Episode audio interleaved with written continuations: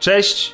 Witajcie w kolejnym specjale rozgrywki. Ja nazywam się Grzegorz Wojewoda, czyli Prez Perez, a ze mną są dzisiaj Maciek Ciepliński, czyli Razer Siema. oraz Piotr Kuldanek, czyli Kuldan. Siema. Witamy Was w specjale wyjątkowym, bo shooterowym, o strzelankach, czyli to co lubię. O A, ja. chciałem coś powiedzieć takiego, że e, zawsze mnie to, to fascynuje.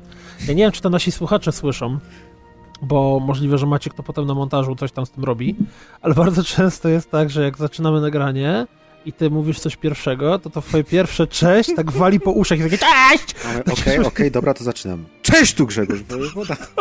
Nie wiem z czego to wynika. Bo to jest, żeby obudzić wszystkich, bo dzisiaj będzie taki temat, że O trzeba Jezu, być, wiesz, uszy. nakręconym. No właśnie, dzisiaj jest taki, wiesz... Wstawaj! I dzisiaj będziemy rozmawiać, i będziemy rozmawiać o starych grach, bo kiedyś było lepiej, kurła. Najpierw ja mam pytanie, y, takie systemowe, że tak powiem, bo był już specjal o starych strzelankach, który się nazywał specjal Dumopodobny. To może najpierw powiedz nam Grzegorzu, czym się ten będzie różnił. Znaczy, wtedy ten specjał y, powstał y, zainspirowany premierą Duma 2016 y, i generalnie rzecz biorąc tak nas naszło na wspominki, więc zaczęliśmy rozmawiać o, o, o starusieńkich FPS-ach, e, właśnie o, wywodzących się od Wolfensteina 3, 3D i od Duma i tak zaczęliśmy od roku 92, a skończyliśmy e, na tym najnowszym Dumie, ale tak naprawdę nasza klamra, jeżeli chodzi o, tam, e, o, o shootery z tamtej epoki, e, zamknęła się w roku 1999. Potem jeszcze mówiliśmy o Sirius Samie, o Painkillerze i o Duke Nukem Forever, ale jakby e, one są niekanoniczne dla naszego specjalu i uznajemy, że nasz specjal zakończył się wtedy na Quake 3 Arena. A dzisiejszy specjal rozpoczniemy od roku 98 i porozmawiamy sobie już o, jak to przed nagraniem ładnie Maciek ujął, o FPS-ach przełomu mileniów. O E, I generalnie rzecz biorąc, będziemy rozmawiać już o tych grach, które e, były w pełnym 3D, nie było sprite'ów, nie było 2D, tak jak w latach 90. e, Na silniku Quake'a 2, Quake'a 3 i, i, i- i silniku Lichtech między innymi, o którym dzisiaj będziemy rozmawiali, powstało wiele trójwymiarowych shooterów i sprawdzimy sobie jak bardzo się one zestarzały, czy w ogóle się zestarzały, a przede wszystkim podyskutujemy o tych, które wyróżniały się czymś w zalewie innych tego typu gier e, i taki właśnie jest nasz dzisiejszy zamysł. Ja sobie sprawdziłem właśnie gry, które jej nie zdążyły wskoczyć na tą listę, bo są z 97 roku, więc żeby wprowadzić graczy w e, nastrój, to wyobraźcie sobie, że już graliście w Golden Eye na Nintendo 64, już przeszliście Quake'a 2, Turoka, Bloda, drugiego Hexena i Shadow Warriora na przykład. I... Blot w ogóle to jest ciekawe, bo powiedziałeś o Blodzie, a Blot mi się kojarzy tak na maksa e, z, z Duke Nukami i z całą resztą, nie? A, a te gry 3D w pełni jednak poszły trochę w inną stronę. Tak, no bo to, to, właśnie jest właśnie ten moment. zmiana pokoleniowa. Mhm. Dokładnie, Tak czuć, bo 92 prawda jest taka- rok. Prawda jest taka, że właśnie tak jak powiedziałeś, Turok, GoldenEye to były takie gry, które były trochę między jednym a drugim. To, to nie były już na Itechu, czy tam, bo jak, jak się, to, to był Itech, prawda? Ten silnik, Ale na to którym... Tak, tak, gdzieś- tak. Znaczy, no. Blood nie był na Ittechu zrobiony, o tym Ale mówiliśmy był, właśnie wyglądał jakby, specjalu. jakby był na Itechu zrobiony. Nie, nie, nie, nie. Mógłby I być. techowe Nie? gry to są wszystkie te na silniku Quake'a 1 i 2. Nie, tak. I tak dalej. My mówimy A o... Duke i tak A dalej? Duke był na Build Engine bodajże. A, Tak, pomieszało tak, nam się na sam start, Logo, widzisz, pełen bardzo ładnie. Ja zawsze. idealnie będę wprowadzał zamieszanie. Dobrze, że jako- jestem, żeby was tutaj Dziękujemy. prostować. Tak, bi- ale, ale właśnie o to chodzi, że Blad nie był na buildzie. E, Blad był na swoim własnym autorskim silniku, dlatego też był problem potem z nim, żeby moderzy mogli przy nim działać i tak dalej. Słuchajcie, rozmawialiśmy już o tych grach, sprawdźcie Tak, właśnie o tym, o, o Blodzie nie będziemy Ale, rozmawiać. ale właśnie ten, a to jeszcze a propos GoldenEye'a, ale ta, ta gra się chyba najbardziej zbrzydziła, bo ona była jedną z pierwszych chyba takich w 3D, które się No panowały. tu tym rok. GoldenEye to są te momenty, znaczy wiesz, Rok jedną z pierwszych tak naprawdę teraz, był nie? Quake. I Quake o dziwo do dziś się broni, natomiast tamte gry niestety nie i zobaczymy dzisiaj y, na naszym specjalu, jak inne tytuły się postarzały. Ten przełom Kuldan 97 roku, to o czym mówi Maciek i ty, to jest właśnie ten moment, kiedy wychodziły jeszcze gry 2D ze sprite'ami typu Blood, Mhm. ale był już wtedy też na rynku Quake Czy 2 na przykład Redneck Rampage, I- który i- jest tam też z tamtych okresów, nie? Tak. Czy Shadow Warrior? Tak, to jest Ale też pojawił 97. się taki, kurde, GoldenEye, pojawił się taki Turok, który wtedy robił, już to był szok, dlatego że te gry na konsoli działały bezproblemowo, a przecież na, na PC musiałeś mieć Voodoo. kartę Voodoo 3D i było takie, o mój Boże, mój komputer tego nie uciągnie, ani Turok to kupi chyba w ogóle konsoli. nie działał bez, bez tego nawet. Nie, Tak, Turok i odmawiał. Shadows of the Empire to były Mhm, dwie tak. pierwsze gry, które pojawiły się na PC i które wymagały akceleracji już, nie? To w ogóle to jest mega z zabawne. Nintendo 64 przeniesione, o ile dobrze Tak. pamiętam. Ja, ja pamiętam, bo ja już wtedy byłem, mimo że byłem młodym człowiekiem, to już byłem, nazwijmy to Ja już wtedy byłem młody. w giereczki i e, pamiętam, że jak tu rok wychodził i się czytało w tych wszystkich Secret Service'ach, czy tam innych Neo e, recenzji i te screeny śliniłeś się do nich, bo przecież wiadomo, że nigdy nie miałeś e, Nintendo 64, bo żyłeś w Polsce, tu nikt nie miał tej konsoli prawie. Ja pamiętam, że ja oglądałem na jakimś, w jakimś markecie, na wystawce, jak, jak pokazywali demo, jak wiesz, jak latał stateczek na chod z Shadows of the Empire. Mnie No, to panie, nawet, miałeś nawet w mokro w sklepach nie było demo, a co dopiero ten. I, e. I że ta gra wyglądała, Turok konkretnie, bo ja właśnie pamiętam dokładnie Turoka, że Turok na tych screenach wyglądał po prostu, no, fotorealizm. W mojej głowie to był absolutnie pełen fotorealizm. Tak, tak, jak oczywiście. wróciłem do przeglądania screenów jakiś czas temu, jak ty omawiałeś ten remaster Turoka na, na rozgrywce normalnej Mhm. naszej, to nagle poraziło mnie, że nie, ta gra nie była ładna. Ta gra wygląda nawet y, teraz. Nie, kiedyś była. Kiedyś była, wiesz, to jest No. ciekawe bardzo, że teraz właśnie dzisiaj będziemy rozmawiać o produkcjach, które zapamiętaliśmy jako coś przepięknego w tamtych czasach, a które dzisiaj naprawdę wyglądają biednie. A- No nikogo to nie powinno dziwić, minęło kilkanaście lat. Czy generalnie prawda jest taka, że grafika 3D się bardzo, bardzo dużo szybciej się starzeje i brzydnieje niż grafika 2D, bo No i Duke- Kuldana nie mieliśmy zapraszać, bo on cały wniosek, który mieliśmy powiedzieć na końcu właśnie zepsuł, nie? Dzięki, to Kuldan. był specjal Proszę. To był specjal, dziękujemy. Cześć, Tara! Załatwi, załatwiłem wam to, już możemy iść grać teraz. Ale tak jak patrzę na tą listę gier, to rzeczywiście wydaje mi się, że przełomem tutaj był ten Quake 2 w 97, bo oni potem zaczęli licencjonować ten swój silnik, ludzie go pobrali, modyfikowali i potem spora część z tych gier, które mamy na liście, ma w sobie na pewno w kodzie źródłowym jeszcze jakieś właśnie Quake'a 2, a fragmenty potem tego Quake'a Quake'a 3. Nie? A potem Quake 3 trójki, no. też. No. No dobra, słuchajcie, y, 98 rok i zaczynamy od produkcji, której się nie spodziewacie, y, bo na pewno myślicie o innym tytule z tego roku, który był bardzo głośny. odnalazł swojego mango zjeba po prostu znowu. Tak, ja znalazłem swojego Mango Zjeba, to była gra wyjątkowa, bo właśnie tematyka, a więc duże roboty w stylistyce anime, była dosyć nietypowa dla strzelanek FPS tamtego y, okresu i w ogóle nietypowa dla PC. A tu nagle pojawiło się Shogo Mobile Armor Division y, firmy y, Monolith? Monolith, dokładnie, dziękuję, bo mi zawsze się Monolith mi- i nigdy nie pamiętam jak się firma nazywała, a jak się nazywał silnik. Silnik nazywał się Lead Tech e, i na jego podstawie powstało parę innych gier, między innymi również y, krótko potem powstał Blood 2, który właśnie już nie był w 2D, ale w pełnym 3D i był bardzo podobny graficznie do, e, do Shogo, ale Shogo... Faktycznie. E, Shogo ograł troszeczkę Kuldan, bo myśmy się oczywiście przygotowali. I mimo tego, że mieszamy nazwy silników w filmie i będziemy mieszać wszystko, co się da, to jednak e, troszeczkę się przygotowaliśmy, pograliśmy co nieco w te gry, w niektóre dłużej, w inne krócej, w niektóre w ogóle.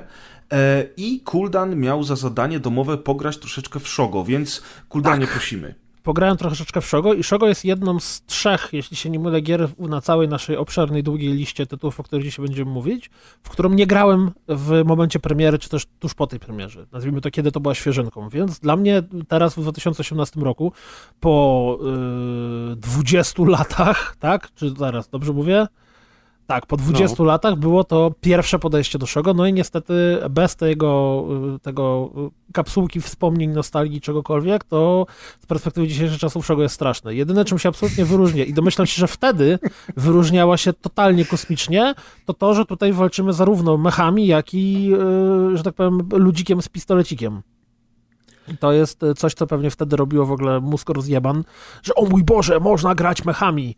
Natomiast niestety y, teraz gra potwornie razi wielkimi, pustymi przestrzeniami, robotami, które wyglądają dosyć śmiesznie, tym jeszcze Ej, ale to są, ta, to, to są takie mechy takie małe, to mi, bo, na, bo patrz na pudełko, to wygląda jak z Apple, Apple Seeda taki. Nie no, Tak, one są to są takie, takie znaczy wielkie one są takie, one są są takie takie- bardziej mechwarriorowe, wiesz, to nie jest, to nie jest Aha, z- duże. z- To Są bardziej, zbroja one mają bojowa, bardziej taką sylwetkę jest- ludzką, ale one są bardzo wysokie. To jest tak, są. że, Aha, to jest dobra, tak, że na przykład czołg, z którym walczysz, jest tobie do kolan sięga, nie? To Aha. jest ten- ten Ja pamiętam, mecha, że tak? grałem w Shogo, jak jeszcze wychodziły wspaniałe czasopisma z płytami CD i tam były dema, to grałem w demo Shogo i całkiem mi się podobało, ale potem y, nie wiem czemu nie zagrałem, prawdopodobnie na lokalnym bazarze nie mieli Shogo, więc ominęło mnie niestety. Bo Ciekawe właśnie jest, już od razu mamy pierwsze zderzenie jakby nostalgii z rzeczywistością. Kuldan wtedy nie grał w tę grę. Ja grałem u kumpla, kumpel był y, mango entuzjastą już wtedy. Jeszcze nie było to takie popularne i on bardzo tę grę chwalił, on mnie zaprosił kiedyś, pograłem trochę u niego i nie byłem do końca przekonany, ale potem y, na jakiejś wersji bazarowej chyba, albo może to było demo, ja już nie pamiętam, zagrałem sobie. I jak wróciłem do gry po latach, to mimo tego, że oczywiście ona się postarzała straszliwie, jeżeli chodzi o wygląd, to jest jednak parę elementów w tej grze, które są y, dosyć istotne, to znaczy w 98 roku nacisk na narrację, dialogi, które są w tej grze jest dosyć um, kluczowy, bo w tej grze nawet jeszcze nie ma y, przycisku interakcji, czyli jak chcesz otworzyć drzwi albo uruchomić komputer, to podchodzisz do niego i naciskasz go brzuchem, co my akurat z Kuldanem robimy bez problemu, ale wiesz, normalnie rzecz biorąc, musisz, szukasz tego klawi klawisza E albo spacji, tam tego nawet się jeszcze nie robi, tam po prostu się do tego podchodzi. E, i generalnie rzecz biorąc jednocześnie w tym samym momencie masz te dialogi, masz jakąś narrację, jakieś przedstawienie postaci, on, one ze sobą rozmawiają w trakcie gry, to jest jedno.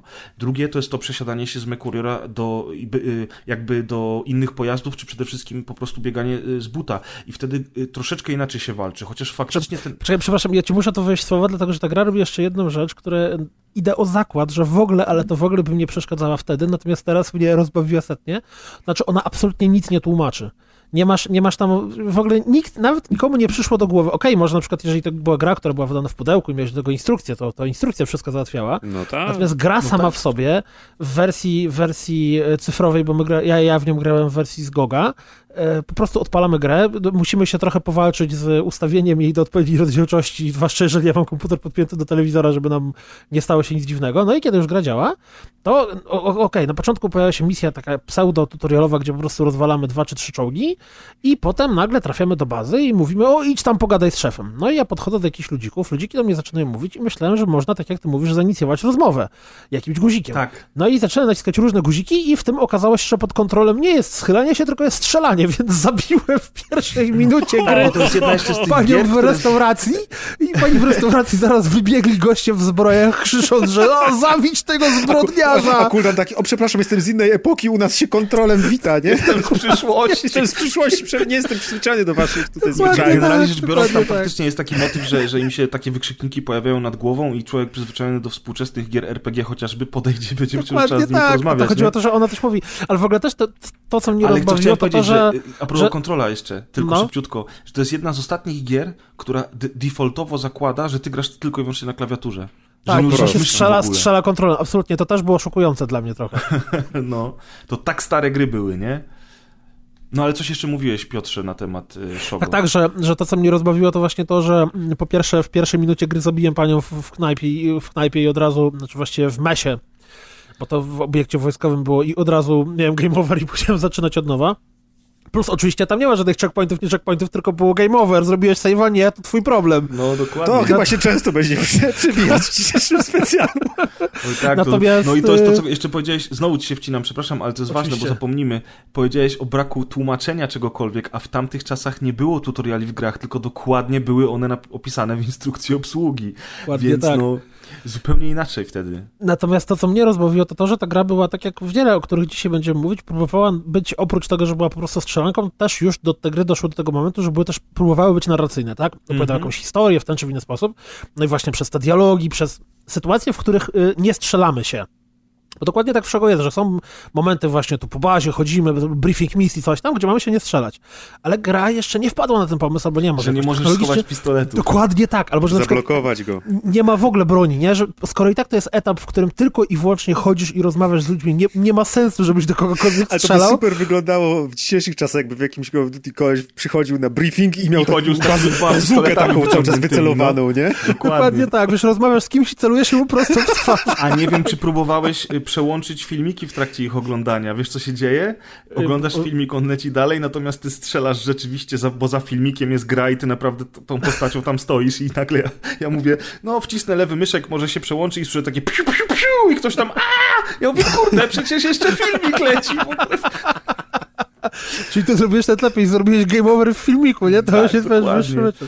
Natomiast sama w sobie gra, kiedy już, już, kiedy już pominąłem te drobne problemy początkowe i kiedy znowu motyw, który, że gra, gra sama w sobie nic nie tłumaczy. W pierwszej chwili wybierasz sobie mecha i masz cztery mechy i ja tak wiesz, wybieram mecha, on wyjeżdża na takiej windzie, jest mi mech, pani coś tam w tle mówi, ale nie za bardzo jestem w stanie zrozumieć, co ona mówi, po czym podchodzę i wyjeżdża drugi mech i teraz wybierz sobie jeden z czterech mechów, gdzie tak naprawdę one po prostu dla mnie się różnią wyglądem, więc ale wybrałem pani tego, mówi który... w trakcie, jak on wyjeżdża, musiałeś Ale on mówi, wiesz, uważnie. nie ma żadnych statystyk, nie ma nic w tym stylu, że tam, wiesz, e, armor na 5, broń na 7, tylko po Nie, prostu... pani mówi dokładnie, ona mi opisała, ja wziąłem Tak? tego meka e, drugiego chyba z lew... no nieważne, nie, nie istotne, Ja wziąłem tego największego, co się świecił na złoto. Wziąłem takiego mecha, gdzie pani mi powiedziała, że on jest taki i taki, jakby z, najważniejszą informację, którą z, z niej wyciągnąłem, to było ostatnie zdanie, ona mówi, to jest, e, to jest wszechstronny MechWarrior, czy tam robot, który przyda ci się do wszystkich sytuacji. Ja mówię, o, ale jaja, pierwszy, którego wcisnąłem i od razu jest wszechstronny bierę. No, tak Pamiętaj, ja coś tam pamiętaj. Grzegorz, że Mech Warrior to jest pilot mecha, żeby ci powiesz, potem się przyczepią ci wszyscy Sorry, nie, no w ogóle to są, to są japońskie A roboty, więc one jest- się nie nazywają mechami, To nie tylko one są się nazywają inaczej. No Mobile Armor Division się nazywają. No, Albo Shogosy Shogo. to są. O, właśnie oni mówią na niego, nie? Ym, Oni do niego Mad. mówią Commander, czy tam... Nie, A, nie, ale Mady. mówią na te roboty MAD, czy jakoś A tak. tak, ostatnio jakoś tak, masz rację. Coś tam, coś W ogóle tam tylko szybko, bo znowuż zapomnę, to jest twoja gra, wiem, cały czas się wcinam, ale ja też trochę Znaczy pograłem. właśnie ona nie jest moja gra, widzisz, ty, ty możesz jest grać w twoja. nią, z kolegą grać w nią kiedyś, natomiast... Wiesz, Grzegorz sobie. ci ją przekazuje, Nie, zabieraj y, sobie. Co było ważne wtedy? Ta narracja, te elementy, o których mówił Kuldan, kiedy się chodzi i, i, i się słucha rozmowy, czy, o, czy zwiedza się bazę wojskową. Czy są na, napisy do dialogów? Są. Nie pojawia się obrazek może na postaci dole- Ach, na górze. ręcznie. Ale to są, ale to są e, napisy do dialogów e, takie, nazwijmy to, fabularne. A jak rozmawiasz z panią w restauracji, którą potem Tak. To nie, to nie ma. to po prostu, wiesz, wyświetla się wykrzyknik. To nie ma, to nie właśnie. ma wtedy napisów. No w każdym razie tam jest bardzo fajne to, że masz inne bronie jako robot, masz inne bronie jako żołnierz, kiedy biegasz.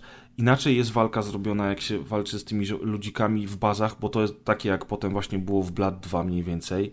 E, inaczej jest trochę z tymi robotami. Te roboty jak eksplodują, to jest masa efektów cząsteczkowych, czy powiedzmy cząsteczek, które tam latają, są wybuchy, dymy, fragmenty się sypią. Jak wpadasz do bazy i wielkim robotem zaczynasz strzelać w tej bazie, to mosty się zapadają, jakieś, jakieś tam Tak, wiecie, tam w ogóle można rozpierdziel robić. Co więcej, jak, jak to wpadasz wtedy robotem do bazy i zaczynasz walić rakietami po ścianach, a tam, wiesz, stoją ludziki do ciebie strzelają, to jest trochę, wiesz, krwawa łaźnia. Po jest krwawa takie łaźnia. I te, te radosne ludziki plamy krwi można się zdeptać, nie? nie? Nawet Tak, w trakcie tak. grania. Więc tam było bardzo dużo rzeczy takich, które wtedy jeszcze były nie do pomyślenia. I wydaje mi się, że to też świadczyło o sile tej produkcji, poza samym faktem, że była o dużych japońskich robotach, nie? Tak, to czy ta gra, ta gra, mówię, myślę, że wtedy to, to totalnie bym po prostu był kupiony na maksa i to jeszcze, wiesz, ten klimat y, m- m- mangozjebowy gdzieś tam w tle się pojawia, bo to jakieś, a to po pierwsze wszystkie postacie tak są rysowane na swoich i- ikonkach, jak do ciebie mówią, po drugie tam jakieś plakaty na ścianach, coś tam, więc y, what's not to like w 98 roku, a sporo not to like w 2018 roku. Dokładnie. W międzyczasie, teraz między Shogo, a kolejną grę, grą, do której przejdziemy, jest takie, nazwijmy to horrible, horrible, no właśnie nie, honorable mention, e, czyli takie wyróżnienie, nie będziemy dużo o tym rozmawiać, natomiast jest gra, która przynajmniej w moim wypadku e, gdzieś tam wyryła się w pamięci, a mianowicie Sin od Ritual Entertainment. On był też w 98 roku wydany, to już było pełne 3D. Ja, ja zapamiętam to do końca życia, bo żeśmy z bratem kupili e, e, piracką kopię na, e, na płytce na rynku, zainstalowaliśmy grę, uruchomiliśmy ją i tam jest taka sekwencja otwierająca, jak, jak leci gołąb. I ten gołąb sobie leci nad miastem do momentu, aż przelatuje koło bandziorów, którzy akurat są w trakcie napadu na bank. Jeden z tych bandziorów z dachu strzela w tego gołębia.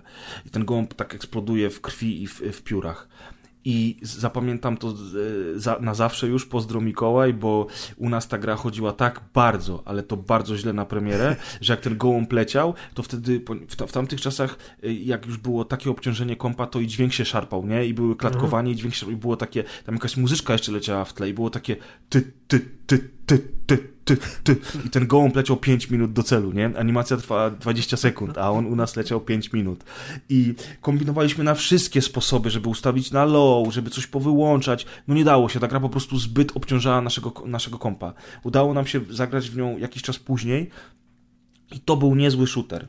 To był niezły shooter. E, Tam z pani była elementami. w czerwonej skórze z dużymi pierświami na oku. Właśnie, Tak. tam była główną złą Alexis Sinclair i moim zdaniem ona ma za, za mało fejmu jak na swoje, swój występ w Sinie. Jest U myślę, ciebie- za, u ciebie za, zapomniana W trochę. sypialni miała dużo fejmu w tamtym roku. Miała mnóstwo fejmu wszystkich moich znajomych wtedy, ale Ona była na jakoś jakiejś okładce Secret Service albo coś w tym stylu, to był wiesz. też była gdzieś na hit. plakatach, no, no. Tak, ale, tak. Proszę, ale przebiła się jednak pani archeolog, a nie tutaj zła pani z syndykatu zbrodni. No, to się zgadza. Sin miał nawet y, kon, próbę kontynuacji na silniku Half-Life 2 dużo później. Y, wymyślono, że ta kontynuacja będzie ukazywać się w epizodach. To było wtedy dosyć odważne, bo to jeszcze było długo przed czasami e, Telltale. No i ta kontynuacja niestety okazała się tylko w postaci pierwszego epizodu i nikt jej nigdy nie dokończył. Nie była najgorsza, muszę przyznać szczerze, a grałem w nią wiele lat po premierze już. Natomiast no, to jest taka marka, która nigdy do e, e, nigdy jakoś do, do ludzi nie dotarła na tyle, żeby powstawały sequele i żeby zdobyła jakąś niesamowitą popularność, ale ja mówię, to była naprawdę niezła strzelanka. No i teraz, moi drodzy, przechodzimy jakby do tytułu, który zmienił wszystko. Tak. Głowy eksplodowały, portfele wybuchły, kontynuacji wysypało się milion, konwersje na konsolę, cuda niewidy i w ogóle i w szczególe. E, oczywiście mówimy o Half-Life. Valve Corporation 19 listopada 1998 rok, o ile mnie tutaj nie myli tabelka, nie myli, doskonale powiedziałem, nie będzie bajopu. Half-Life, to co kto chciałby zacząć? Może O Maciek? panie, o panie. Ja mam z Half-Life'em wspaniałe wspomnienia, ponieważ, y, tak jak wspomnieliście, 19 listopada, ja 24 mam urodziny y, i wtedy zrobiłem sobie urodzinową imprezę dla mojej, zaprosiłem kumpli i oni... I Alexis y, Sinclair na plakacie? No na pewno gdzieś tam była obok Lary i tak dalej. Ale właśnie kumple kupili mi Half-Life'a i pamiętam, że spędziliśmy całe urodziny grając na przemian Wypas. Y, w Half-Life'a było, było super. Byliśmy wszyscy pod ogromnym wrażeniem wtedy. To było, to było jak zajrzenie w okno przyszłości po prostu, w taki portal nomen omen, gdzie właśnie nagle do, doświadczyliśmy po prostu nowej ery gier, które już potem nigdy nie wyglądały tak samo. Tak, bo Half-Life zrobił znowu to, o czym mówiliśmy dosłownie przed chwilą, czyli Half-Life był strzelanką, która wcale się nie zaczyna jak strzelanka. Wręcz, wiesz, masz, masz właśnie to fabularyzowane motywy na początku, jedziesz sobie w ogóle kolejką, oglądasz cały, cały kompleks, no i potem, kiedy już y, za przeproszeniem gówno wpada w wiatrak, a właściwie to kryształ wpada pod promień i pojawiają się, się y, przeciwnicy, to nagle odkrywasz świat, który jest y, idealnym miksem najróżniejszych rzeczy, bo masz jakieś potwory, co na ciebie skaczą i kurde, jakieś pseudozombiaki i potem jakichś kosmitów i potem kosmitów z bronią. Czego tam nie ma? A potem pojawiają się na przykład komandosi i pamiętam w jakim szoku byliśmy, kiedy było, że Tak. wow, są komandosi, a potem nagle oni się porozumiewają i pamiętam, że byliśmy w szoku, kiedy ci komandosi do siebie krzyczą, że tam widziałem go na górze i nagle na nasz balkon, gdzie siedzimy schowani, wpada granat i tam wykurzę go czy coś i to był, to był wow, to był taki szokers, że Tak, tam Ja był poziom Half-Life'a graficzny. przeszedłem, kurde, jakieś kilkanaście albo i kilkadziesiąt razy od początku O do końca. I jest. to, i to powiem szczerze, uwielbiałem, tak, ja tą grę uwielbiałem, Kłamie. katowałem ją bez końca, graliśmy nawet w multi i to nie w, w późniejsze, tylko w, w Half-Life w multi. o jest. E, co więcej, e, jedno, czego nie lubiłem w Half-Life'ie, to e, końcowy etap. Bo on moim zdaniem był tak zupełnie tam Ksen, czy tam Zen, czy tam... Mhm. On był tak bardzo z innej... Z No bo innej... Był krótki na szczęście, Tak, nie? na To szczęście był taka krótki, bo końcówka, tam, końcówka, Wiesz, końcówka. ostatni boss, czyli wielkie niemowlę, takie what the fuck, Tam natomiast... największa e, rzeźnia była z tymi właśnie w, na, w, w tym innym wymiarze, na tej innej planecie, walka z tymi wielkimi potworusami, których było chyba 40, tam część z nich to w ogóle były sprite'y tylko w tle i oni tak naprawdę nawet tam się nie pojawiali, tam była taka opcja, że ty możesz z nimi walczyć i, i w sumie walczyłeś do końca i tak naprawdę Nie, to się ty ekran, mówisz, nie, nie to było ty mówisz wersji. o zakończeniu. A, ja Zakończenie było... Gra kończyła się w ten sposób, że przychodził do ciebie magiczny... Spoiler! No właśnie, chyba, tu chyba spoilujemy bez To końca, są bez, specjale, dowolnie, możemy no spoilować. To już jest stara zasada, już Nawet nie musimy napiszemy w przypominać o niej na opisie. każdym odcinku chyba, co? Tak, jeszcze napiszemy w opisie, jakby ktoś nie grał 20 lat Spoil- uwaga, to. spoilery z Half-Life'a! W każdym razie y, gra jutro, kończyła się w wiesz, ten jutro na sposób, pudelku, że... to oni zaspoilowali Half-Life'a. gra kończyła się w ten sposób, że pokonywałeś tego wielkiego niemowlaka, co tam latał i w ogóle był niedobry, po czym przychodził do ciebie G-Man i mówił tobie, że masz do wyboru albo, mm, e, że tak powiem, przystąpić do niego i zaczekać, kiedy nadejdzie twój czas, żebyś dalej był, że tak powiem, razem z G-Manem, Dokładnie. albo dostaniesz walkę, której nie będziesz w stanie pokonać. Jeżeli wybierałeś właśnie walkę, której nie to będziesz w stanie tak pokonać, to umierałeś. nie, nie, tak, nie, tak. to było tylko, tylko po prostu pojawiałeś się w pomieszczeniu, gdzie przed tobą stała ich cała masa, cały rząd po prostu za rzędem tych, tych największych gości z muchozorem na ręku. Bo No, ja nie no. wiem, jak ta broń się nazywała, tak faktycznie dobrze, ja ją tacy zawsze niebie, nazywałem niebiescy, tacy wielki? mucho, Wielcy? tacy wielcy, co Tak, strzelali oni tymi takimi muchami. muszkami strzelali Aha. Tak, no. i, i o nich przed, przed tobą ich stało, kurde, tam z 50 albo coś w tym stylu i ekran ciemniał. A drugie rozwiązanie, w, w, zakończenie fabularne i zarazem, y, jakby na to nie spojrzeć, kanoniczne, Kanoniczne. to było takie, że jednak pan Gordon postanowił przystąpić do Jimena. Czyli zobacz, dobrze, że Kuldan y, jednak z nami nagrywasz, bo dużo lepiej pamiętasz. Faktycznie kilkanaście razy musiał to przejść. No ja to prze... ja pamiętam, na... teraz jak mówimy o Half-Life, ja sobie oglądam obrazki, to po prostu po, po, wiz- widzę fragmenty etapów i dokładnie wiem, gdzie to było, co tam było. A poza ja- tym, czyli Maciek przykład- miał w sypialni Alexis, a ty miałeś Gordona Freemana No, na plakacie. Ja powiem tak, ta O, gra, ta gra była tak niesamowita w momencie, w którym wyszło, bo tam było takie nagromadzenie tak wyjątkowych motywów, wiesz, e, każdy przeciwnik miał swoje charakterystyczne zachowania, co więcej, jak, jak są takie jakieś tam strony z gatunku, o, trivia o grach, której nie wiecie, to nawet jeszcze teraz, jak się czyta niektóre rzeczy o Half-Life'ie, na przykład o zachowaniu tych takich małych bulldogów, które strzelały y, y, Ultradźwiękami tym, takimi, ultradźwiękami. wiesz. To ja ostatnio, teraz nie, nie będę tego powtarzał, bo nie pamiętam dokładnie co było, ale nie wiem, z pół roku temu czytałem jakieś ciekawostki o ich zachowaniach, że one się inaczej zachowują, jak były w grupie, inaczej jak były samemu, że jeżeli postrzelisz jednego, to on pobiegnie po swoich...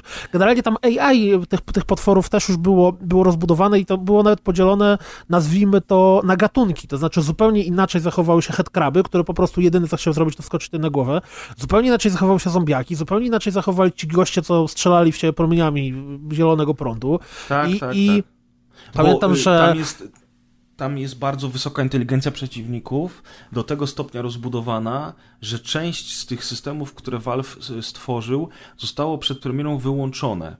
E, I do dzisiaj można obejrzeć sobie na YouTubie wiele filmików pokazujących właśnie te zachowania. Tam nawet karaluchy, Właśnie. e, które biegały po, po, po pomieszczeniach, zachowywały się w jakiś określony sposób. Miały jakieś pi- takie stadne, stadne zachowania Tak. zaprogramowane. I część tych, tych, tych, tych zachowań AI była tak rozwalająca, że nawet jak dzisiaj oglądasz te filmiki na YouTubie, to się możesz za głowę złapać. Nie mówiąc już o tym, że wspomnieni przez was wcześniej komandosi też mieli bardzo wysoką sztuczną Tak, inteligencję. oni się zachowywali, jak oni cię próbowali oflankować, zwłaszcza na wyższych poziomach trudności, oni tam kombinowali, wiesz, oflankowali cię, obrzucali cię granatami, jak się Mhm. chowałeś. To było coś, co potem, o czym przejdziemy, no dobra, to nie będę mówił teraz, bo przejdziemy do tej gry, która posz, poszła o ten poziom jeszcze dalej w 2001 roku, ale Ale lokacje też były w Half-Life świetnie, zwiedzało się te bazy, jakieś tam te, te, prze, przechodziło się Tak. przez laboratoria jakimiś korytarzami i tak dalej. A, i był świetny dźwięk rewelacyjny, już pomijając, że właśnie też w nocy o północy będziemy pamiętać te y, dźwięki podładowania apteczki, I kosmit tak on robił. Pies- tak, tak, tak, tych psów i tak Jak dalej, się to ładowały.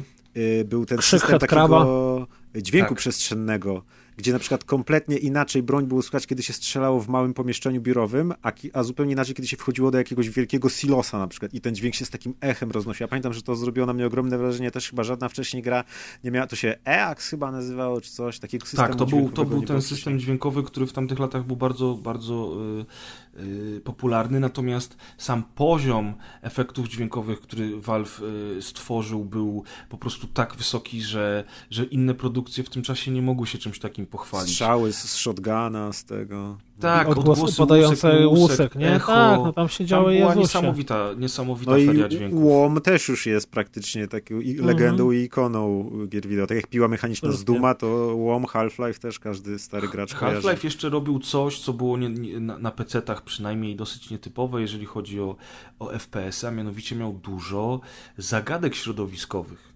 Mhm. Może one nie były bardzo skomplikowane, ale jednak czasami trzeba było się zatrzymać. Nie, no tam było trochę kombinowanie, że wiesz, że masz tu podłogę zalaną wodą i jest prąd podłączony, to musisz znaleźć jak wyłączyć ten prąd, żeby cię nie, nie zabiło. Tam sporo tego było. Właśnie było, było, znaczy on miał świetnie prowadzoną tą narrację, że to nie była właśnie taka strzelanina, gdzie idziesz i strzelasz, idziesz i strzelasz i strzelasz. Nawet gry, które po nim wychodziły też były takie, graliśmy w, yy, teraz do specjala, że po prostu proste strzelanki. A Half-Life był jakby taką grą prawie, że przygodową, można powiedzieć, bo Mhm. i były etapy etapy ze skakaniem, takie zręcznościowe, gdzie trzeba było wykminić, jaką, jaką ścieżką przejść, gdzieś tam coś pokonać. No więc tam tak naprawdę, jak były sekcje strzelane, to były, trafiało się na tych komandosów, ale potem się ich na przykład wybiło i było całkiem długie odcinki skradania, które też e, wcale się nie nudziły, bo właśnie ten świat był tak niesamowicie zrobiony i tak e, był, miał tą narrację prowadzoną. Ja gdzieś oglądałem niedawno na YouTubie jakiś materiał o tym, jak powstawał Half-Life, to oni zrobili coś takiego, że budowali tą grę, budowali, budowali, jak tam Gabe Newell z tym swoim współpracownikiem założyli firmę i postanowili zrobić właśnie tą grę. I kiedy gra już była praktycznie całkowicie gotowa, wszystkie asety i tak dalej, oni zobaczyli, że ona się w ogóle nie trzyma kupy i że to wszystko jest jakby niespójne i każdy etap jest y, jakby oddzielny i, nie, nie ma to sensu za bardzo wielkiego. I wtedy y, tak naprawdę zrobili coś, czego teraz chyba żadna firma się nie odważyła zrobić, czyli skasowali wszystko, wzięli te asety, które mieli i zaczęli budować grę od zera mając już te doświadczenia y, przez te lata developingu i wiedzieli, co robili źle, więc tak naprawdę skasowali ją i zaczęli ją robić od zera i dlatego zrobili ją bodajże w rok y, i zatrudnili wtedy dopiero jakiegoś scenarzystę porządnego, czy coś takiego, pisarza, który im tam zrobił historię i to połączył sensownie i dopiero ten Half-Life powstał tak jakby na zgliszczach wersji swojej alfa, czy coś takiego. I więc no. dlatego pewnie jest tak, tak niesamowicie spójny i ta słynna narracja środowiskowa, która też właśnie jest powiedziałem, często powtarzana. Właśnie, bo to jest, to jest, to jest też nowość w strzelankach w tamtym no, okresie. No. Były oczywiście takie rzeczy i to jakby no tak naprawdę to każda y, gra, którą obserwujemy z perspektywy pierwszoosobowej w jakiś sposób opowiada nam historię elementami, które my widzimy ale tutaj to było podciągnięte już na inny poziom. Ten właśnie G-Man, który się snuł po korytarzach. Obserwowanie tego, jak dyskutują ze sobą naukowcy, potem jak pojawiają się e, komandosi i okazuje się, że oni nie są tu po to, żeby nas uratować. Tak, bo tam jest właśnie dokładnie wydarzeń. taka scena, że wiesz, że wszyscy najpierw grasz po to, żeby wezwać komandosów, żeby było dobrze, po czym nagle komandosi wpadają i okazuje się, że są tak naprawdę od zabicia wszystkich, nie? Dokładnie, tam, także tam to było naprawdę połączenie wielu różnych gatunków i wniesienie narracji w strzelance na zupełnie inny poziom. Dlatego to też y, i fizyka w grze, niszczenie przecież obiektów, można było podnosić przedmioty, podstawiać sobie skrzynkę, te skrzynki można było niszczyć, prawda? Y, ja, I, to, co jeszcze grafika... bardzo... Mhm. Przepraszam, mów, mów, mów. Nie, no, no tylko chciałem powiedzieć, że, że te wszystkie elementy dźwięku, o którym wspomnieliśmy, te wszystkie elementy to był to był, to był poziom, który dzisiaj nazywamy elegancko poziomem AAA. To była najwyższa. No ta jakość... gra kosztowała potwornie dużo pieniędzy i tam nawet jak się czyta jakieś właśnie rzeczy dotyczące produkcji, to tam, tak jak Maciek mówi, to, to był projekt, który kilka razy mało brakowało, aby się pieniądze na niego, bo to Sierra wydawała wtedy w ogóle, nie? Tak. mało by brakowało, by zabrakło. Natomiast to, co ja chciałem dodać, że Half-Life zrobił jeszcze jedną rzecz, która mi się strasznie podobała, to znaczy mm, pojawiły się do niego dodatki, które były stuprocentowo związane z grą, ale przedstawiały nam akcję z innej strony. Znaczy był Opposing Force, gdzie byliśmy jednym z żołnierzy i tak naprawdę przez 3 czwarte gry mamy zabić Gordona Freemana. I teraz nie zgadniecie. Opposing Force wyszedł rok później, 19 listopada 1995 roku. Zgadnijcie, co Maciek dostał od kumpli na urodziny tego roku.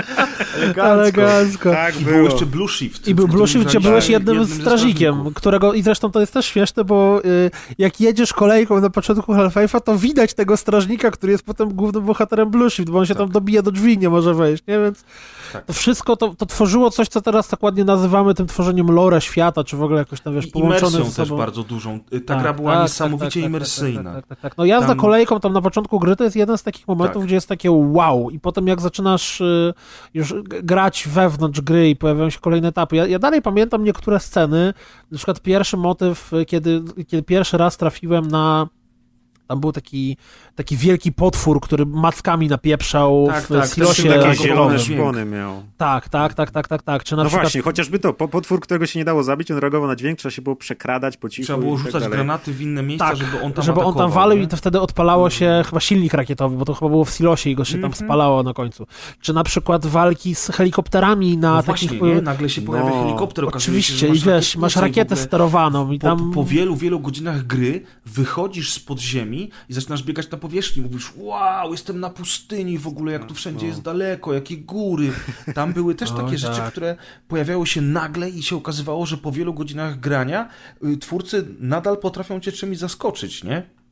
Oj tak, oj tak. Naprawdę to, to była gra, która była niesamowita, kultowa i to, że ona się wpisała takim kultem w, w, w, w gaming jako taki, w historię gier wideo gier Symbol lambdy przecież Symbol lambdy, tak. Już Czy, czy no tak jak mówisz, że łom, możesz, możesz komuś pokazać łom i każdy teraz Half-Life 3, confirm. I understand that reference, I nie, no. Ale to jest właśnie, jeśli ktoś, jeśli ktoś nigdy nie grał, to musi zrozumieć, dlaczego Half-Life jest taki ważny, dlaczego powstają remastery, powstają te wszystkie nieoficjalne wersje i tak dalej, i tak dalej, bo ludzie... Niedawno jakiś Nie taki wielki zapomnieć. mod był wydany, gdzie to ktoś odtworzył całą grę na tam, znaczy czy chyba bez, bez ksenu, na, na To innym nie silniku. był mod, tylko to był remaster i to jest na silniku Half-Life'a 2 A widzisz. i on jest dostępny na Steamie.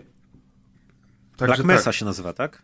To Nazywa się Black Mesa i to jest, jeżeli ktoś nie grał w oryginalnego Half-Life, to być może dzisiaj już się od niego odbije, chociaż ta gra nadal się broni wszystkim, ale nie grafiką.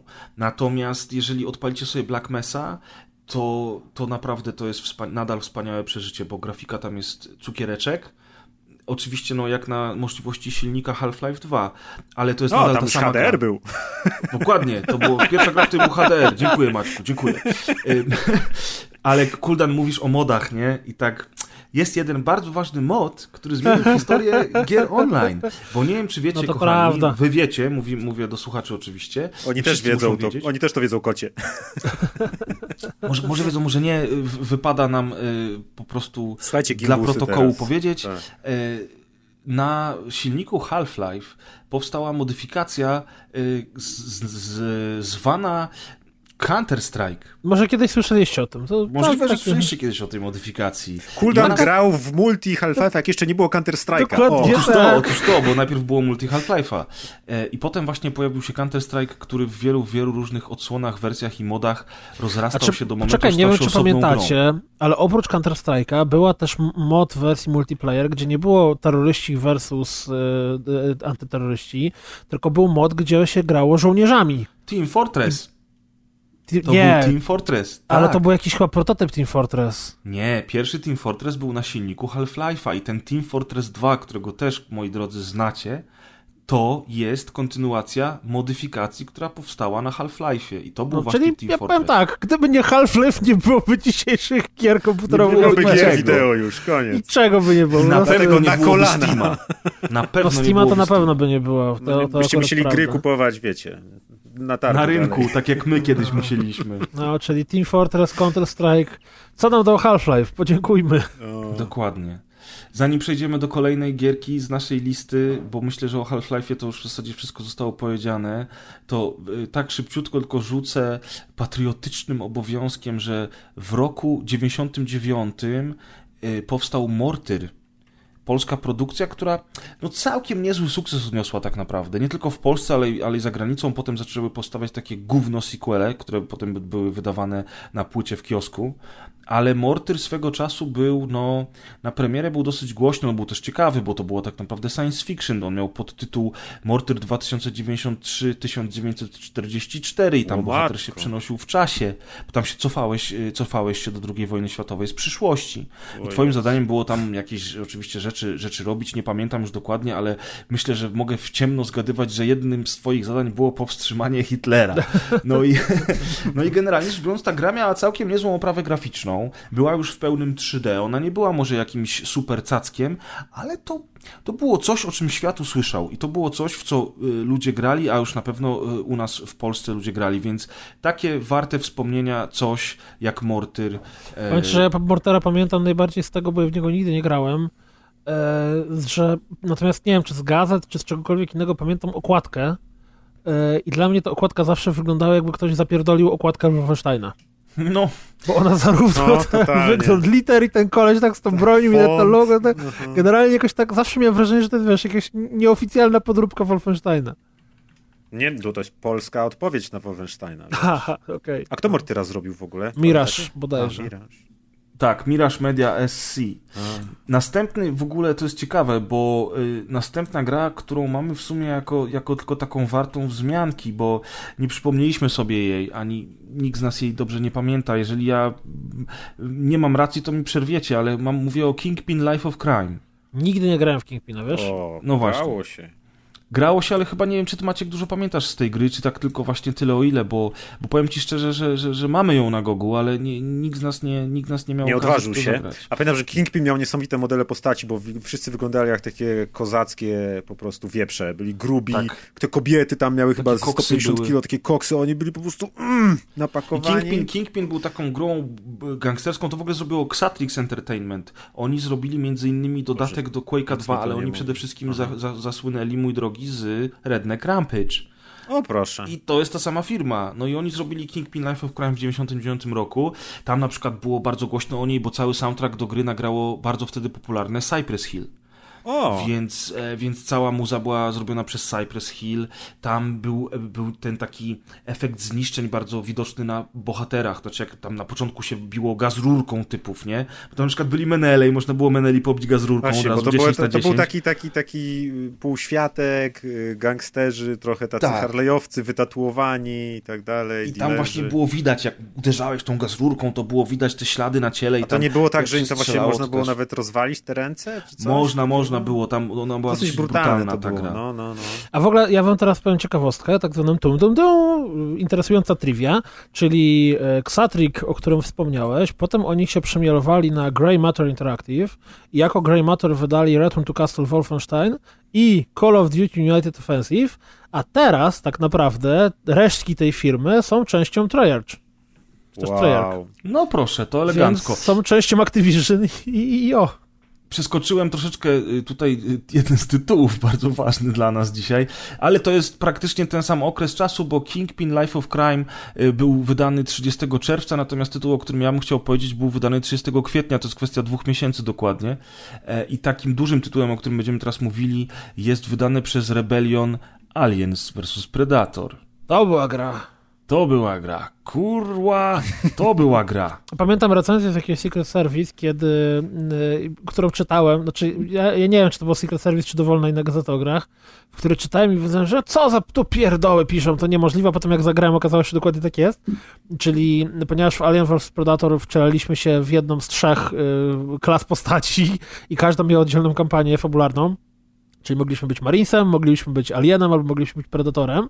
E, I jak się grało Alienem, to tak naprawdę e, podłoga jest lawą, bo tam się łaziło w dowolny sposób.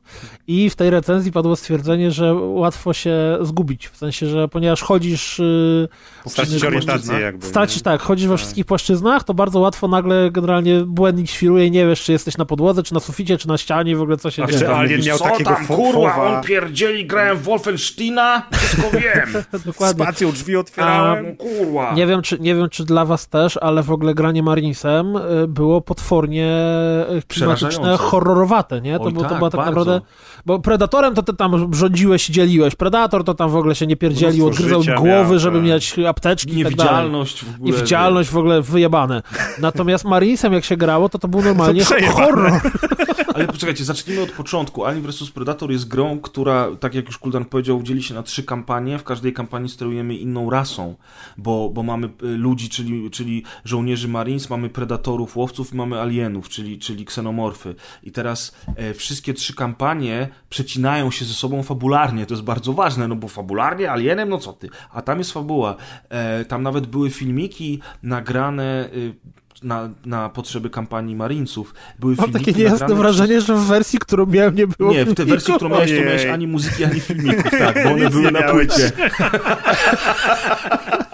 W każdym razie, owszem, tam są filmiki i muzyka, wyobraź sobie. Kuda do dzisiaj nie wie, o co chodziło w grze No i poza, poza takimi animacjami między misjami, e, które były zrobione w CGI, były właśnie takie filmiki, gdzie tam twój dowódca, czy jakiś inny żołnierz mówił ci z telewizorka, żołnierzu, musisz zrobić to czy tamto. No oczywiście grało się jedną postacią i tak naprawdę poza od, od oglądaniem tych logów, to była taka narracja w tej grze, to, to raczej się biegało i, i walczyło głównie z alienami.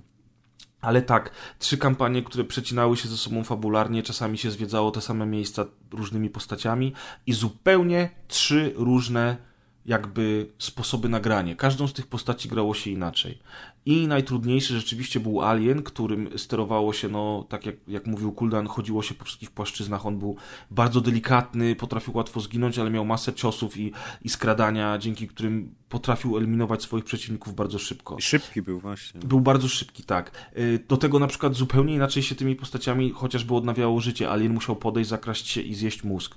Y, człowiek musiał używać apteczek. Predator to już nie pamiętam nawet jak się leczył. On chyba, on chyba się leczył z tego swojego przyrządu na, na, na, na, na ręku, z którego również wybierał między innymi niewidzialność. Tam się znaczy, zbierało... Nie, nie, nie, nie, nie, nie, nie. Predatorem musiałeś odgryzać głowy jak, jak odgryzać, predatorem urywać, urywać głowy. A, na, na 100%, na 100% predatorem y, miałeś apteczkę przez zabijanie ludzi w jakiś sposób. Wydaje mi się, że chyba jak trofea, trofea, no bo on zbierał trofea z głów, czyli jak urywałeś im głowy, wyrywałeś z kręgosłupem, to wtedy dostawałeś y, health. Mhm. Powiem ci szczerze, że nie będę się z tobą kłócił, ale absolutnie Bo Alien musiał nie pamiętam zjadać, wyrywania nie? kręgosłupów w pierwszym Alien vs Predator. No to może to było takie, wiesz, bo ty miałeś, miałeś też cios y, y, tymi swoimi kolcami na ręku, prawda? I można było na 100% urywać im te głowy. Mm, kurczę, stary, wierzę ci na słowo. Naprawdę, no, nie, nic z tym nie zrobimy chyba na tym etapie, natomiast jestem no, przekonany, no że on się leczył z tego swojego naramiennika. Ale to jest jakby szczegół, to, nie jest, to jest nieistotne, zresztą tych części potem Alien vs Predator było na tyle dużo i tam się zmieniały rzeczy. Natomiast co jest istotne, przede wszystkim, moim zdaniem, e, jest to, o czym powiedzieliście już wcześniej, że granie e, Marinesem to był również horror bo ta gra była naprawdę straszna. Tam był niesamowity dźwięk, grafika na tamte czasy robiła piorunujące wrażenie, ciemność, światła, e, efekty cząsteczkowe, bo z tych oczywiście alienów, kiedy się je postrzeliło, leciał kwas, jak się je zabiło, to one się rozpadały bardzo często i tak dalej. Można było rzucać flarę i, i wtedy chodził ten nasz czujnik, pip, pip, który tam y, informował nas o zbliżającym się wrogu, natomiast jeżeli było za ciemno, trzeba było włączyć noktowizję, ale wtedy nie mieliśmy czujnika i chodziliśmy w absolutnej ciszy, co było jeszcze bardziej przerażające, jak nagle nad nami się pojawił alien i wtedy bardzo dużo gaci się wymieniało, grając w tę grę. A najgorszy, najgorszy z całej gry był facehugger. Facehugger był malutki, szybki, cichy i szedłeś sobie po tych ciemnych korytarzach i nagle ni stąd, ni zowąd facehugger rzucał ci się na twarz i pojawiała się odpowiednia animacja, gdzie on tak praktycznie e, przykrywał monitor. No dla mnie to były sceny przedzawałowe w tym momencie. Horrory się potem śniły. W ogóle, Jak się wracało, przepraszam, tylko powiem, nie, nie robiło się save'ów w trakcie grania, save'y były tylko między misjami. Jak przechodziło się te misje po raz dziesiąty, a czasami tak było, bo ta gra była trudna, i wchodziło się do tego samego pomieszczenia, gdzie już wiedziało się, że są facehagery, za każdym razem było tak samo strasznie. Ale Kuldan, przepraszam, bo... Wiesz co, tak, bo chciałem coś powiedzieć, bo zauważyłem, że tutaj popełniliśmy pewien drobny błąd w rozpisce i chyba też w mowie, bowiem ta gra nazywa się Aliens vs Predator, ja a nie Alien. Tak, tak, bo właśnie to ja dodałem, bo była liczba Nie, no ja, ja, na samym początku, jak grę przedstawiałem, powiedziałem Aliens, Aliens vs okay, Predator. Okay, okay, no, tych opcych tam było tyle. Ja właśnie sprawdziłem, y, Od co, jeszcze, co jeszcze zrobił Rebellion i... Y, o, o Sniper Elite! Jeszcze istnieją, mają właśnie mnóstwo tych, tak, robili snajpery ostatnio, ale co ciekawe, ciekawe, zrobili też tego Aliens vs Predator z 2010 roku, który wyszedł na PS3. Ale on nie był wcale taki zły. On wcale nie był taki no, zły. w niego grałem. W tamtego z 99 też grałem, chociaż już niewiele z niego pamiętam. A jeszcze rok wcześniej, w 90, nie, czyli nie, parę lat wcześniej, w 94 zrobili Alien vs Predator na Atari Jaguar. Więc yep. kolesie z Rebelliona generalnie są specjalistami, jeśli chodzi o obcych i predatorów. Dużo tego robili, tak. Alien, Aliens vs Predator 2 zrobił Monolith. Oni wtedy byli na topie. Blood 2, Shogo i właśnie do nich powędrowała licencja na Aliens vs Predator 2. Wydaje mi się, że Rebellion z nimi tę grę tworzył, ale to już było widać, że to jest Lichtech i ta grafika już była inna, e, zresztą dużo lepsza niż, niż w jedynce. Jeżeli chodzi o jedynkę, jest też bardzo ważna rzecz, która moim zdaniem jest kluczowa dla e, strzelanek online w ogóle, bo jedynka miała e, asymetryczny multiplayer, w którym można było walczyć między innymi wszyscy na wszystkich, można było walczyć drużyna na drużynę, więc byli ludzie, y, y, ksenomorfy i predatory, ale był też tryb e, hordy, gdzie w kooperacji walczyło się tak długo, aż się nie padło z nadbiegającymi zewsząd obcymi. I to był hit kawiarenek internetowych. Ja pamiętam sam, jak poszedłem z moimi kumplami z Wrzeszcza do kawiarenki niedaleko mojego domu i spędziliśmy całą noc, wynajęliśmy ka y, całą kawiarenkę, zebraliśmy ekipę i spędziliśmy całą noc grając po sieci, po lanie w Aliens vs Predator. I to były pierwsze takie naprawdę duże sesje multiplayer w moim przypadku. Poza Quake'iem oczywiście, ale, ale takie, żeby siedzieć całą noc i, i tyrać online w coś, no to nie pamiętam sobie, żebym przed, nie przypominam sobie, żebym przed Aliens vs Predator y, takie rzeczy robił. A to była ta gra, która właśnie powiedziała, ej, ale to jest mega, za tobą, trrr, trrr, trrr, Dawid! Dawid, nie! Potem wraca Grzegorz z domu mówił, mamo, dzisiaj straciliśmy Dawida. dokładnie, dokładnie tak było. A ona mówi, co ty gadasz, przecież stoi za tobą. Dzień dobry, pani wojewoda. Jest śniadanie? Są pierogi? No, dokładnie, dokładnie. Także tak, y, ja bardzo, bardzo, bardzo sobie cenię tę grę, natomiast odpaliłem ją z rok temu, bo nawet jej nie, nie instalowałem do dzisiejszego specjala. Odpaliłem ją z rok temu i bardzo chciałem w nią pograć, ale się nie da. Nie da się w to już grać. Y, graficznie jest, jest już po prostu bardzo źle y, te mapy się wydają puste, bo tych alienów wbrew pozorom w trakcie kampanii, jak się gra Marinesem, y, wcale y, tak wielu nie ma. Ta narracja absolutnie cię nie interesuje, co ten gościu mówi do ciebie z monitorka i czasami może jeszcze jest troszeczkę emocji, że gdzieś tam w tym korytarzu słyszysz najpierw syk, a potem widzisz, że coś się rusza, rzucasz tę flarę i faktycznie widzisz, że coś biegnie i jest ten, ten twój czujnik ruchu, który wydaje taki charakterystyczny odgłos, ale pograłem pierwsze kilka etapów i po prostu prawie zasnąłem z nudów. Także niestety to jest chyba jedna z tych gier z dzisiejszego odcinka, które absolutnie na dzień dzisiejszy nie nadają się w ogóle do grania ale tak w ogóle, w ogóle. Naprawdę nie wiem, jaki musiał być fanem, gdzie ja uwielbiałem tę grę i naprawdę sami słyszeliście, że, że spędziłem z nią mnóstwo czasu i absolutnie dzisiaj nie jestem w stanie w nią grać. A na przykład do takiego Duke Nukem 3D czy do Blood jestem w stanie wracać przynajmniej raz do roku i bawię się wybornie.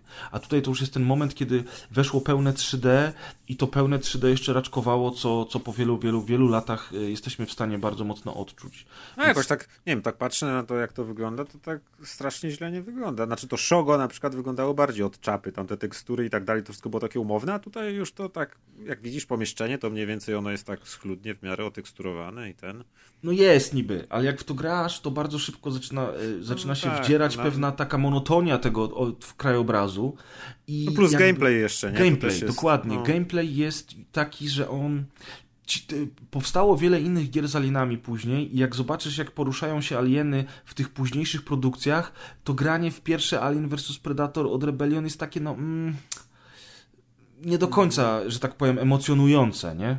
No, poza tym mechanicznie też się sporo rzeczy po, pozmieniało, tak jak w kolejnej grze, y, będę zaraz opowiadać, to jakieś sterowanie czy coś, to wesz, weszły pewne standardy, ulepszenia i tak dalej, do których się przyzwyczailiśmy i teraz ciężko się zwrócić do właśnie starych gierek, gdzie trzeba było, nie wiem, tam jakoś uważać na przyciski, które się wciska i akceptować to, że postać się blokuje i że to jest normalne. Ja nie wiem, jak kiedyś mogliśmy to akceptować, ale tak było, bo nam to nie przeszkadzało. Ale powiem ci, że zaraz przejdziemy do gry e, z 2000 roku. No właśnie Maciek o tym mówił. Kurde, cię obudził, ty. Nie, ale zaraz... już? Nie, ja nie śpię, nie śpię. Nie, bo szukałem tej informacji o zdrowiu Predatora. A, się uparł, paster. Profesjonalista. Nie, nie bo, bo i to, to, od razu już, już to kończę to znalazłem, że w multi było dokładnie tak, jak ty mówisz, czyli, że się maszynką na, na ręku. Natomiast jak znalazłem dla odmiany jakiś gameplay single, to tam on, kurde, zbierał te głowy. I A, jak, widzisz, jak czyli urywał, dobrze Tylko właśnie nie wiem, czy to było, czy tylko właśnie widzisz, nie, nie udało mi się tutaj do, doszukać, czy jak on urywał te głowy, to, to oddawał mu halfę, czy po prostu zbierał to jako trofea. Więc, ale nie, ewidentnie na, na widać było stąd, jak urywał trofea, głowa. chyba nie było o, takich znajdziek. Ale widzicie, kiedyś w grach no. też były trofea, ale były porządne, ale nie takie jest, pedalskie jak teraz. Jest właśnie scena, jak urywa głowę dzidą i wtedy słychać ten taki charakterystyczny ryk Predatora, więc... Y, A. No, no. Natomiast, I... przepraszam, to wybaczcie, ale... Nie, no ale... Nie zauważyłem, kiedy się, oddało się słusznej sprawie, więc jak tak. najbardziej szanujemy. No i właśnie teraz, zanim przejdziemy do kolejnej produkcji, to tak patrząc na listę gier, powiem wam, że są też takie gry, słuchajcie, bo na pewno w komentarzach napiszecie, a nie było tego, ale nie było tamtego. No jest na przykład System Shock To nie 2. jest demokracja, idźcie Dokładnie, się. Raz, nie jest demokracja, a dwa, że mówimy teraz o typowych FPS-ach, które miały rzeczy, którymi się wyróżniały. No System Shock 2 to już jest bardzo mocno RPG. On też się wyróżniał właśnie tym, że był tak. Albo na przykład, wiecie, Rainbow Six. No niby tak, ale to są też już gry taktyczne, zespołowe. O nich pewnie kiedyś zrobimy też specjal, bo już ominęliśmy SWAT 3 między innymi i, i Spec Ops i parę innych produkcji, Znaczy, Hidden ja- and Słuchaj, ja, Dangerous. ja, Grzegorz, powiedzmy sobie szczerze, na liście gier mamy chyba 15 teraz. W momencie, w którym zaczęliśmy wypisywać, jak, jak wpadł pomysł z tego specjala, zaczęliśmy Tak. wypisywać gry, Było które się 50. pojawiły, to było w którymś momencie jakieś 30 No. czy 3 i każdy, a jeszcze to dopiszcie, a jeszcze to, a, No i w a to czekaj, a też jeszcze grałem. tego nie, a w to też grałem. kiedyś to było. Otóż Niestety to. musieliśmy przyjąć jakieś ramy omówienia, no i przyjęliśmy się takie, a jak się trzymamy ramy, to wiadomo, co się stanie. Chcieliśmy takie ramy, że press przyszedł, zrobił selekcję i teraz omawiamy. Nie Zamknąć ma mordy. demokracji. No, słuchajcie, w międzyczasie jeszcze w 99 są dwie bardzo ważne gry Unreal Tournament i Quake 3 Arena. O nich możecie posłuchać sobie na specjalu dumopodobnym Tak z 2016 roku, więc teraz je omijamy, ale nie z ignorancji, tylko dlatego, że one jakby już zostały wtedy bardzo dogłębnie przeanalizowane przez nas. A przechodzimy do gry, która tak naprawdę zainspirowała ten specjal, bo niedawno pojawiła się nareszcie na GOG, a przez wiele lat nie była dostępna, y, a była to gra, którą wszyscy tutaj we trzech dobrze wspominaliśmy. Mówimy oczywiście o Soldier of Fortune od Raven Software, które ukazało się 27 marca 2000 roku i Maciek y, zacznie, bo Maciek chyba z nas wszystkich grał teraz w nią najwięcej. O, najwięcej, tam z cztery misje przeszedłem, czy coś. To najwięcej. Yeah! Miss Soldier of Fortune! Woo! No, Soldier of Fortune w mojej pamięci y, zapisało się y, przede wszystkim tym słynnym y, systemem zniszczeń y, Ciała. tak, który był rewolucyjny i do dzisiaj się zastanawiam, dlaczego gry to porzucają. Ja zawsze myślałem, jak byłem młody i naiwny, że jak ktoś w jakiejś grze coś wymyśli, na przykład, że komuś można odstrzelić głowę, to skoro już ta technologia powstała, to teraz w każdej grze będzie można odstrzelić głowę, no bo dlaczego z czegoś nie korzystać, co, co już jest. I w ten sposób y, ziarnko do ziarnka kiedyś będziemy mieli gry, gdzie będzie można robić wszystko, bo już wszystkie technologie zostaną s- stworzone. No niestety tak się nie stało i niewiele gier y, potem po tym 2000 roku w sumie może się poszczycić tak wspaniałym systemem y, flaków i odstrzelonych Ale wiesz co? Ja się nad tym zastanawiałem ostatnio. Ja nie wiem, czy chciałbym, żeby gry w 2018 roku z tym, jak wygląda grafika w roku 2018, No. proponowały mi odstrzeliwanie No dłoni, e, przedramienia, łokcia i wiesz, i samej sobie ręki i tak samo przecież no, czaszki też tam no. można było, a to kawałek głowy mu urywałeś, a to Mm. twarz, a to... Wystarczy Ja bym spojrzeć, chyba wiesz, tego nie chciał. W Black Ops 4 teraz jak spada bomba, to co się dzieje z urwanymi kończynami i jak te No postacie właśnie. Wyglądają, to już jest takie troszeczkę przejmujące. I, i, i może faktycznie, może faktycznie nie byłoby to zbyt dobre w dzisiejszych czasach, żeby te gry tak wyglądały. Natomiast wtedy to robiło furorę. Ja pamiętam do dziś, że siedziałem w liceum, w ławce na jakiejś tam lekcji i kumpel obok czytał CD Action, a może Secret Service i na okładce był Soldier of Fortune i wtedy wszyscy mówili, wow, ty, to jest ta gra, czytaj, czytaj. I on tam szeptał nam, co wyczytał i mówił, można odstrzelić nogę strzelbą! I wszyscy, jeee! I tylko pani mówi, co tam się dzieje? Nie, nic, nic tego. I wszyscy chcieli w to zagrać. I, I Krzysiek wtedy, proszę pani, w Soldier of Fortune będzie można odstrzelić nogę! a pani na strzelbą! to, co ty dajesz? Pokaż to CD Action, wiesz. Gramy! To była CD zajebiście Action? głośna gra wtedy. Ona też miała niesamowitą grafikę jak na tamte czasy. Naprawdę wyglądała bardzo dobrze. I ona też e, Ona jak zabijała się komputery. mocno przymruży wzrok i będziesz patrzył tak przez, wiesz, tak jak tego, ten DiCaprio z tego mema, że tam we need to go deeper, to nawet teraz wygląda w miarę okej. Właśnie Na pewno wygląda dużo broni. lepiej niż, niż, niż Shogo, czy niż kurde... Tak, tak. To jest kolejny skok taki jakościowy. Trochę jak Half-Life był taki spójny, to tutaj Soldier of Fortune jest już kompletnie spójny. I kiedy zaczynamy misję pierwszą i schodzimy do takiego metra i tak dalej, tam jest jakieś y, taki y, posterunek strażników, potem są toalety, potem jest peron i tak dalej, to to już widać, że to jest takie powiedzmy w pół drogi do Maxa Payne'a. tego Właśnie dokładnie to chciałem powiedzieć, że pierwszy, pierwszy epizod Maxa Payne'a też się dzieje w metrze i jak Tak. grałem w tego Soldier of Fortune, to natychmiast miałem skojarzenie z. Maxem Payne'em. To, to A nie wiem, ewidentne. czy wiecie, Plus Matrix jesteśmy przy grafice, rzeczy. że y, silnik gry to był Quake 2. Tak, tak. I oni proszę. dodali do tego ten, ten system GUL, to się nazywało GUL, Mhm. który pozwalał na to takie mocne niszczenie ciał i to był już system opracowany przez Raven Software właśnie. I, i- on robił y, nie tylko to, że właśnie można było strzelić te ciała, tak jak Kuldan mówił, że ręka składała się z czterech elementów, noga z dwóch i tak dalej i każdy można było odstrzelić. Jak się strzeliło w brzuch, to flaki wypływały, takie trójwymiarowe jelita. Y, ale też postacie, y, nie wiem jak było w wcześniejszych grach, ale z tego co tu widzę to nie kojarzę, żeby tak było. Tutaj postacie bardzo fajnie reagowały na te strzały. I teraz jak sobie grałem, to rzeczywiście jak się kolesia trafiło w szyję na przykład, na, na końcu też misji o, jest podsumowanie statystyk yy, i jest pokazane ile było jakich strzałów w szyję, w krocze można było strzelać i tak dalej, i tak dalej. Dzisiaj, jak... dzisiaj to by były achievementy za to, nie? Tak, tak. No na 100%. Jak mu się na przykład strzeli w szyję, to on autentycznie się za nią łapie. I można zwykłym małym pistoletem załatwić kolesia, bo wystarczy mu jedną kulkę postać przyjąć, wtedy łapie za to gardło, przewraca się, dusi. Jak się kolesia postrzeli w nogę, ale mu się jej nie urwie shotgunem, tylko na przykład pistoletem, to on potrafi za nią złapać, popodskakiwać jak trochę na jednej mu w stopę, nodze. to on zaczyna podskakiwać na jednej nodze. Tak, no. tak, Tam tak. były masakryczne. I, ale- potem, I potem znowu zaczyna walczyć. A na przykład Ale jak sama w sobie gra, rękę, to, level design też robi, daje radę, bo jak nawet w tym pierwszym etapie, o którym powiedziałeś, w którymś momencie biegniesz y, tam po po pociągach w metrze, Po torach. to po torach, tak, ale tam chyba też pociągi Pociągach jeżdżą. Jedziesz przez strzela, na dachu, strzela, no. jedziesz na dachu, tak, i trzeba ze- zejść na, na drugi pociąg. To I tam te późniejsze etapy, jakieś bazy wojskowe, nie bazy wojskowe, tam ta, ta hi, historia też jakoś tam się dzieje z, z, z Tak, misji na To, misję. bo to jak skończysz, to powiem o co chodzi z historią, bo to jest ciekawe w, w ogóle. No, że to było niby za... To, to, to, to ty powiedz, proszę bardzo. No nie, ale chciałeś dokończyć, więc dlatego ja Nie, mówię. nie, chodzi, chodzi mi o to, że ta gra, y, tak jak zaczynałem od Shogo i mówiłem, że absolutnie nie, to Soldier of Fortune, nie wiem, czy tutaj działa ta, ta nostalgia, że ja tą grę pamiętam z, z, z momentu premiery, czy tam po premierze, ale jak teraz zacząłem w to grać, to grałem się całkiem przyjemnie. Okej, no wiadomo, że jest trochę, to co o czym Maciek mówi, że jest trochę toporne momentami przy sterowaniu, czy, Tak, czy w pierwszym jakieś- etapie nie miałem zielonego pojęcia, co muszę zrobić, bo nie wpadłem na to, że można podskoczyć i kucnąć, coś, coś kiedyś robiło zawsze, po to, żeby wejść do, do takiego zamkniętego kantorka pomieszczenia, takiego, dokładnie, tam Tak, otworzyć drzwi, dokładnie. nie? To, to jest właśnie to, że, że, że teraz mamy w tych grach wszędzie wciśnij E, żeby coś zrobić, a wtedy trzeba kombinować i tak naprawdę to jest zapomniana mechanika, ten podskok plus kucnięcie, która kiedyś była normą i było to Dokładnie tak. totalnie po prostu miałeś to jak w odruchu mięśniowym i nie zastanawiałeś się nad tym, tylko o, półka, podskok, ku- kucnięcie i robiłeś Dokładnie. to mnóstwo, od Ja musiałem Quake'a, to wczoraj, ja musiałem to wczoraj w Jedi e, Outcast, o którym będziemy dzisiaj mówić, zrobić, bo też mówię, kurczę, no dlaczego ja nie mogę tego w żaden sposób chwycić? Przecież to jest na wysokości moich oczu, tylko stoi na skrzynce i w pewnym momencie mówię kontrol spacja! Kontrol spacja! to jest takie śmieszne, Nie, że właśnie masz coś się. na wysokości wzroku, ale musisz na przykład wskoczyć na skrzynkę, ona jest ciut za wysoka, więc musisz obejść pomieszczenie, wejść schodami, potem po jakiejś belce i taką całą zagadkę rozwiązać, żeby podnieść Dokładnie. przedmiot, który jest nad wysokości twoich oczu. Mechaniki To było w grach kiedyś. absolutnie w dzisiejszym giereczkowie zapomniane, pogrzebane i w ogóle odrzucone na stos historii, natomiast wtedy jak, naj, jak najbardziej powszechne.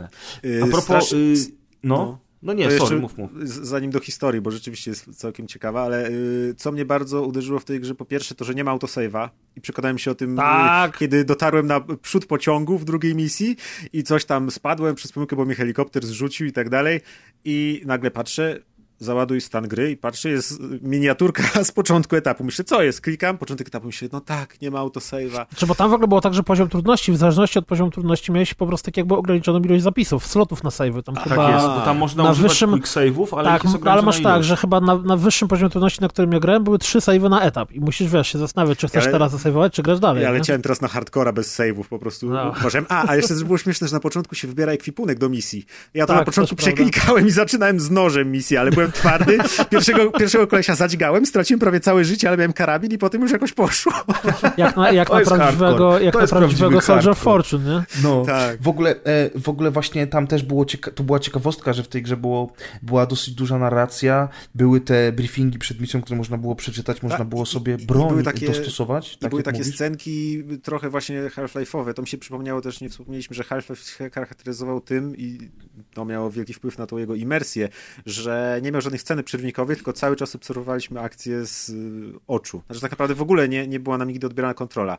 Znaczy A- tutaj w Soldier of Fortune A tutaj e, są... Są scenki są normalnie. takie sceny. Są takie normalne To rzeczy. zaczynamy od tego, że naszego bohatera widzimy, jak stoi, policja mówi mu, że o, rozmawia ze swoim tam partnerem. przecież nie będziecie wchodzili, to jest sprawa policji, a nie żołnierzy. W tym momencie pizdut, no dobra, to wchodźcie. Tak, to jest, to jest takie piękne, ale, ale to mi uświadomiło, jak mało gry zmieniły się od tego Soldier of Fortune. Tak naprawdę te wcześniejsze gry, Shogo i tak dalej, one jeszcze nie miały tej narracji, takich jakichś, te cutscenki były bardziej koślawe. Ale kiedy grałem w Soldier of Fortune i tu z Prezem potem rozmawialiśmy, doszliśmy do podobnego wniosku, kiedy zobaczyłem, jak ta gra wygląda, jak wygląda struktura etapów, y, jak są skryptowane akcje i tak dalej, kiedy się pojawiają cutscenki, że nagle podkładamy bombę i widać, że nasz przeciwnik, znaczy nasz bohater na cutscence ucieka i za nim są wielkie wybuchy, i stwierdziłem, że kurde, to jest przecież Call of Duty Modern Warfare 0, jakiś praprzodek w ogóle Dokładnie. wszystkich Ja miałem takie same odczucia.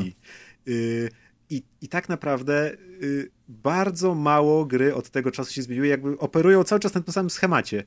Yy, ten schemat już właśnie jakby w czasach Soldier of Fortune się wykrystalizował, że okej, okay, chcemy robić taką grę, tak to ma wyglądać, a potem już tylko dochodziły drobne rzeczy typu właśnie wciskanie przyciska do, przycisku do używania rzeczy i tak dalej. Mikropłatności. Tak, naprawdę, tak, ale tak niewiele już się od tego momentu zmieniło. Jest y, chyba trzeci czy czwarty etap Soldier of Fortune jest y, zimowy.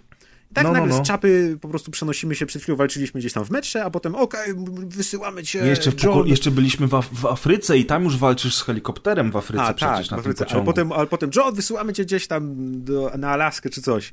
I nagle zaczyna się etap y, ten zimowy i ja myślę, kurde, Modern Warfare 2 totalnie, czy, ta, czy tam nie pamiętam, które też się no. zaczynało gdzieś w na lodowiec, dwa, no dwójeczka. Myślę, totalnie to samo i właśnie stwierdziłem, że to jest praprzodek y, Modern Warfare'ów, po tak. prostu 7, 7 lat wcześniej wydany, nie? oskryptowane misje, przerywniki filmowe, akcja taka, że często też przed twoimi oczami dzieją się jakieś skrypty, trochę, trochę niszczenia otoczenia. Naprawdę, to już jest ta gra, y, tak jak ty mówisz, to była jedna z tych pierwszych gier, które zapoczątkowały to, co tak naprawdę w FPS-ach obserwujemy do dzisiaj. Powiedz ona o fabule, broni, powiedz o fabule. Już mówię, ale ona się broni właśnie to, co Kultan powiedział, że to jest pierwsza gra dzisiaj tak naprawdę, o której mówimy, że spokojnie możesz w nią dzisiaj zagrać, i będziesz się dobrze bawił. Znaczy, ja miałem broni... problemy z, z, tym sterowaniem, ona coś ma dziwnego, że yy, zaczyna Strajfowanie się, czasem się blokuje. Zaczyna tak się jakby. blokować, kiedy próbujesz strajfować albo iść pod kątem, czyli wciskasz strafe i do przodu i wtedy coś tam, na przykład przerywa się bieg automatycznie. Mnie to strasznie wkurzało. Po prostu biegniesz do przodu, chcesz lekko zestrajfować, o, od razu zwalniasz i już idziesz i coś. To jest, to jest mega wkurzające, to mnie tak naprawdę bardzo denerwowało. Po, po chwili się już przyzwyczaiłem, że jak biec mogę tylko prosto, a jak już chcę strajfować, to już muszę powoli chodzić, ale to jest upierdliwe nie wiem, czemu tak to działa. Bardzo, bardzo dziwne, bo w, nawet w grach, które są starsze, y, to działało bez problemu w jakichś Quake'ach czy coś, a tutaj no, jakaś taka przypadłość jest upierdliwa. No. Ale no, tak co... poza tym to wizualnie czy, czy, czy mechanicznie to strzelanie, bronie są fajne, te animacje różne przeładowywania, ten, to widać, że już jest dopracowane z pieczołowitością. Tam się pojawiły te, te takie zabawy, animacja bronią, kiedy jesteś idol, kiedy nic nie robisz, mm -hmm. on na przykład tam podrzuci tak. sobie ten pistolet, nie, zrobi jakieś kółeczko nim, coś tam. Mm -hmm. Natomiast, tak, tak. i to, poczekaj, bo, bo jakoś Grzegorz nie mówi o tej fabule, więc jeszcze jedną rzecz dorzucę tylko. No dajesz, dajesz. Że mm, e, tak jak mówiłeś o tej brutalności tej gry, to tak naprawdę, bo ja grałem też odrobinę w sequel, o którym nie będziemy mówić oddzielnie, tylko powiemy przy okazji teraz, teraz jedynki. Za chwilę tak, I, czy teraz już też o nim powiedzieć? Właśnie chcę jed, jedną rzecz tak naprawdę powiedzieć, bo to wszystkie te rzeczy, które mówimy o jedynce, można spokojnie powiedzieć o dwójce. To jest dalej gra, która, która się dobrze sprawdza, wygląda nawet lepiej niż jedynka. Natomiast e, Soldier of Fortune 2 podkręca tą brutalność, która się w jedynce pojawiła i właśnie Grzegorz czytał pod stołem z wypiekami na twarzy, że można odstrzeliwać komuś z shotguna na rękę, to w dwójce to już było takie trochę gore, bo tam, tak jak w, w jedynce, ta, te, te, te części ciała składały się dosłownie z kilku elementów i mogłeś gościowi odstrzelić albo dłoń, albo ramię, albo, albo no dłoń w łokciu. No dosyć takie kanciaste, jeszcze tak, to w dwójce już się zaczynało robić naprawdę dosyć momentami wręcz, nawet z perspektywy dzisiaj, znaczy jak ja miałem wtedy tam 12 lat, to mi to w ogóle nie przeszkadzało, tylko było he, he, he, i no wiesz, każdego trupa z nożem tam chlas, chlas, chlas, chlas, chlas, chlas. Natomiast teraz, kurde, jak widzę te czaszki rozpadające się na fragmenty, czy że jak strzelisz kolesiowi z shotguna w głowę, to możesz mu w ogóle urwać głowę i widać taki krwawy flak wystający kawałków szyi, czy właśnie sama w sobie głowa, która składa się z kilku elementów i możesz, wiesz, fragment czaszki mu odstrzelić, to to wygląda nawet z perspektywy dzisiejszego czasu dosyć hardkorowo. Jeszcze ta krew, która tam się wszędzie pojawia. Więc dwójka podkręciła, bo, bo fabularnie i giereczkowo jest, jest bardzo podobnym tytułem. No widzisz, do... właśnie to jak już zacząłeś, to ci powiem, że ja zacząłem grać w dwójeczkę, ja ją doskonale wspominałem, ja już pamiętam, że problem z zostaniem tej gry w oryginale był bardzo ciężki, bardzo krótko po premierze.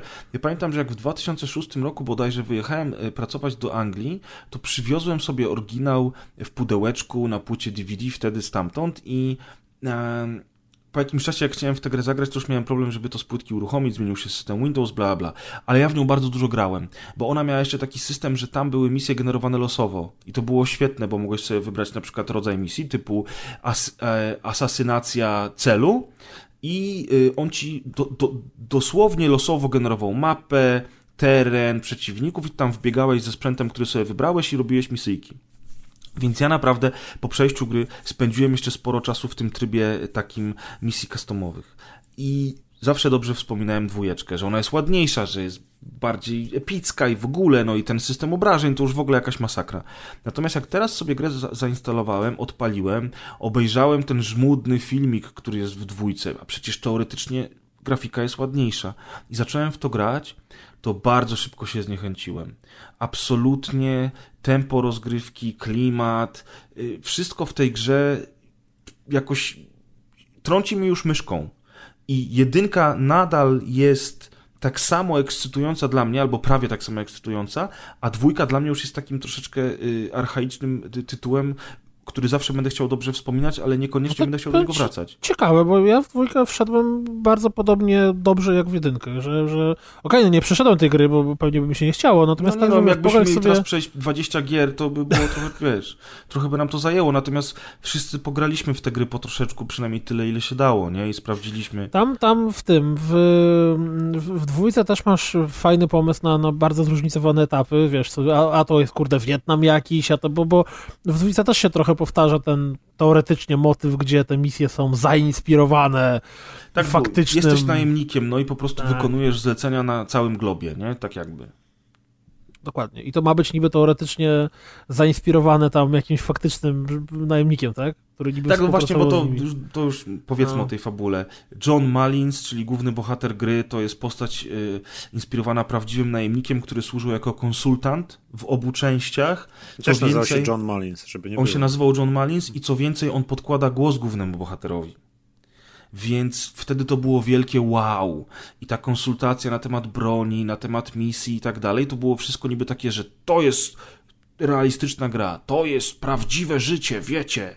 To jest on, John on, Mullins. On w jedynce chyba pod koniec developingu dopiero dzisiaj czytałem, tam pomogł im konsultować to, ale przy dwójce już współpracował od samego początku całkowicie i dwójka była bardziej tam pod niego, że właśnie bardziej takie te misje były, on tam y, na ten stealth y, kładł nacisk, żeby było właśnie więcej misji tak, skradanych. Tak, no, tak no, no, pierwsza misja zaczyna się od tego, że on przyjeżdża taksówką do, y, do Pragi i spotyka się z gościem w hotelu, który tam rzucają sobie tajne hasła na zasadzie czy lubi pan zapach kasztanów w kwietniu i on coś tam mu odpowiada. W tym Wanna jel tylko jesienią. W tym momencie tak? Kuldan chce odpowiedzieć, wciska kontrol i go zabija. Dokładnie. Y, no i generalnie rzecz biorąc, y, faktycznie był, masz rację, że dwójka była już taka bardziej trochę szpiegowska, taka trochę właśnie bardziej... Y, znaczy dwójka w ogóle, ja potem w dwójce, w dwójce ta główna oś fabularna to chodziło, wiesz, o, o tam zagrożenie dla świata i tam no, ale wirus komputerowy. Prze, ale w jedynce musisz przechwycić skradzione bomby nuklearne. I to już w drugiej misji, nie? Tam ale te bomby nuklearne skradł koleś, który biega bez koszulki, jest cały wytatuowany od czubka głowy aż po pępek, no. I mówi ha, ha, ha, ha, stojąc na pociągu, odjeżdżając w siną dal. No tak, no dwójka traktuje się trochę bardziej poważnie. A w ogóle ciekawostka, e, ja tego zupełnie nie pamiętałem, ale podczas napisów e, e, początkowych, kiedy wymienia się aktorów, jedną z pierwszych postaci, które są wymienione w Soldier of Fortune 2 jest Mark Hamill. O, tam proszę. występuje. Także w ogóle beka. W ogóle mm, to, to, to, co mnie rozbawiło, to to, że jak się, jak się czyta o, o, o tej grze, to właśnie historia jedynki, to jest, uwaga, uwaga, mm, e, główny zły to e, Afrikaner Neo-Fascist Group based in Germany, lead by South African exile Sergier Decker. No, nie ma żartów. A odnośnie tego, tego, o czym ja mówiłem, czyli e, że ta gra była, że dwójka była dużo bardziej gore, to, bo to sprawdziłem też w międzyczasie. W jedynce było 26 stref, które można było, e, że tak powiem, na ciele coś zrobić, a w dwójce było ich 36. Więc no widzisz, widzisz. Dodali każde jądro. I wiecie, co mnie teraz zastanawia? Zastanawia mnie to, że y, firma y, Raven, czyli twórcy obu części Soldier of Fortune, to jest ekipa, która stworzyła Heretic, Hexen, Hexen 2, Take No Prisoners. Teraz trzepie multi. 2. Tak jest. Soldier of Fortune. Star Trek Voyager Elite Force, który wyszedł po Dokładnie. pierwszym Soldier of Fortune, który też jest takim wartym wspomnienia tytułem, chociaż jak z wami o nim mówiłem, to mówiliście, że nie bardzo go pamiętacie. Ja zagrywałem się zarówno w jedynkę, jak i w dwójkę. To były też gry zrobione na silniku Quake'a 2 i były fenomenalne. Ja pamiętam, ja że, y, że właśnie Elite Force też grałem i ja nie byłem nigdy wielkim fanem Star Treka, a na pewno w tym 2000 byłem mniejszym fanem niż później. Bo jeszcze mniej filmów kumałem, ale jak grałem w tego właśnie Voyagera, to też się świetnie bawiłem. Nic z tej gry nie pamiętam, poza faktem, że byłem w szoku, jak to, to się fajnie grało i jakie to było No. fajowe. No i w Ale każdym razie Raven, potem Raven Raven, przecież zrobił masę dobrych Raven, rzeczy. Raven robi Jedi Outcast, Raven robi Jedi Academy. Oni to robią już wspólnie z innymi firmami, ale to jest dalej jakby Raven. I nagle potem okazuje się, że Raven od tej pory robi tylko i wyłącznie y, tryb multi do Call of Duty. Nie, no poczekaj, nie What od tej pory, bo ja fuck? pamiętam, ja pamiętam Ravena jeszcze dwie gry. W jedną, którą grałem i to był Wolfenstein ten taki... Wolfenstein, mów powa poważnie, zachowuj się. No tak, to był ten z Ten 2009 taki, roku, tak, prawda? ten taki, taki, który był trochę singlowy, że tak powiem, on chyba nie doczekał się żadnych kontynuacji, nie kontynuacji. Nie, nie, mój czego. drogi. Wolfenstein z 2009 roku jest bezpośrednim prequelem Wolfensteinów od Machine Games. Tak, Te gry są ze sobą połączone, oczywiście, że tak. Że nie miałem zielonego pojęcia? Krąg No- z krzyżowej zaczyna się w Wolfensteinie od Ravena i to jest O, kontynuacja. patrz, to ciekawostka, to nie miałem Widziałeś? pojęcia. O, oni zrobili X-Men Origins Wolverine. Natomiast To- oni to właśnie gra zanim też. zaczęli Wow. trzepać multi, to potem w Wolfensteinie zrobili też e, Singularity, takiego FPS-a, który nie wiem, czy Tak. pamiętacie, był oryginalny, Był. bo tam były zabawy z, z jakimiś tajnymi mocami, że tam mogłeś cofać się w czasie, czy tam, znaczy nie tyle ty się cofać w czasie. To mi trochę, to co robiło Singularity, mi trochę potem przypominały etapy z Titanfalla drugiego. Bo tam też była taka magiczna maszynka na ręku i tam Były, były, ale teraz co się dzieje po Singularity? Singularity już nie było zbyt wybitne, ale były te fajne gry e, wcześniej. I teraz tak, Call of Duty Black Ops e, tworzy Treyarch, Raven pomaga przy DLC. Modern Warfare 3 tworzy Infinity Ward, Raven pomaga przy DLC. Black Ops 2 tworzy Treyarch, Raven asystuje. Ghosty tworzy Infinity Ward, Raven asystuje. You get the picture, prawda? Nie będę Znaczy, no, ale dalej ja ci czytał. odpowiem, co się stało. Stało się to, że Singularity się nie sprzedało. I ostatnia ich singlowa gra, którą zrobili, okaz- bo tak jak sam powiedziałeś, ona jakąś wielkim hitem nie była. No i właśnie dlatego, że wielkim hitem nie była, to zostali zaprzątnięci do robienia multi. I Skoro oni do lubią dzisiaj robią. Oni są to, to robią. Oni są do dzisiaj y, w Call of Duty. Ostatnia gra, przy której pracowali, to było World War II z zeszłego roku i znowu jest tworzone przez Sledgehammer Games. Raven asystuje. Oni zostali sprowadzeni przez Activision do, do, do, Roli do, asystenta. do roli asystenta, dokładnie. Trochę to smutne, bo te pierwsze ich gry to było naprawdę coś. No a propos jeszcze tego, że Soldier I of patrz, Fortune- ale nikt nie pluje, nie? A jakby to było Electronic Arts, to już by było skandal, ja zabijają już nie, mam, firmy! już nie mam śliny do plucia.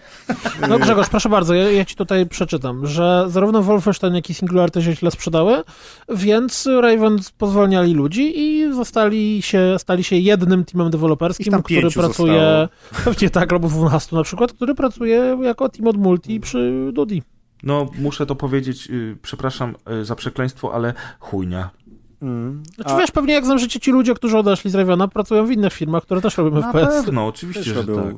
asystują. A, a propos tego, że, że Soldier of Fortune to jest protoplasta Modern Warfare'ów, no to przecież John Malins wygląda, wypisz, wymaluj jak Kapitan Price. z No to Modern prawda, Warfare'ów. to Ta prawda, czapka, absolutnie, ten wąs, absolutnie tak. totalnie, to nie jest jakiś tam brunet, młody, przystojny Bond, tylko to jest doświadczony, stary wyga i ten, to To jest się super. zgadza.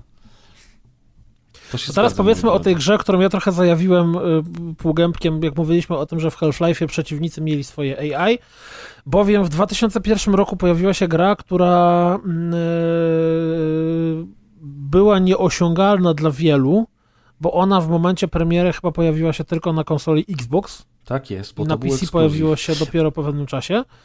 Chyba na Wiście w ogóle? Ja dobrze pamiętam, że Halo Nie, było nie, na właśnie... Wiście była już dwójeczka. Dwójka, okej.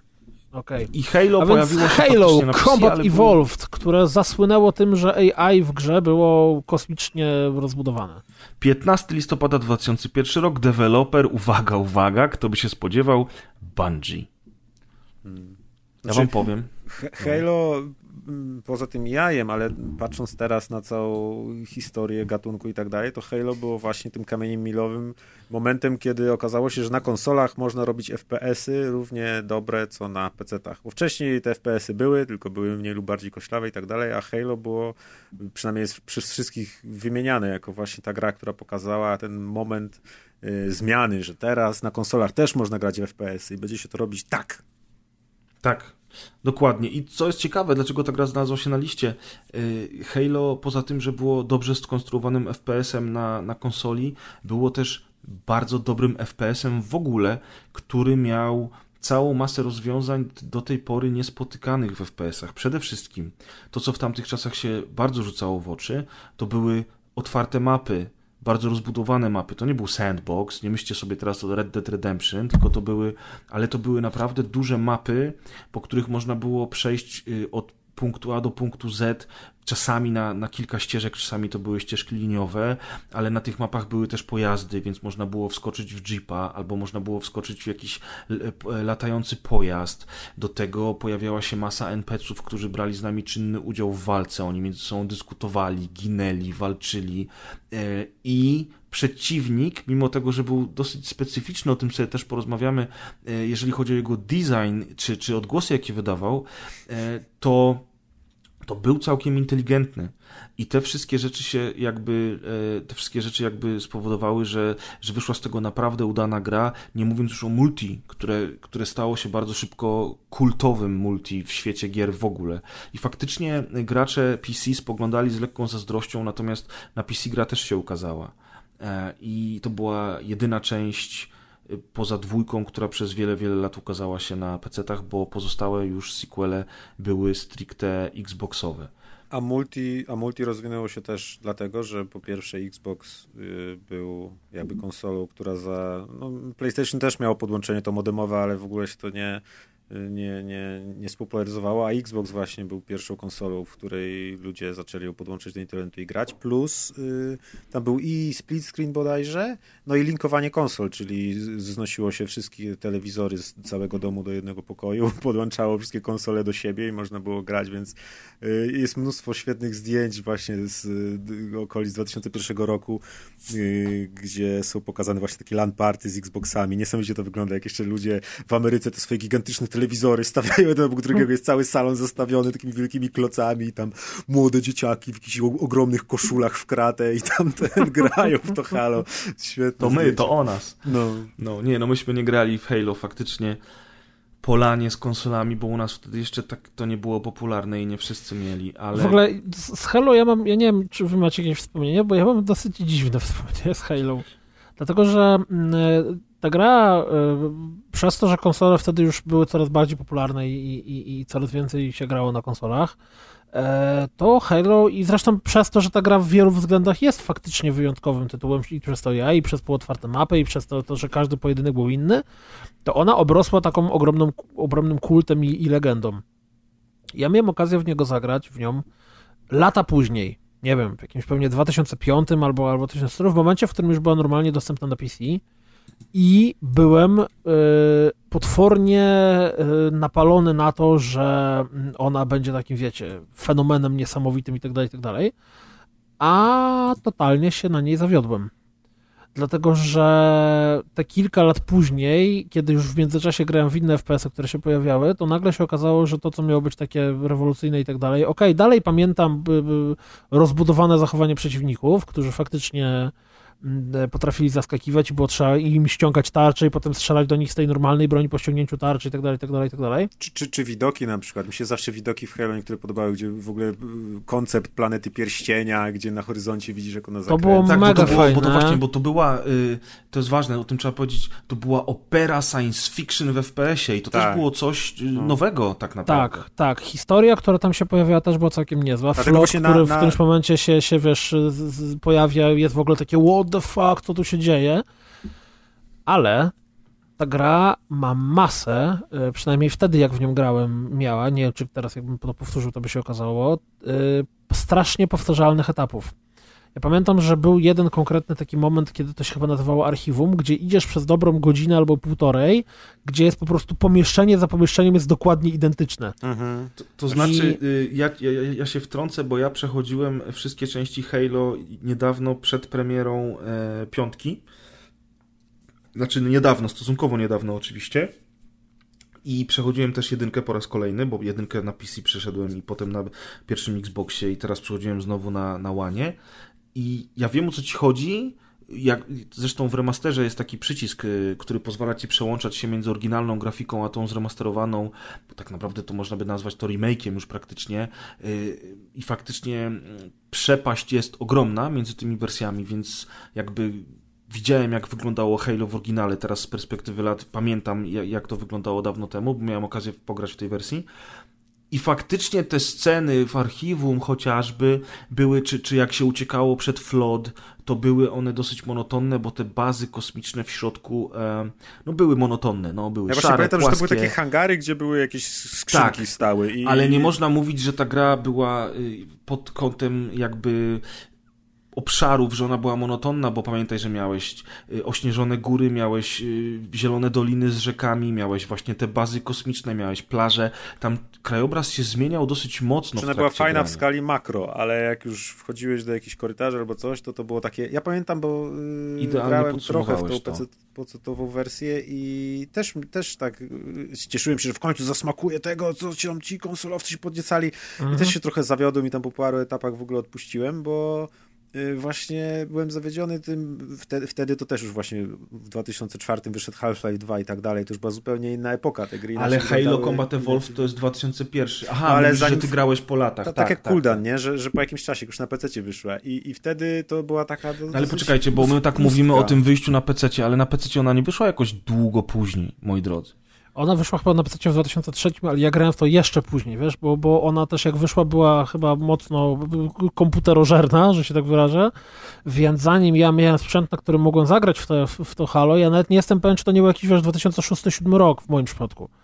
I, i te, te, te dobre kilka lat później od premiery, to w przypadku moich osobistych doświadczeń bardzo dużo zmieniły. Ale, ale trzeba przyznać, że rzeczywiście to, co teraz powiedziałeś, że to była space opera taka, to myślę, że tego przede wszystkim zazdrościli pecetowcy, bo wtedy nie było żadnego takiego odpowiednika za bardzo na pececie. Plus to, że Bungie odpowiednio kierowało tą marką i już pewnie celowali w to, każdy pewnie celuje, żeby rozwijać swoją grę na markę, to im się to udało.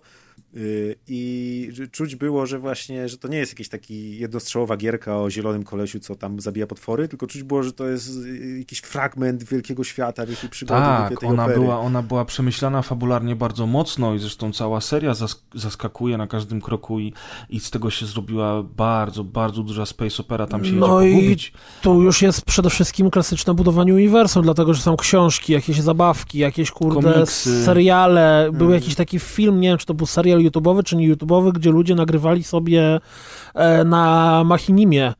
Tak, to się Red nazywało Blue, Red vs. Blue, dokładnie. To też tak, były początki więc... Machinimy tak naprawdę. Dokładnie tak, więc Halo. więc y, Halo absolutnie było fenomenem. Ale może wytłumaczcie, Natomiast... czym jest Machinima przy okazji. Tworzenie filmików na silnikach gry, y, takich, y, tak, tak w uproszczeniu można powiedzieć. No, nie? dokładnie. No i Halo, Halo było grą, która naprawdę zrobiła mm, e, furorę furorę i była faktycznie jednym z najważniejszych gier wszechczasów, tak patrząc na, na całą historię gier wideo, bo, bo zresztą to, że la, lata później dalej ona istnieje jako marka i jak się pojawia Master Chief na którymkolwiek trailerze na E3, to wszyscy tam dostają orgazmu na sam widok kawałka jego hełmu mm, i wszystkie sequele i te, te, te tam spin-offy i kurde no Halo ja, Warsy. Ja akurat nie, nie mam świra na punkcie Halo i mnie przede wszystkim odrzucają ten design postaci, który jest dla mnie zbyt odjechany tych wszystkich wszystkich ufolutków, ale muszę no Właśnie, przyznać... te ufolutki są dziwne, to na początku tak. powiedziałem, że design jest taki, że mamy marinesów którzy, i statki, które są mocno wzorowane tak naprawdę na marinesach z filmów o alienach, takie realistyczni są po prostu. I, I do tego mamy kosmitów, którzy są tacy trochę kolorowi, trochę śmieszni. Wyglądają trochę jak, mają być jak robaczki, jak żuki. Są właśnie, mają taki nietypowy wygląd, y, który jest Wiele osób jakby od tego, ale, od ale tego uciekło właśnie przez, przez ten design. Ja rozumiem, nie? ja rozumiem, jaki tam był zamysł, bo tam zamysł polegał na tym, że... Żeby że sprzedać jeśli... grę Amerykanom. Nie, znaczy nie o to chodzi, że jeśli ja dobrze rozumuję, to, to naszymi przeciwnikami jest tak jakby kosmiczny komunizm, który zjednoczył... Nie komunizm. E, to jest kosmiczna znaczy, no oni... sekta. No tak, ale chodzi o to, że to są różne rasy z różnych planet z całego kosmosu, tak? tak? Że to nie są jedni goście z jednej planety, ci tam Marsjanie w cudzysłowie, tylko to są najróżniejsi. Dlatego tak. masz małych, śmiesznych gości, co biegają i mają piskliwe głosiki. Tak, masz kolesi, wyglądają. którzy wyglądają jak Predator. I tak, tak dalej, i tak dalej. Czyli, czyli, fabu- czy goryla dokładnie, czyli fabularnie rzecz biorąc, tam tych arbiterów i tak dalej, więc fabularnie rzecz biorąc, to ma jakiś sens. Natomiast tak, gameplayowo Nie, no dla dorosłego mężczyzny, który gra w gry wideo będąc po 30, jak grasz z robocikiem, znaczy z tym, z małym kosmitą, który ma garp i strzela, daj, daj, to już, to już bardzo daj, dużo daj, zależy od tego, kto jaką konwencję po prostu... Tak. Po latach jakby ludzie się do tego przyzwyczaili. Zresztą e, znienawidzona przez fanów oryginalnej trylogii czwórka i piątka odeszły bardzo mocno od tego Covenantu, bo to się tak nazywało, Covenant, ta, ta mhm. cała ekipa, z którą walczymy, na rzecz prastarej rasy, która wprowadza świadomość tam ludzką w maszyny na Ale przykład. Ale ta, ta prastara rasa, z tego co ja pamiętam po jakichś zwiastunach, to też wyglądało jak jakieś opancerzone komary czy coś. Nie, nie, nie, bardziej nie, nie, nie. Ta prastara rasa to są Aha, takie bardzo fajne wiem. roboty, różne, różniste, natomiast sam Covenant się zmieniał, ich design na przestrzeni odsłon różnych i mieli różne stroje i tak dalej, więc no ja, ja, lubię, chociaż ja pamiętam, że jak grałem, y, wersja PC, moi drodzy, wyszła w 2003 roku, y, prawie dwa lata po premierze wersji Xboxowej i ja grałem w wersję PC najpierw. Jak w nią grałem na PC, wtedy to było takie właśnie o Halo z tego y, Xboxa legendarnego, którego nikt we wrzeszczu nigdy nie widział na oczy, ale wiemy, że istnieje i mam na płytce Halo, więc gramy. Jeszcze się okazało, że można było w ogóle grać e, multiplayer na pirackich kopiach wtedy. Więc o, e, wygranko. Wygraliście życie. Dokładnie. Więc, y, więc grało, się, grało się w to Halo na PC. Ja przeszedłem, ja pamiętam, że ten Flood mi się strasznie podobał. A, a Flood mi się, wróciłem... nie kojarzy się z Half-Life'em trochę, Flood? Trochę tak, trochę mi się z alienami kojarzy, wiesz, to już jest taka konwencja w ogóle mocno Lovecraftowa też. Najśmieszniejsze jest to, że ja nie mam pojęcia jak wygląda Flood, ani za bardzo czym jest, ale kojarzę te wszystkie nazwy, bo jak się naczytało kiedyś właśnie PS To ja ci powiem, to są takie coś. ziemniaki, które cię gonią. Tak, jakaś taka to największa, tak. To są takie ziemniaki, ziemniako headcrab, tak. nie? Tak, ziemniako headcraby, dokładnie. No, w każdym razie pamiętam, że jak y, jakiś czas później wyjechałem do Szwecji, bo tam byłem na miesiąc w Szwecji i, i w mieszkaniu, w, w którym y, bywaliśmy, stała konsola Xbox. I tam o, było panie. Halo Combat Evolved, to pierwsza oryginalna wers wersja konsolowa. Jakaś jeszcze była taka gra o jeżdżeniu samochodami po mieście. Y, Midnight Madness, to, była, to był też ekskluzyw Microsoftu. Midtown Madness. Midtown Madness, Midtown Madness to była tak dwójka chyba. To, to, nie był jakiś prequel, co nie był jakiś pre prekursor tego nieodżalonego projektu Gotham Racing? Pojęcia nie mam, ziomuś, ale to była bardzo popularna gra i to był X na Xboxa pierwszego i też wszyscy chcieli w niego grać. Więc moja dziewczyna siedziała wkurzona i patrzyła tam w, telewizję, a ja mówię, panie! No i zacząłem grać znowu i to Halo wtedy... Mówiłeś do niej, huhu, panie? Ciekawe. Ale ona była wkurzona o to, że gra na konsoli, a nie, że mówi no. do niej na ty, nie? Na panie. W każdym, w każdym razie y, podobało mi się to bardzo. Y, natomiast po paru latach, jak, jak wyszła dwójka i ona wyszła właśnie na Wistę, to dwójka mnie odrzuciła momentalnie nie wiem, czy, czy, czy moje gusta się zmieniły, czy ja już za, więcej zacząłem grać i, i bardziej doceniałem takie bardziej realistyczne y, podejście do przedstawienia y, przeciwników i tak dalej. Natomiast dwójka mnie odrzuciła, trójkę to tylko widziałem gdzieś na filmikach i już wtedy byłem na etapie, że ps, to jest kolorowe gówno i nie zamierzam w ogóle w to nigdy grać. Dorósł, dojrzał. A potem wiesz, a potem po latach kupiłem Xboxa One, wyszła Master Chief Collection i przeszedłem wszystkie części przed premierą y, piątki i bardzo tą serię sobie cenię, doceniłem te gry i dalej uważam, że design tych małych ludków, które biegają, robią jest beznadziejny i to jest pomysł po prostu kretyński na maksa, ale fabularnie, klimatycznie, y, wieloma roz, rozwiązaniami y, gameplayowymi ta gra bardzo do mnie przemawia. Już warto tylko wspomnieć na koniec o tym, że każdą kampanię od jedynki poczynając można było zawsze przejść w kooperacji a to diametralnie wpływa na odczucia płynące z rozgrywki.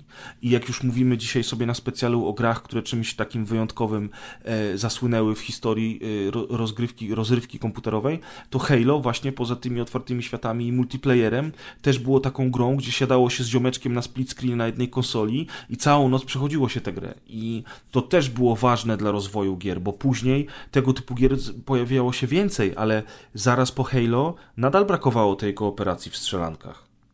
Mm, a muszę wam jeszcze się przyznać, że design designem i tak dalej, ja z tym Halo właśnie mam niestety nieudany związek, który się szybko zakończył, ale y, po dziś dzień, kiedy słyszę te słynne Tak jest. To po prostu miękne w kolanach. To jest, ja od razu czuję tą epickość, jak do mnie puka przez okno i mówi, otwórz, otwórz okno i zobacz na ten kosmos i na tą space operę, która się dzieje. Soundtrack i muzyka ze zwiastunów, z tego wszystkiego jest genialna, tak pasuje, rewelacja. Wyjdź na dwór, może Master Chief bije się pod twoim blokiem. Może tak. Dokładnie tak. Słuchajcie, tak, to jest bardzo ważna gra dla historii e, FPS-ów i gier w ogóle. Natomiast teraz e, pozwolę sobie zrobić mały, ma, ma, małe wtrącenie. Pominęliśmy znowu grę, przeskoczyliśmy, bo tak chcemy troszeczkę mówić o tych różnych ważnych wyróżnieniach, a przez to uciekają nam gry z głównej listy. Ten sam rok, natomiast parę miesięcy wcześniej, przed Halo, pojawia się e, stworzone przez DreamWorks Interactive Clive Barker's Undying. I Maciek pomylił je z Clive Barker's Jericho, ale już pograł trochę, więc może nam opowiesz. Bo Price mi powiedział, bo tu zagraj w tą grę. Ja mówię, o, Cliff Baker, tak. pamiętam, że tego Cliffa Ba- Bakera coś tam ktoś opowiadał, ja w to nigdy nie grałem, to będzie fajnie. I pamiętałem, że to był taki, e, taki strzelanina, horror, że tam jakaś banda y, tych... y, Komandosów? naj- Najemników czy komandosów strzela się z jakimiś takimi potworami, jak tam z Dead Space'a, czy z jakichś horrorów, Hellraiserów, tam poprzebijane mięso metalem, coś coś tam. No i ściągnąłem grę, odpalam Cliff Baker's Undying, Zaczyna się rok 1920. Koleś 23, płynie, czy tam coś, 23. 23. Koleś płynie statkiem i dopłynął do jakiegoś dworu i ma rewolwer i w ogóle i ja myślę, co to jest, gdzie są ci komandosi i coś tam. Sprawdziłem, a no tak, to nie Jericho jest, pomyliłem gry. Dobre. Ale ta gra była tak dobra, ta gra była tak niesamowita, to znowu mamy powrót, bo, bo Halo pokazał nam grę, gdzie gameplay jest ważny, a wydany trochę wcześniej Undying był tak naprawdę nie sam w sobie gameplay, był tym, czym ta gra żyła najbardziej.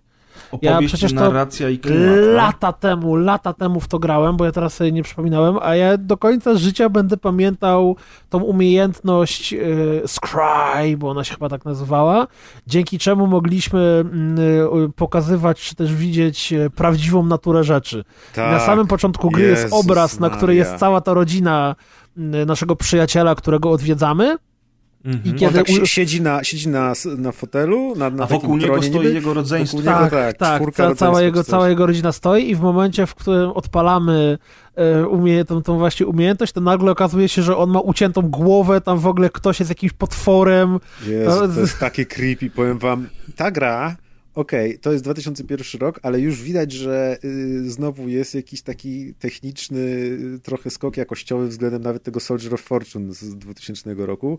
Ona wygląda już nawet nieźle. Widać, że jest zadizajnowana odpowiednio, bo y, chodzimy tam, ja nie wiem, czy cała gra, bo tam pograłem z półtorej godziny, ale chodzimy po takim pałacu, Potem się wydostajemy na tereny dookoła tej posiadłości. Ale to jest cały czas, cały czas jest, jest, że tak powiem, jedna lokacja. W Jedna sensie to się dzieje w wysp, na dzieje wyspie, wokół tak. tej wyspy. Tak, no. tak, Tak, tak, więc tak, tak, y, e, domyśliłem się, że to jest jakiś horror i potem bardzo szybko okazało się, że y, nie wiem jakim cudem, ale po prostu gram cały spięty, mam ciary i jestem przerażony. I to dzisiaj grając po raz pierwszy w tę Tak, grę, nie? tak. Ja w to nigdy wcześniej nie grałem i nawet y, zawsze kojarzyłem to właśnie Jericho bardziej jako grę od Cliva Bakera. Tego Undying jakoś w ogóle nie kojarzyłem.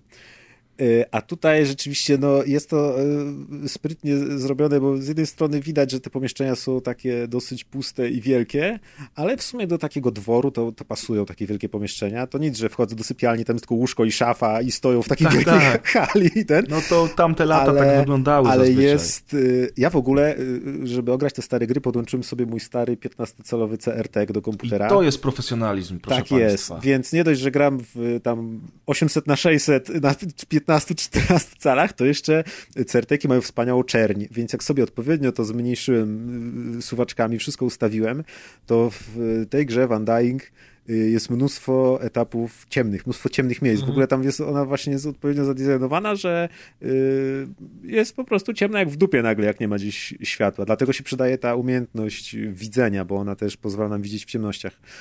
Y, No i miałem często pełne gacie, bo udźwiękowienie też, to wszystko jest, to jest takie śmieszne, że tak stara gra y, potrafi tak dobrze na człowieka zadziałać. Kiedy ja się skradam z, z tym, wiem, że mam sześć kul w pistolecie, trochę y, trwa ich przeładowanie, atakują mnie jakieś takie skaczące, szybkie, małe, powiedzmy wampiro-wilkołaki, jakbym to je tak nazwał. I, kiedy ja się skradam po tym, po, po tym, tym i słyszę zewsząd nagle jakieś skrzy, skrzypienie podłogi yy, nade mną, albo jakieś, jakieś krzyki w oddali, jakieś ten, to normalnie miałem ciary, aż sam się dziwiłem, nie wiedziałem dlaczego. To jest niesamowite. Ja pozwolę sobie tylko tak ci wtrącić. W dużym skrócie to jest gra do której scenariusz napisał Clive Barker. E, dlaczego ona się znalazła w FPS-ach w ogóle? Bo ona jest shooterem, ale w tej grze również używamy magii. Tak jak Kuldan powiedział, jednym z naszych podstawowych czarów jest widzenie prawdziwej natury rzeczy. E, mamy też pistolet, potem mamy strzelbę, takie różne pierdoł, pierdółki. Tam w ogóle mam jakieś, kurde, głowę smoka, tam potem się takie...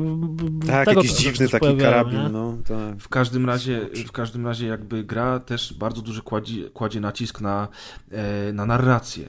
Więc mamy przerywniki filmowe, ale mamy też coś, co wtedy wcale nie było e, takie powszechne. Mamy didaskalia moje ulubione, czyli czytanie znajdziek.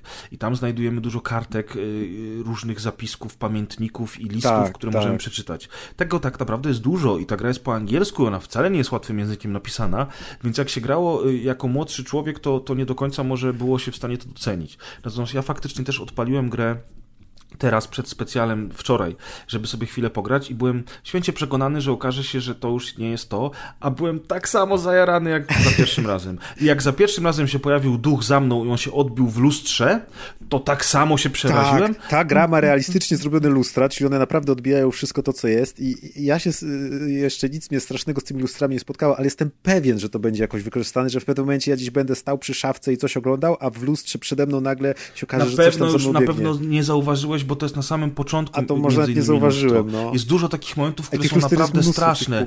Dla mnie teraz, po, bo ja, ja w tę grę grałem kilkukrotnie.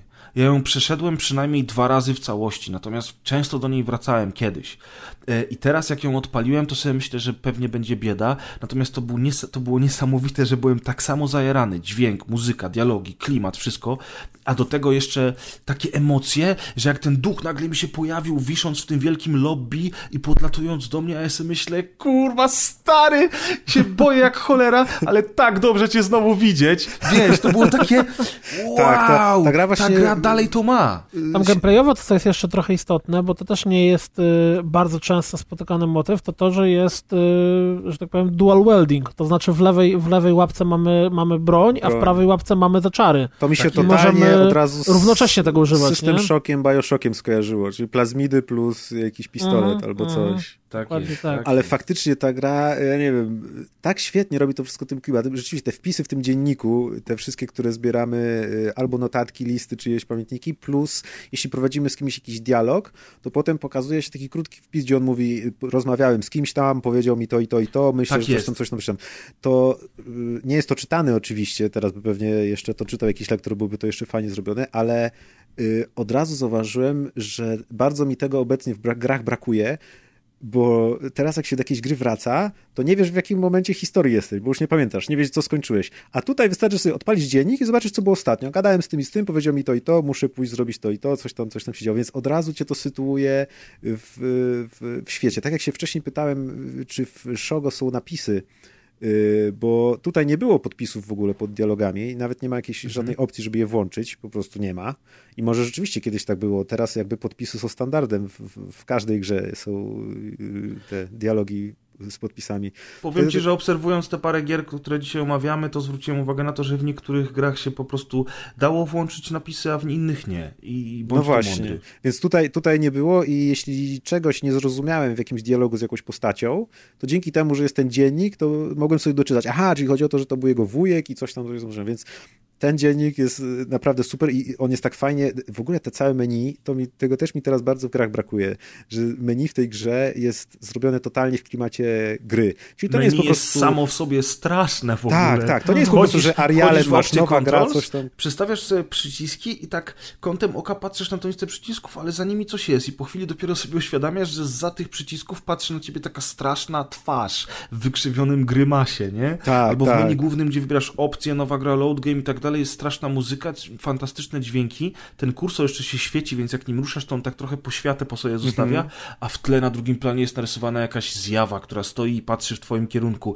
i mówisz, okej, okay, czy ja na pewno chcę w to zagrać. I Dokładnie, to do dzisiaj tak, działa. Tak samo ten ekran y, tego dziennika to też jest taka otwarta y, księga jakby, gdzie jest y, tą taką czcionką staromodną, fontem, przepraszam, wszystko to napisane, więc to wszystko tak wpływa na cały klimat tej gry. To jest właśnie to, że to, na co ja narzekałem, chociażby znowu przytoczę ten przykład Battlefronta od EA, tego nowego, gdzie menu były totalnie od czapy, nowoczesne, wielkie kafle, nie mające nic wspólnego ze Star Warsami i to to naprawdę wybija z gry, a w takim Cliff Baker's Undying, nawet jak wychodzisz do menu, to ono jest dalej w tym samym klimacie gry ja w ogóle nie czuję się wybity z, z rytmu.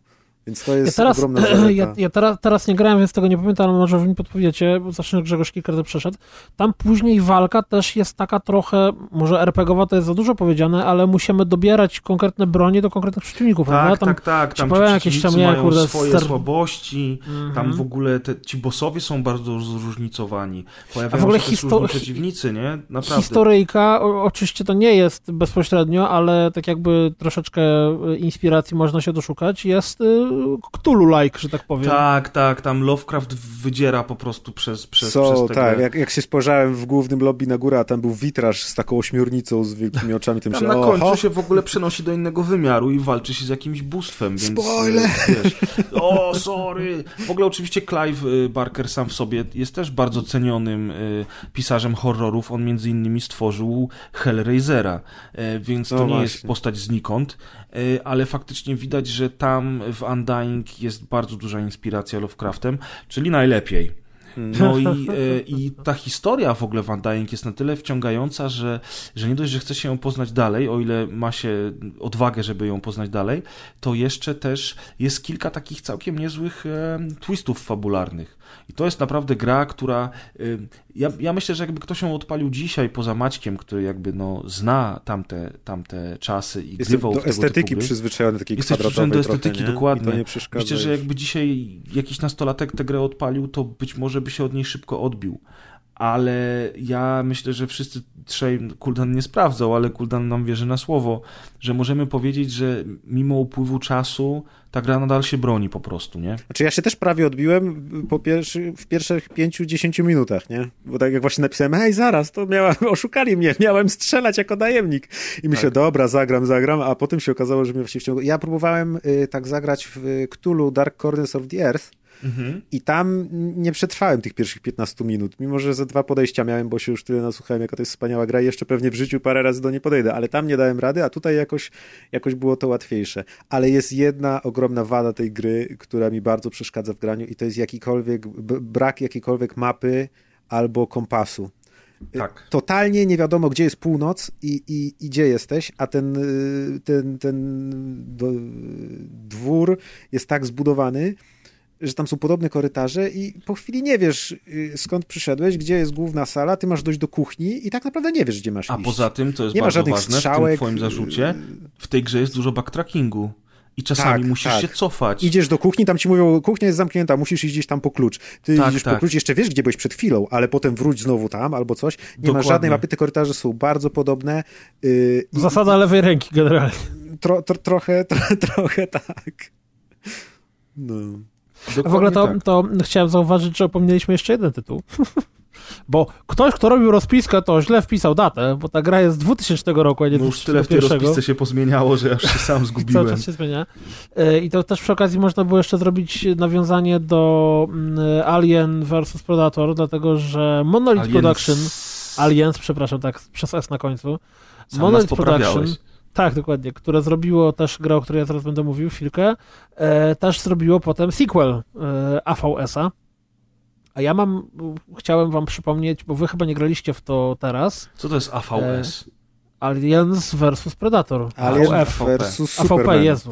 Jezus Aliens versus Superman, kurde, grałbym ty. A był taki AVP, komiks. AVP, Jezus Maria.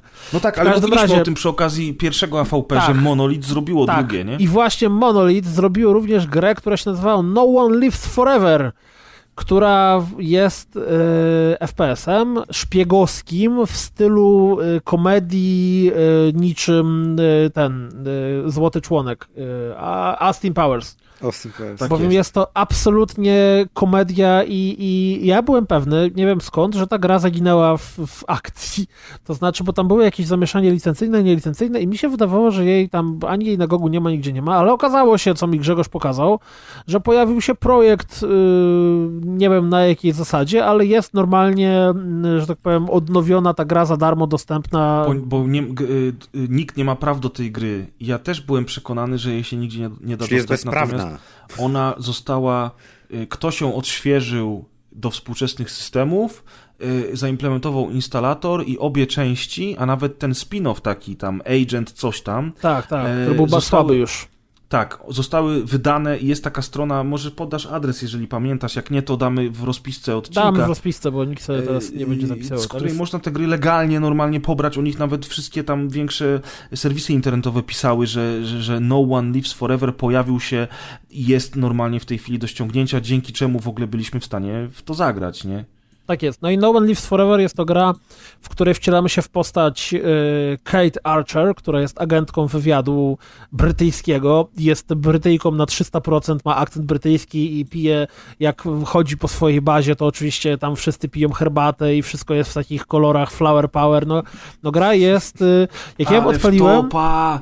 Przecież ona jest z 2000 roku, a my jesteśmy już na 2001. No wiem, mówiłem o tym, że znowu pominęliśmy i że musimy się cofnąć i ty wtedy mówiłeś, że w rozpisce już się tak dzieje, że ho, ho. Skandal, no. Że rozpisce się dzieje tak, że ho, ho.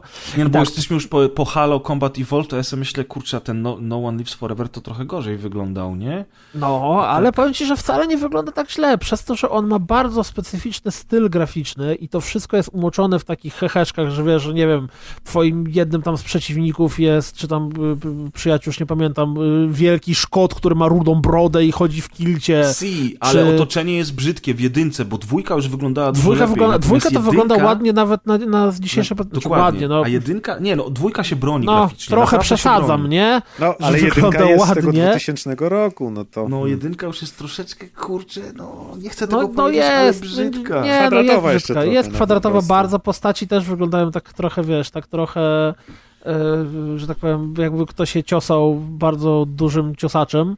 Natomiast to, czym absolutnie ta gra się broni dalej, powiem nawet więcej. Tutaj znowu to była gra, która była dostosowana chyba raczej e, do strzelania klawiaturą w pierwszej chwili i dopiero było trzeba sobie ustawić myszkę, dlatego że strzela się kontrolem, dopóki tego nie przestawisz na, na, na, na, na myszek. Tak. W ogóle kiedyś, te, jak teraz grałem w te parę gier, w które też graliście, to, to e, rozstawienie klawiszy w każdej grze jest tak diametralnie inne, tak, że się zastanawiałem, dziwne. what the fuck? Teraz też właśnie jest standardem, że E czy tam F używasz, a spacją skaczesz czy coś, a tam było jakoś zupełnie inaczej, więc też e, Totalnie. schematy jeszcze nie były ustalone. Natomiast to, czym jedynka i dwójka e, absolutnie daje radę z dzisiejszej perspektywy, bo, bo tak jak mówię, wygląda ok, trochę topornie, trochę nie. Gameplay jest, mm, to strzelanie i tak dalej jest też trochę takie sztywne, natomiast to, czym absolutnie daje radę, to humorem. Ja odpaliłem tą grę i od razu jak się zaczęły sypać żarty, przychodzimy do, do, do siedziby naszych, e, do siedziby naszej tajnej agencji i tam szef mówi, że o tam Kate, czemu znowu się spóźniłeś? Tutaj mamy system dialogów, gdzie wybieramy odpowiedzi i mamy odpowiedzi na zasadzie, że no właśnie, dobrze, że w końcu mogliście na mnie poczekać, następnym razem postaram się, żeby było dłużej. Tam jest masa tego takiego całego klimatu yy, szpiegowskiego, ko nie? Ale, komed- ale takiego, takiego, takiego, no mówię, Austin Powers. Stuprocentowo to jest absolutnie Austin Powers, są żarty, bo wiadomo, że to jest poważna gra szpiegowska, w którym wszystko jest umoczone w y, bardzo dużej dawce humoru. Ja osobiście mm, polecam żeby każdy mógł sobie sprawdzić dzięki temu, nie wiem jak to nazwać, odświeżeniu jej dostępnemu za darmo. No. To tyle, jeśli chodzi o No One Lives Forever, żeby nie przedłużać. To patrzę na gry z 2000 roku, no to Deus Ex jeszcze jest poza naszą listą. Ale to RPG był bardziej właściwie niż... No właśnie, właśnie jeszcze, też... jeśli chodzi o No One Lives Forever, to co jest istotne, to to, że ona też miała bardzo rozwinięte motywy te gameplayowe, dlatego, że to nie było po prostu proste FPS, tylko tam zawsze Mm, wybierałeś sobie, wiesz, jakieś bronie, jakie tam gadżety brałeś, zwłaszcza w drugiej części to już było tam bardzo, bardzo i to też wszystko było, nie tam, kurde, laser w szmince i, i, i tak dalej. Hmm. No i nie, to była naprawdę bardzo fajna gra. I ten Star Trek Voyager Elite Force to jest jeszcze 2000 rok i już jest chyba tyle. A teraz przejdziemy do czegoś trochę późniejszego. Mam nadzieję, że nie nastąpiło y, zamieszania w w, w datach, bowiem zajmiemy się medalem. Medalem honoru. A, wow. konkretniej, a konkretniej grą, którą inspirował się Steven Spielberg, tak? Czy odwrotnie? Medal of Honor, ale to South i y, najbardziej pamiętne lądowanie w Normandii, w, w dużo lepsze od lądowania w Normandii w WWI, a przynajmniej w naszej pamięci. Jezu, ja no, to pamiętam, że też to, to, to było trochę coś podobnego jak, y, jak właśnie Half-Life, że to było coś, czego jeszcze się w grach nie widziało. Taki y, scena tak filmowa, zbliżająca właśnie do, do, do, do filmu, grę wideo, że też nie kojarzę, żeby to wcześniej coś, tak, coś takiego. Ja pamiętam, ja pamiętam mm, dwie rzeczy z tym związane. Po pierwsze, z jakiejś recenzji e, ktoś ładnie napisał, że kiedy lądujesz na tej plaży Normandii w D-Day, e, to jedyne na co masz ochotę, to położyć się jak najbardziej na ziemi i w ogóle nie podnosić głowy, bo zaraz zginiesz albo twoi koledzy zginą. I to jest takie przedstawienie, przerażające przedstawienie yy, wojny samej w sobie, a druga rzecz to to, że ja oczywiście miałem piracką wersję językową, znaczy piracką, piracką grę. Yy, i tam alianci była, po rusku gadali. Po, po, znaczy nawet nie to, że alianci gadali po rusku, co były yy, też, właśnie nie pamiętam, czy to były napisy tylko, czy też była ścieżka nagrana i Fire, fire in the Hall przed, przed wybuchem było przetłumaczone jako strzelajcie do otworów. Ojej, ojej. do, do tej pory dokładnie to pamiętam, jak wiesz, grasz tu w czówkę i tak dalej, oni podają te takie, te, te rury do wysadzania mm, e, okolna czy tych zasieków, no. Zasieków, tak, i tam strzelajcie do otworów z rosyjskim. Strzelajcie do otworów! dokładnie tak. Dokładnie tak. Natomiast Alien Assault, jak, jak patrzymy na tą listę, to dla mnie jest jednym z tych tytułów, który jest absolutnie y, trochę to, co mówiłeś o Soldier of Fortune. Jak mało te gry się zmieniły. Mm. Bo to jest właściwie już powoli coraz bardziej zaskryptowany FPS, w którym idziemy misja po misji do przodu, nie ma za bardzo kombinacji, nie ma za bardzo jakiejś tam, wiesz, zabawy fabułą, że a teraz masz etap, gdzie się nie strzela, tylko tam ewentualnie jakieś skradankowe zabawy były. Więc yy, yy, to jest gra taka już na dzisiejszą modłę trochę. Nie? Jakby go porównać właśnie z Call of Duty World War II, to właściwie dużo to... nie ma różnicy. Właśnie... się grafika zmieniła. No, no, no. Właśnie też pamiętam, że jak, jak recenzowaliśmy to, to, bo tutaj przeglądam screeny i jest porównanie tego y, szturmu na Normandii to pamiętam, że właśnie teraz w WWI nie zrobiło to na mnie aż takiego dużego wrażenia i wręcz takie było mech, mimo że oczywiście mnóstwo filmowych kamer i tak dalej i tego. A pamiętam, że wtedy jak grałem, to był po prostu szok, jak, jak można zrobić taką grę wideo, to jest nowa jakość. No, 16 lat czy tam 15 jest, lat jest robi różnicę. w oprawie diametralna w tym, co się dzieje no, na ekranie, wiadomo, w efektach cząsteczkowych tak. i tak dalej, ale faktycznie ten pierwszy szturm na Normandię wtedy w Medal of Honor e, to było coś, co zrywało czapki z głów. I każdy jeden o tym opowiadał. Nasi ojcowie, przechodząc koło komputerów, mówili, co to jest, kurwa,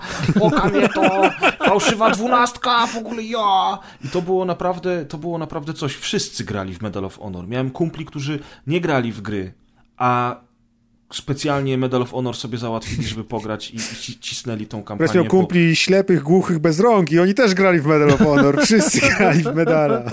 Nie, no naprawdę, faktycznie to było takie on był, on, duże coś. I też... I Spielberg te... przy tym pomagał, nie wiem czy wiecie. Właśnie, Właśnie ja mówiłem wcześniej, że on się zainspirował ten tam, bo, bo, bo scena lądowania w Normandii i scena lądowania Normandii w... Yy, Szeregowcu Rejanie? Szeregowcu Rejanie są, są prawie, kompatybilne. Że Szeregowiec tak. Ryan był najpierw, moi drodzy. Aha, czyli ale Tasad się inspirował szeregowcem Ryanem, a nie odwrotnie.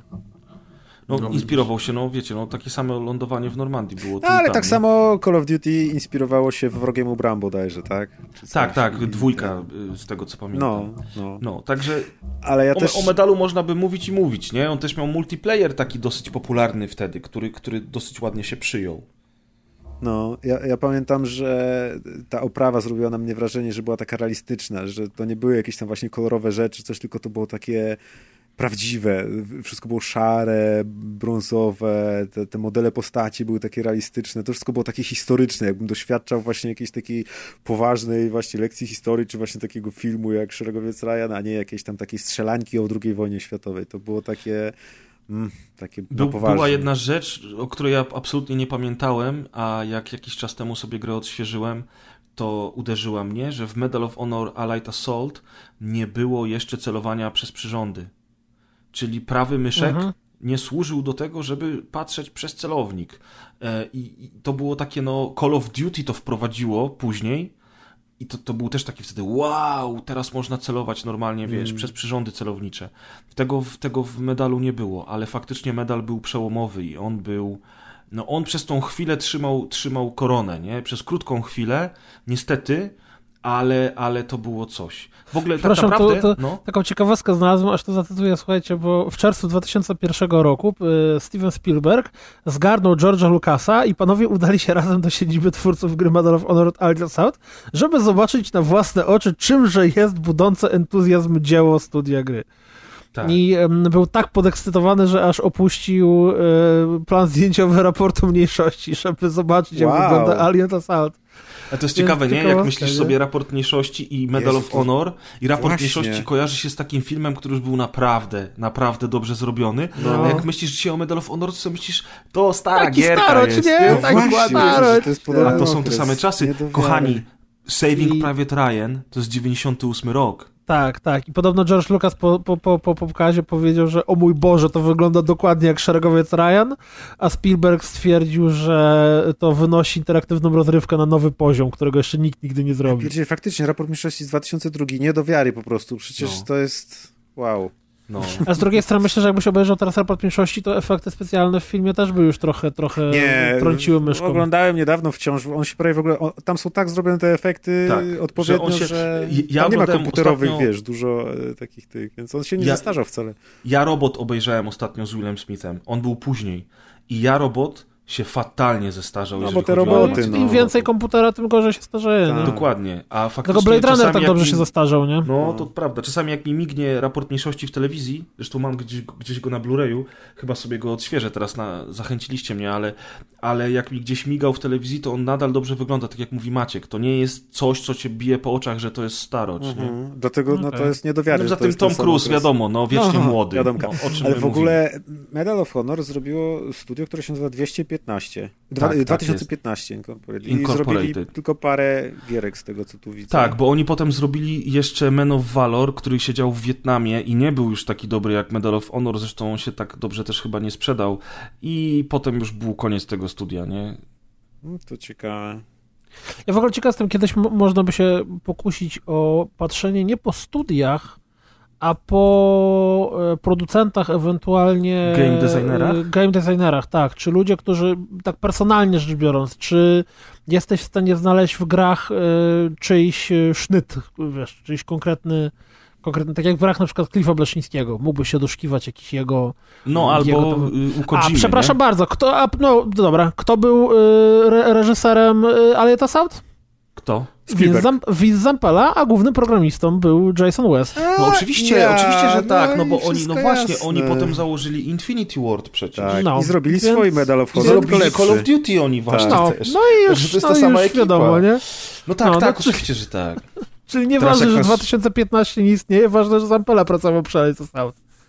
Ale Nie, no bo oni potem faktycznie założyli to drugie stu- studio i to, i to jest jakby kontynuacja ich działalności, nie? A poprzednie dwa medale wyszły chyba tylko na PlayStation, nie? Na Właśnie chciałem powiedzieć, że my nie mówimy o tych pierwszych medalach, bo poprzednie medale owszem były najpierw na PlayStation, to był hit, ale słuchajcie, ja wiem, że wielu z was lubi konsole, nie oszukujmy się. Kurde blaszka, w tamtych czasach FPS-y na konsolach to było gówno i tylko Halo Combat Evolved zrobiło to dobrze. I potem długo, długo nic. To jest Także ten press, który mówi, żeby nie obrażać gier To innych. jest, to jest, to jest kurwa, znaczy, no, ale ja, ja czasami trzeba mówić prawdę, Maciek. No. tutaj, prawda jest taka, że FPS-y na konsolach wybuchły tak najbardziej, najmocniej przy Call of Duty 4 Modern Warfare. To był ten moment, kiedy to już konsole sprzedawały więcej gier niż pecety, plus to był ten moment, kiedy już się wszyscy nauczali grać e, w, w FPS na, Tak, na konsoli, tak. nie? No bo No. przecież pierwsze Call of Duty to jednak y, mi się PC. bardziej pecetowo kojarzy, nie? A, Czy Battlefieldy pierwsze? Battlefield wideo recenzję. No dobra, Jest a to jak jesteśmy przy grach y, troszeczkę z innej beczki, która też już tam się zajawiła troszeczkę, jak mówiliśmy o, o, o, o studia, o, o, o tym, co zrobiło sobie Raven. e, Raven. Czyli Star Wars Jedi Knight 2 Jedi Outcast. Nie ma to jak krótki tytuł, powinni tam jeszcze dorzucić jakieś jedno Jedi. Jedi Outcast Fight with Jedi Valor albo coś w tym stylu. More Jedi in Jedi. the most Jedi in Jedi in general Jedi history You of can't Jedi. be more Jedi than Jedi. You must get your Jedi, put your in your Jedi backpack. My Nie no, Lukas jak zobaczył zrobili. Medal of Honor, to powiedział, kurde, ja też chcę taką grę, co ja umiem robić dobrze Gwiezdne Wojny, no to wracamy do tematu, bo y, Jedi Knight 2, Jedi Outcast to jest tak naprawdę kontynuacja y, serii Dark Forces, bo mieliśmy Dark Forces, y, które było właśnie w latach logiczne. 90. i to Dark Forces, tak, to jest logiczne, że to jest kontynuacja Dark Forces, dlatego, że Dark Forces swoją drogą bardzo głośny tytuł w tamtych czasach otrzymał kontynuację, która nazywała się Jedi Knight Dark Forces 2 i teraz, co jest logiczne, z Jedi Knight Dark Forces 2 zrobił się Jedi Knight 2 Jedi Outcast, prawda? Więc I tak oto. A gdzie Właśnie. tam jeszcze Jedi Academy było, czekaj. Jedi Academy było później, mój drogi. Później było Jedi Academy? Oczywiście, O. że tak. Jedi Academy jest tak. sequelem, prequela Dokładnie, Jedi Outcast dokładnie. Night of Forces. E, no, ale jak jesteśmy już przy, przy, przy, przy, przy Jedi Outcast z 2002 roku, to to jest silnik Quake'a 3 już, czyli w tamtych czasach bardzo popularny silnik, na którym większość FPS-ów śmigała i to była gra bardzo dobra, bardzo głośna i bardzo e, bogata, jeżeli chodzi o produkt, o, jak to się mówi, o walory produkcyjne, tak? Mhm. To, była, to było cre- creme de la creme, to była najwyższa półka gier w tamtych latach i rzeczywiście to było widać. No Jak i come on, były mierze świetne, czego więcej chcieć. No wiadomo, ale wyobraźcie sobie, jak tę grę odpaliłem sobie wczoraj, pograłem parę etapów i powiem Musiałeś wam szczerze. spodnie pewnie. Nie, y, zaskoczyło mnie to, że ta grafika do dzisiaj się broni. E, I jak sobie odpalisz te cienie takie tam skomplikowane, które są w opcjach, które kiedyś zabijały komputery, to one w tej chwili powodują, że rzeczywiście można w to grać i wygląda to całkiem nieźle. Natomiast y, Jedi Outcast mówi o tym, że mm, główny bohater Kyle Katarn, y, który był najpierw najemnikiem, a potem dowiedział się, że jego ojciec był rycerzem Jedi i on sam został rycerzem Jedi i o tym opowiadało Uratował Galaktykę z dwa razy pewnie.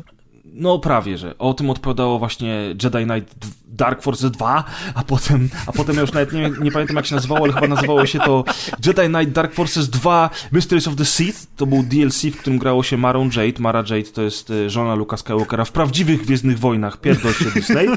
E, generalnie rzecz biorąc, Potem y, Kyle Katarn jakby rezygnuje z bycia rycerzem Jedi i powraca do bycia najemnikiem y, i właśnie początek cały Jedi Outcast to jest tak naprawdę taki hołd oddany pierwszemu Dark Forces. Pierwsza misja jest wręcz bliźniaczo podobna, jeżeli chodzi o scenerię i o budowę bazy do, e, do pierwszej misji w Dark Forces, w której się zresztą wykradało plany Gwiazdy Śmierci. E, No i generalnie rzecz biorąc... Pierdol się Rogue One. No, prawie, prawie, ale w Rogue One jest powiedziane bardzo ważna rzecz, że mówią, że to nie są jedyne plany Gwiazdy Śmierci, które da się dostać, więc Wybrnęli. troszeczkę mnie uspokoili tym, wybrnęli tym, wybrnęli. W każdym razie, dobra, do brzegu, na poważnie. Strasznie się wynudziłem na Jedi Outcast wczoraj. Ale Jak tak to? bardzo, ale tak bardzo, że chciało mi się wyć. Bo cały początek gry to jest jeszcze jak Kyle nie używa Nie masz miecza miecza świetnego. i jest bez sensu. I, I pierwsza misja na przykład trwa półtorej godziny, bo jest podzielona na, na dwa etapy. I tam w tej bazie y, Imperium, czy tam resztek Imperium, bo to już jest oczywiście po bitwie o Endor, e, generalnie rzecz biorąc, y, strasznie dużo trzeba chodzić i na własną rękę odkrywać, co trzeba zrobić, bo gra y, w Objectivesach mówi zwiedzaj bazę i pokonaj wroga. Zaraz, poczekaj, powiedz mi jedną rzecz, bo, No. bo e, Jedi Outcast to była gra, gdzie mieliśmy e, głównego bohatera, którym był właśnie Kyle Katarn.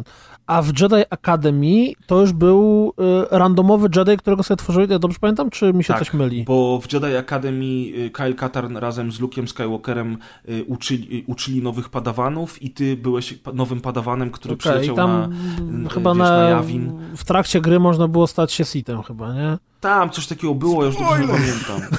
o nie, następny. Tak, ale Jedi, Jedi Knight Jedi Academy to już jest, to już jest in, inna, inna śpiewka. A to teraz powiedz mi, czy dobrze, dobrze pamiętam, że w Jedi Outcast bardzo e, istotnym elementem rozgrywki, oprócz biegania, strzelania i biegania i chlastania mieczem świetnym, były, nazwijmy to, elementy platformowe, że te etapy były bardzo rozbudowane i tam było trzeba ostro kombinować, jak gdzieś wskoczyć, użyć force, Im dalej w las, tym bardziej. Tak było, No. bo używałeś mocy też, nie? I miałeś na przykład Force Jump, który został wprowadzony w, po raz pierwszy w filmach w Phantom Menace.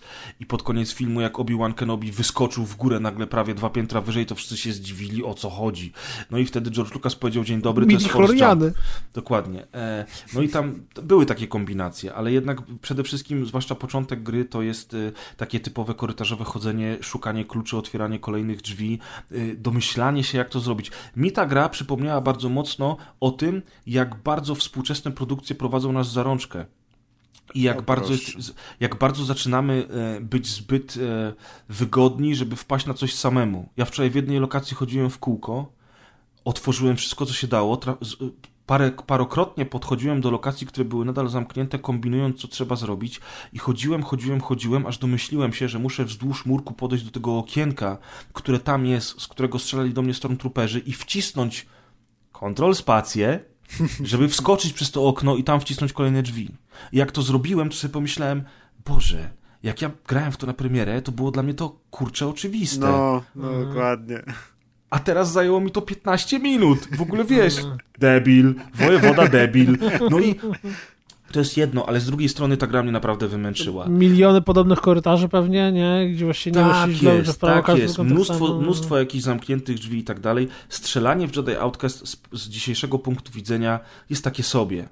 E, do miecza świetnego nie doszedłem, bo zrezygnowałem po trzech godzinach grania.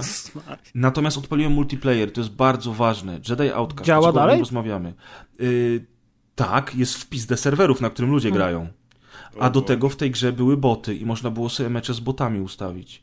E, Jedi Outcast jest ważny nie tylko dlatego, że był miecz świetny i był tak genialnie wprowadzony w grze komputerowej, że do tej pory nikomu się nie udało tego zrobić tak dobrze, ale Jedi Outcast też zasłynął właśnie trybem multiplayer, w którym były różne tryby gry, natomiast ten podstawowy, najbardziej kultowy to był Duel, gdzie na jednej mapie spotykali się różni gracze i czekali w kolejce, a patrząc jak dwóch ze sobą walczy. No i to się walczyło na punkty, nie? Jeden na jednego, przeciwnik pokonany, przychodził kolejny, coś na zasadzie King of the Hill w Mortal Kombat.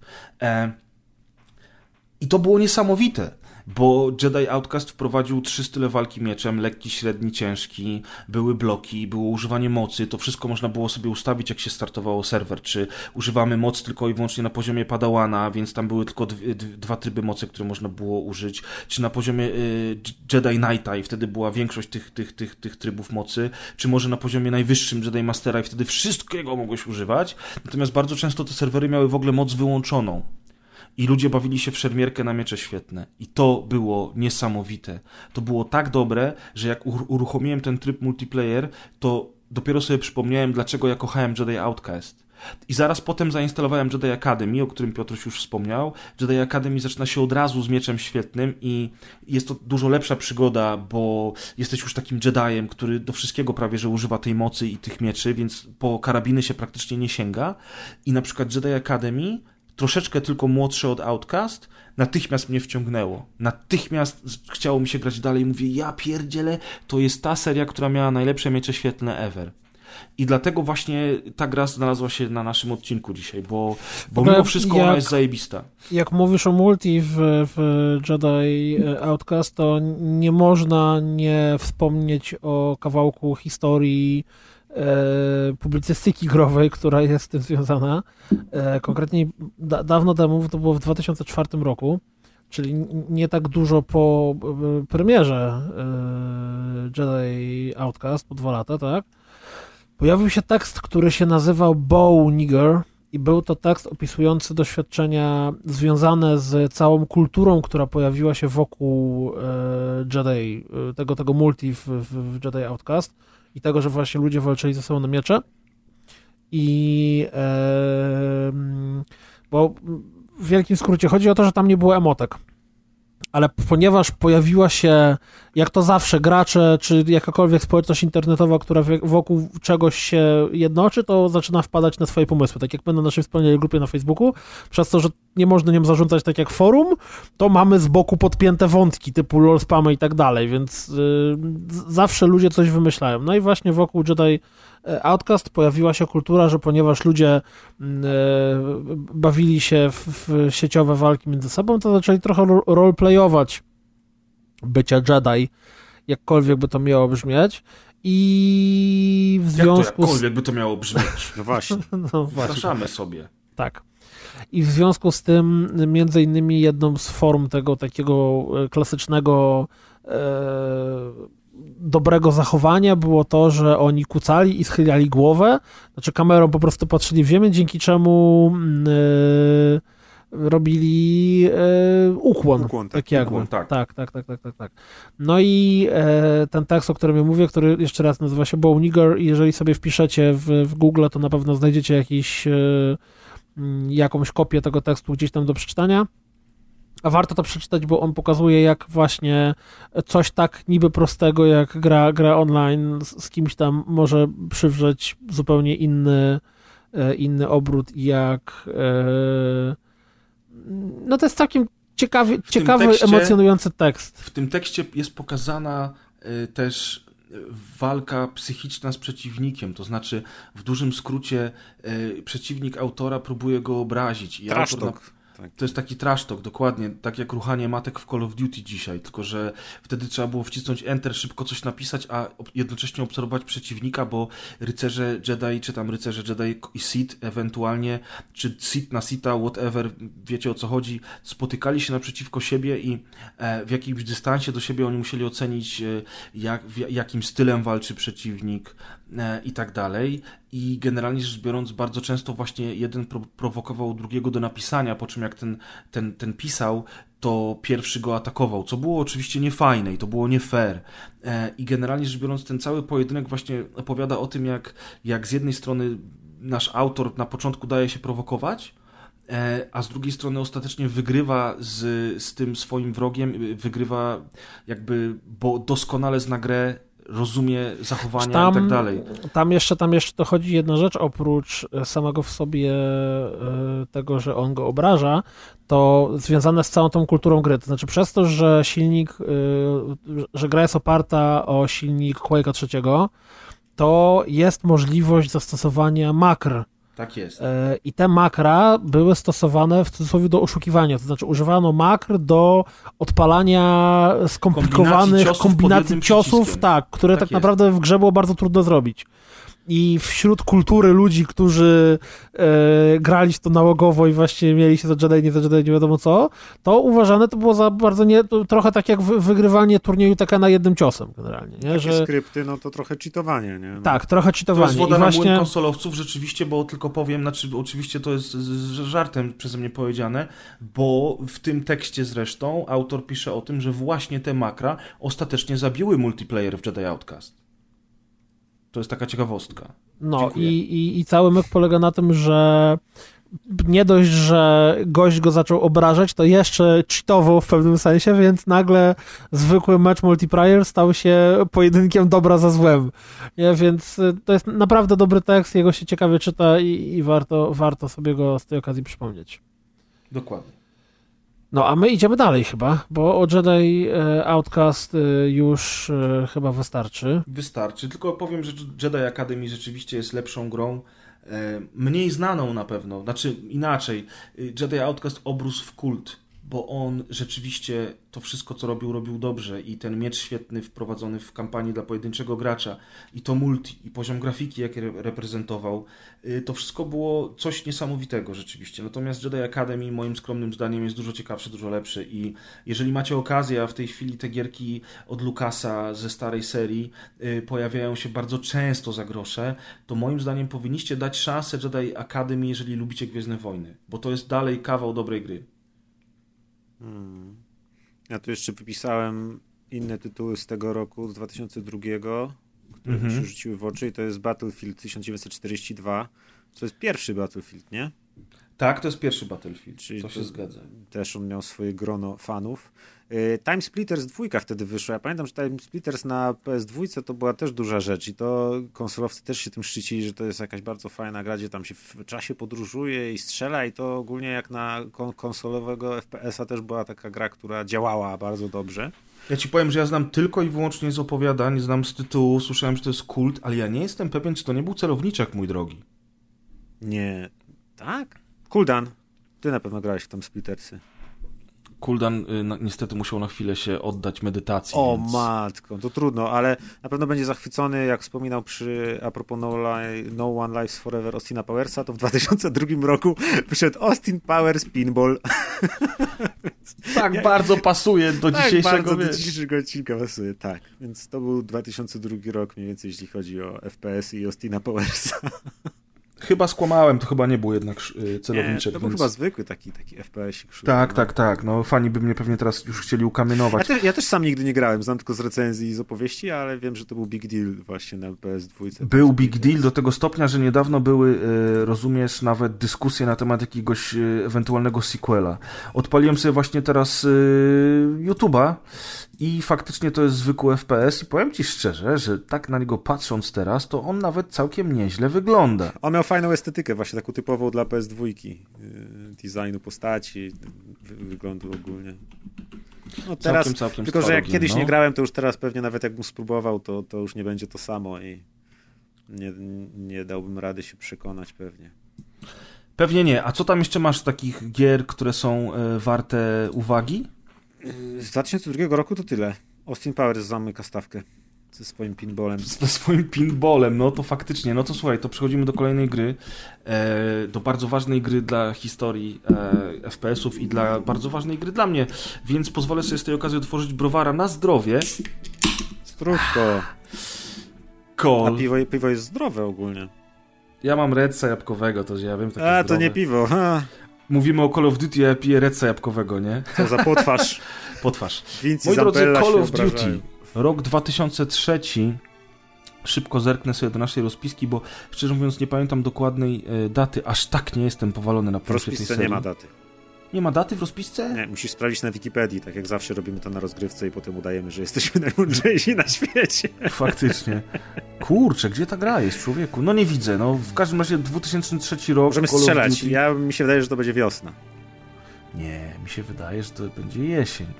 Call of Duty zawsze wychodzi na jesieni, no kurczę. Call of Duty 1. Zobaczcie, pełen profesjonalizm. Oktober 29. 2003. mówiłem, Mówiłem, że jesień. O, widzisz, nawet nie trzeba było puszczać muzyczki z windy. Maciek szybki jest. No, y, Call of Duty, tak jak już wspomnieliśmy wcześniej, jest y, y, dziełem tych samych ludzi, którzy stworzyli Medal of Honor, tym razem jednak pod inną nazwą, pod nazwą dzisiaj kultową Infinity Ward. Ci ludzie, którzy stworzyli Call of Duty, później założyli Respawn Studios i stworzyli Titanfall, ale to już jest historia nowożytnia, więc sprzedajemy wam to tylko i wyłącznie Setki lat później to się działo. Dokładnie, wtedy już była nowa republika, a nie stara republika. Wiesz, zupełnie inny czas. Natomiast Call of Duty dlaczego jest takie ważne? Ono tak naprawdę powiela schematy Medal of Honor, ale wprowadza dużo nowości, e, więcej oskryptowanych scen, e, więcej dynamiki, takiego patosu też. E, Jest tu celowanie przez przyrządy celownicze wreszcie i to jest, i to jest naprawdę, to jest game changer w grach tego typu. Do dziś się to stosuje i pierwszą z gier, które to wprowadził było właśnie Call of Duty i to robiło niesamowitą różnicę chociażby dla imersji i tego pseudorealizmu. Bo jeżeli spojrzymy dzisiaj na, mm, na Medal of Honor i na Call of Duty, to, to drugie jednak wydaje się być bardziej realistyczne. Tak uważasz, Maciek, też? Takie bardziej nowoczesne, nie? Że znowu od tego Call of Duty już tak naprawdę niewiele się zmieniło do dzisiejszych czasów. Tak ja jest, nie, no. Ja nie pamiętam dokładnie y, Call of Duty. Pamiętam, że się zaczynało tą sceną takiego desantu, która była trochę mniej spektakularna niż ten desant na plaży Omaha, bo y, tam był taki nocny Tak, bo, desant y, na bo takie to, się, pola. to jest D-Day, to jest D-Day, ale to już jest w nocy, kiedy spadochroniarze lądują na tyłach wroga. Tak. Czyli Medal of Honor zaczyna się od desantu na plaży, natomiast Call of Duty to jest jakby ten sam dzień, ale w nocy spadochroniarze Tak. lądują. Chociaż te, też to robiło fajne wrażenie, bo miałem, wydawało mi się, że y, ta mapa też była dosyć spora i tak jak ten Medal of Honor jeden był taki dosyć korytarzowy, przynajmniej ten, ten początek, to otwarcie, to, bo z Dudi pamiętam tylko otwarcie, to w Dudi właśnie lądował się na tych polach i tak trzeba było mniej więcej Tak. iść na te farmy, na te domki, ale tak było dosyć szerokie to pole i tak ten, ale mówię, nie pamiętam z samego Dudi praktycznie nic, ale pamiętam, że ta gra na każdym kroku y, szokowała mnie, że wow, to jest jak Medal of Honor, tylko wszystko jest trochę lepiej. I lepsza grafika, i jakieś lepsze akcje, lepsze misje, lepsze właśnie celowanie z broni, dźwięki i tak dalej. Wszystko było podniesione o poprzeczkę wyżej. To ja wam Ja powiem, z bo... pierwszego Call of Duty najbardziej wiecie co pamiętam? No, okładka pudełkowego wydania z PC. Teraz, teraz się zastanawiam, jaka ona była, ale chyba już wiem. Tym gościem, który pokazuje ręką tam i oddział atakuje. Wow, to brzmi jak okładka połowy Kirby. Dokładnie, nie? Gość nie, ale... pokazuje ręką. Nie, bo to jest tak, że w tle widać jakieś takie wybuchy, nie wybuchy, coś tam i on pokazuje ręką na, e, na gracza, czy tam na osobę, która patrzy na, te, na tą okładkę i coś krzyczy, nie? Taki, A tak, no, To jest okładka. taka charakterystyczna no, no, no, okładka. No, no, no, i właśnie, i właśnie to pierwsze Call of Duty było już takie bardziej imersyjne w Medal of Honor. Tam, tam dźwięk odgrywał niesamowitą rolę już naprawdę Przede wszystkim Call of Duty pierwsze zrobiło już to, co potem zrobiło każde Call of Duty, czyli zabawę yy, bohaterami. Bo mieliśmy trzech bohaterów. Mieliśmy Amerykanina, Brytyjczyka i Rosjanina. Tak. I przecież ostatnia misja, gdzie się podbija yy, Berlin, bo ostatnia misja dzieje się w Berlinie, była chyba właśnie z y, trzech perspektyw. Tego, tego akurat nie pamiętam. Ja Ale... przechodziłem pierwsze Call of Duty przed premierą WWI. I powiem wam szczerze, że już tego nie pamiętam, natomiast przeszedłem całe i myślałem, że będę to musiał zrobić na siłę, bo miałem taki plan, że przejdę wszystkie drugowojenne Call of Duty. Oczywiście mi się nie udało, bo skończyłem w połowie dwójki, no ale przeszedłem całą jedynkę i byłem zdziwiony, że mimo wszystko mi się dobrze w to, w to grało. To już jest gra, która zaczyna trącić myszką, ale to już jest tak jak Maciek powiedział przed chwilą, gra, która wytyczyła kierunki kontynuowane do dzisiaj. I to w tej grze po prostu czuć. Zmiana bohaterów, tak jak ty mówisz, zmiana klimatu, czasami jest otwarta walka, czasami jest skradanie, czasami siadasz za sterami na przykład y, y, działa przeciwlotniczego, czasami wsiadasz y, do jeepa, który prowadzi ktoś inny i są jakieś skrypty. Jest tam dużo filmowości, w ogóle ciekawostka, nie wiem czy wiecie, ale w, w kampanii Brytyjczyków w kampanii Brytyjczyków jedną z głównych ról odtwarzał Jason Statham. O proszę. Także wiesz. No i tam jest też pierwszy oryginalny Kapitan Price, ten, który zresztą ginie w pierwszym Call of Duty, bo Kapitan Price e, pojawia się potem w dwójce. Ja do dzisiaj nie wiem, jak to jest możliwe, skoro on zginął w jedynce. No właśnie. A, a, a Kapitan Price z Modern Warfare, czyli ten najbardziej znany, to jest syn tego pana z pierwszej części. Nie? A, widziałeś? Motherfucker.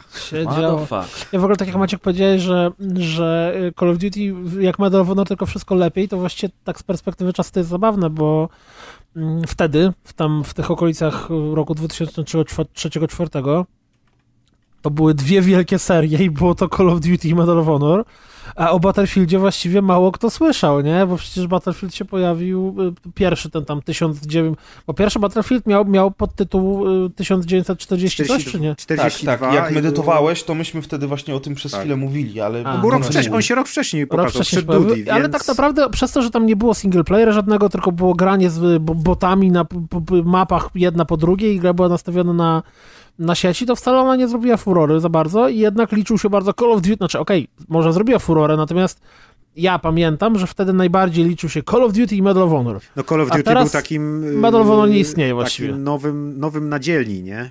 Który wchodzi i, i tak, ten, tak. jest świeżutki, nowiutki, wypucowany, już nie jest Medal of Honor takim... Medal of Honor miał potem ze dwa dodatki, na, natomiast y, skończyło się na Airborne, które wcale nie było złą grą piękna graficznie była. Znaczy skończyło się... Kiedy się skończyło? Skończyło się przecież niedawno w miarę. Ale ja mówię o drugowojennych misiaczkach. A, o drugowojennych, okay. I drugo... Nie sprecyzowałem, przepraszam. Mam nadzieję, że do tych współczesnych dojdziemy kiedyś w Patient Gamerze, mimo tego, że przyszedłem oba na premierę, ale niedawno po obejrzeniu pewnego serialu o komandosach mnie naszło, przeszedłem pierwszy Medal of Honor i zatrzymałem się w połowie tego drugiego, który nazywa się Warfighter i cały czas sobie obiecuję, że do niego wrócę i wtedy usiądziemy do niego przy Patient ja Gamerze. W głowie mam zapamiętane, że pierwszy był bardzo fajny przez to, że bardzo. był taki taki Bardzo. zamkniętym klimatem i to był Afganistan i tam generalnie były to oddziały specjalne i tak dalej, a drugi to był już trochę krap. No, to nie był krap, mój drogi, ale, no, ale to nie jest wiesz, temat na dzisiaj, kochani. Tak, tak, Wrócimy tak. do tematu, to był taki, słuchajcie, teaser. E, wracamy do Medal of Honor i do Call of Duty. Faktycznie ten Airborne później to był taki już koniec serii. To nie była zła gra. Tam było, latanie, tam było chyba spadochroniarstwo, nie? Jak sama nazwa wskazuje. I on miał sporo fajnych motywów, jakieś tam strzelanie z zaosłon, fajne miał y, etapy, pamiętam taką wieżę gigantyczną z działami, jak, jakaś zamkowa. Ta, no, była, tak, tak, to, był, to była ta wieża z działami, która mi się zawsze wydawała, że to był, to był wymysł twórców, natomiast dopiero y, w mapie multiplayer WWI, zresztą Kuldan pamięta, zastanawiałem mhm, się, jak to tak. jest możliwe, że taka mapa jest, skoro te mapy są niby realistyczne i okazało się, że były takie wieże, gdzie stały flaki no, normalnie były. niemieckie. I wtedy mózg rozjebon, nie? Ja mówię, kurde, ja myślałem, że to w tym Airborne to takie science fiction było, nie? Bo tam było science fiction, bo tam niektórzy żołnierze byli w takich power armorach, trochę jak w tych nowych Battlefieldach i tak dalej. Natomiast ogólnie rzecz biorąc, Airborne było było całkiem dobrą grą. Ja ją dobrze wspominam. W ogóle tam ten motyw z tym skakaniem z, z samolotów na początku, z lądowaniem. No, fajne to, to, to, było. było, to były rzeczy, które akurat tam do tego odcinka pasują, bo to też były takie rzeczy, które były dosyć, dosyć wyróżniające się w, w kwestii tej odsłony serii. No ale dobra, Medal of Honor, Call of Duty, moglibyśmy o tym rozmawiać godzinami, nie ma po co przechodzimy do kolejnych gier z tego okresu. zwłaszcza, że, zwłaszcza, że najważniejsze Call of Duty, o którym można było wspomnieć, tak naprawdę pojawiło się już za tą naszą klamrą narracyjną, którą dzisiaj stosujemy, więc... Czyli nie y, będzie dzisiaj. Aha. Czyli dzisiaj nie będzie. Dobra, y, co tam jeszcze z tego... Natomiast jak ten odcinek się dobrze sprzeda... A, to, to inna rozmowa. Czy nie będzie kolejny specjal. No dobra, no i teraz słuchajcie, zamykamy drugą wojnę światową i przechodzimy do współczesnych... Hitler odstrzelony, tak? Zamykamy Hitler odstrzelony, zamykamy temat, przechodzimy do czegoś, co było mega wielkim zaskoczeniem, ale zanim przejdziemy do tej gry, to w 2004 roku pojawił się polski Painkiller który był nietypowym e, FPS-em, bo to był trochę taki shooter, gdzie przechodziło się z pomieszczenia do pomieszczenia i tam wylewały się na nas fa fale wrogów, yy, czyli takie kill roomy głównie. I tak naprawdę nie było tam jakiejś większej, znaczy była fabuła, bo tam były filmiki i główny bohater próbował z piekła uratować swoją żonę i tak dalej, natomiast to był skok po niesamowitych lokacjach, różnych miejscach, praktycznie na każdej mapie był inny rodzaj przeciwnika i było średniowiecze i, był, yy, i była druga wojna światowa i jakiś futuryzm, tam się działy cuda niewidy, natomiast to, co tę grę bardzo wyróżniało na tle konkurencji, to była grafika, bo to był naprawdę już krok do, w przyszłość. No. Dziwaczne bronie, z których każda miała przynajmniej dwa rodzaje strzałów i ogromni, ogromni bossowie, którzy byli wielkości budynków. Czekaj, ale Painkiller to jest który rok? 2004. No właśnie, a w 2003 pojawiła się jeszcze jedna gra, też polska gra, o której warto wspomnieć, która była też FPS-em, która była chyba w ogóle na autorskim silniku yy, Techlandu? Bo to chyba Techland, tak, tak Techlandu. Chrome Engine i Chrome, którego jak grałem, pamiętam, że ta gra była, by ona, dla, dla mnie to był taki jak, jak... Nie, jak tam kloc, sam jesteś kloc, to się bardzo przyjemnie grało. To był taki totalnie bieda Far Cry, czy tam bieda... Wtedy jeszcze tak nie było Far Cry. No nieważne, ale z perspektywy czasu to... Ale czyli wiadomo od kogo Far Cry ściągał. Ej, nie szkalujcie, ta gra była niezła. Ona była oczywiście dosyć toporna momentami. Y, czy jak no, Maciek woli kloc. Nie, ona nie była takim klocem. Miała super grafikę, zajebiście wysokie wymagania i zero optymalizacji, to jest inna sprawa. Ale ona miała elementy RPG. Takie tak. trochę jak Deus Ex. Jak głównego bohatera Matko z twarzą, Boska. która wygląda jakby był, miał jakiś zespół. No bo on się trochę stresował, bo to była ich pierwsza gra i w ogóle, wiesz, oni mu powiedzieli, stary, teraz masz iść do pierwszej ligi. On mówi, ja? Do pierwszej ligi? I była laska, była no. laska w obcisłym stroju y, pilotki. Ja przeszedłem y, grę, przeszedłem ten spin-off, czy tam sequel, który był osobnym y, takim dodatkiem y, i bardzo dobrze się bawiłem. Ja też się dobrze z tego nie pamiętam. Ja pamiętam, ja pamiętam, że oni tam ładnie, ładnie podpierdalali z czego się da, dlatego że było licznik amunicji na broni, który był chyba też w Halo, nie? I to tam się w pierwszej chwili pojawiło. No. No, nie, no. To, ale to, było tak, to był taki przyjemny. To tam, znaczy, ja mówię, najbardziej tą grę pamiętam z tego, że tam był wielki, otwarty świat i właściwie podchodziłeś. Ta gra robiła to, co potem y, lepiej zrobił Crysis i Far Cry właśnie. Czyli, czyli miałeś wielką, otwartą arenę, po której się miałeś jakiś cel i wiesz, i, i, i szedłeś tam jak chciałeś. A to skradająco się. Polacy wyznaczyli to... kierunek dla. To, to, Dobrze, co tu odkryliśmy? Proszę, proszę. Polska mistrz tak. Polski.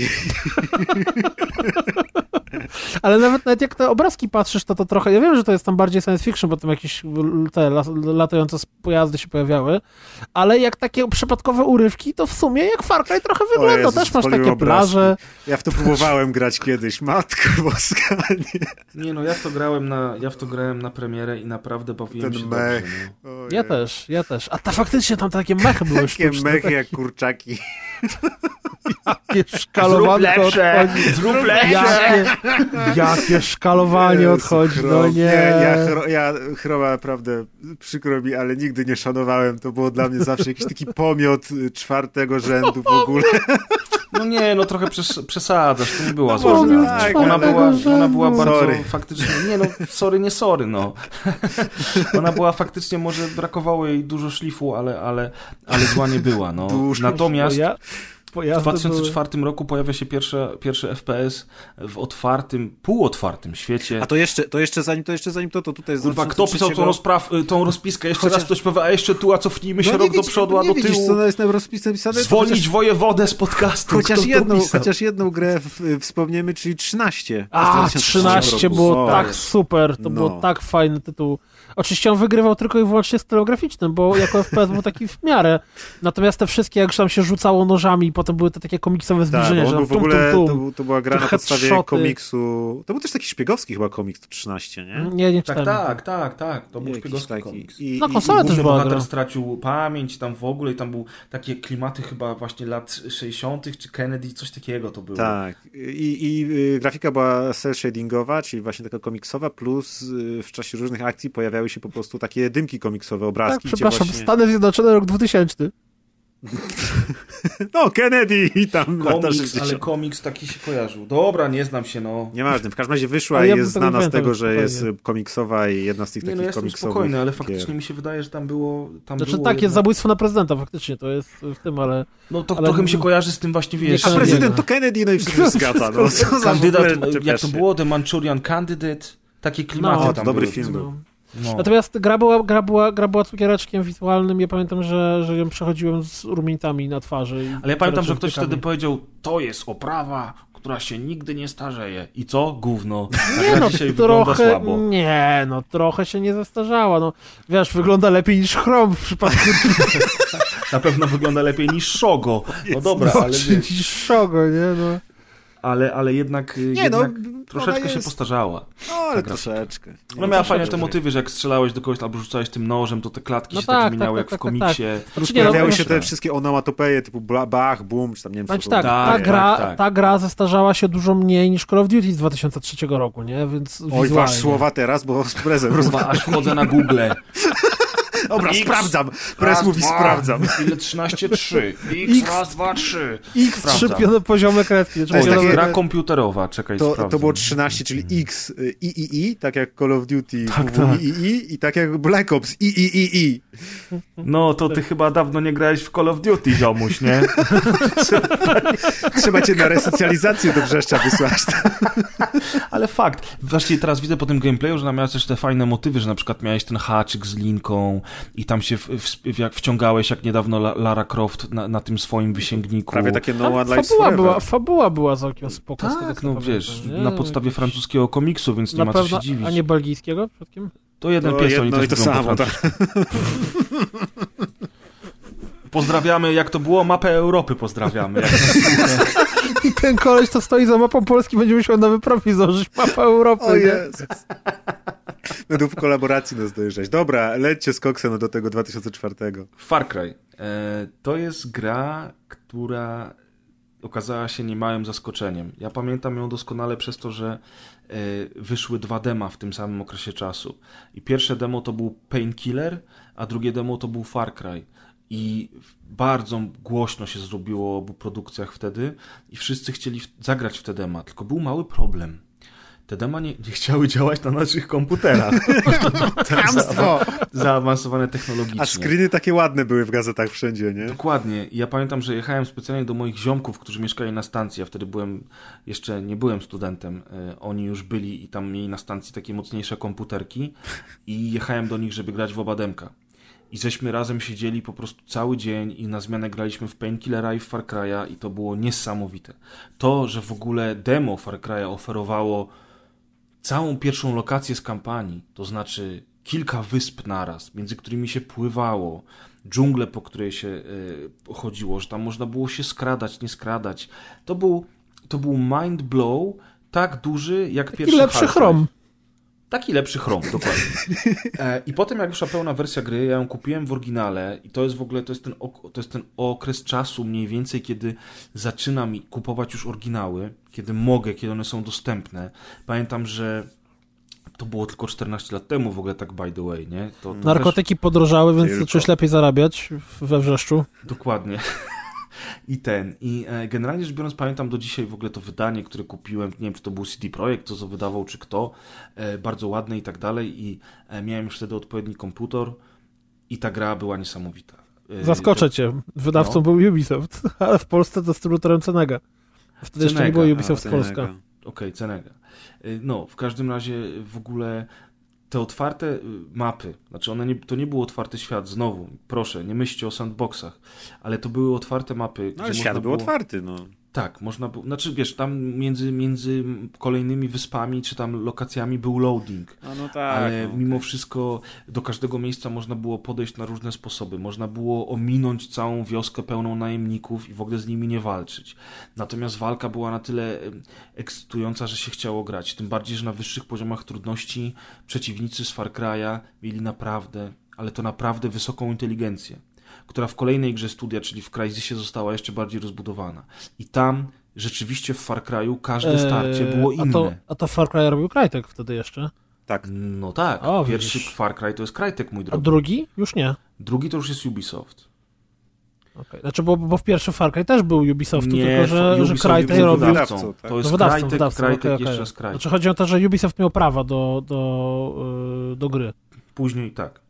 No, no w każdym razie yy, w każdym razie niesamowita była właśnie ta imersja w tym świecie, to skradanie się z tymi, e, z tymi najemnikami, że tak naprawdę te etapy, nawet w demie to było widoczne, że można było demo przechodzić wielokrotnie i za każdym razem działo się coś innego. Za każdym razem ta akcja troszeczkę inaczej się toczyła. I to, to też było takie to też było takie niesamowite wtedy, chociaż już wcześniej gry wprowadzały pojazdy, że tutaj można było wskoczyć na motorówkę, y, podjechać samochodem i to były rzeczy, które które tworzy- tworzyły taki niesamowicie zabawny playground, taką piaskownicę, w której można było się bawić. E, I to już był te, też ten czas, kiedy się człowiek chciał troszeczkę więcej jakby wyzwania od gry, więc ten wyższy, wyższy poziom trudności tych, i inteligencja tych przeciwników po, powodowały, że to było prawdziwe wyzwanie. I ja tylko pamiętam, że całość niesamowicie jakby ciągnęła cię do przodu, zaczynałeś rano, potem z każdej kolejnej lokacji robiłeś coraz ciemniej, bo tam y, to nie było, to nie była oczywiście prawdziwa pora dnia i nocy, ale coś tam się działo, zmi- zmieniało się oświetlenie, jaskinie, nie jaskinie, wyspa, placówka, coś tu tego szmego i na końcu mega zas za zaskoczenie, bo okazuje się, że na tych wyspach w tajnej placówce jakiś szalony naukowiec prowadzi eksperymenty i nagle ni stąd ni zowąd w dżungli zaczynają atakować cię potwory. O Jezu, pamiętam to. Długo, długo po pierwszej połowie gry okazywało się, że zaczynają się potwory, z którymi się walczy, więc należy totalnie zmienić jakby podejście do, do, do starć. Trzeba bardzo na siebie uważać, bo ta gra była cholernie wymagająca. I pod koniec przejście, ja pamiętam, że miałem tak wysoki poziom ustawiony gry, że, że ostatnich bossów musiałem zabić na kodach, na nieśmiertelności, bo bym nie przeszedł tego Dobre. nigdy. To było nie, to było nie do pokonania. I dużo ludzi narzekało na te potwory. Natomiast dla mnie to było bardzo ciekawe zaskoczenie. I taka zmiana tempa, trochę zmiana narracji pod koniec gry, bo tego nie było za dużo. Tam A te potwory to aż też tak były trochę takie jakieś takie. Yeti, nie? Czy Jakieś to były jakieś tam eksperymenty genetyczne chyba, nie? Takie małpy takiego. zmutowane z pazurami. To tak. było Tak, Wyspa tak doktora skakały, no. Trochę tak. To była taka dzi- trochę dziwna zmiana, bo, bo ta gra była bardzo realistyczna i taka militarna właśnie. Nic Dokładnie. nie zapowiadało tego, że nagle u, teraz będą skaczące wielkie małpy. A mam dla was kolejną ciekawostkę, która nie ma żadnego znaczenia, nie jest nieistotne. W 2004 roku w trakcie, w trakcie developingu Far Cry niemiecka policja wpadła do biur Cryteka ze względu na anonimowy donos na temat używania nielegalnego programowania.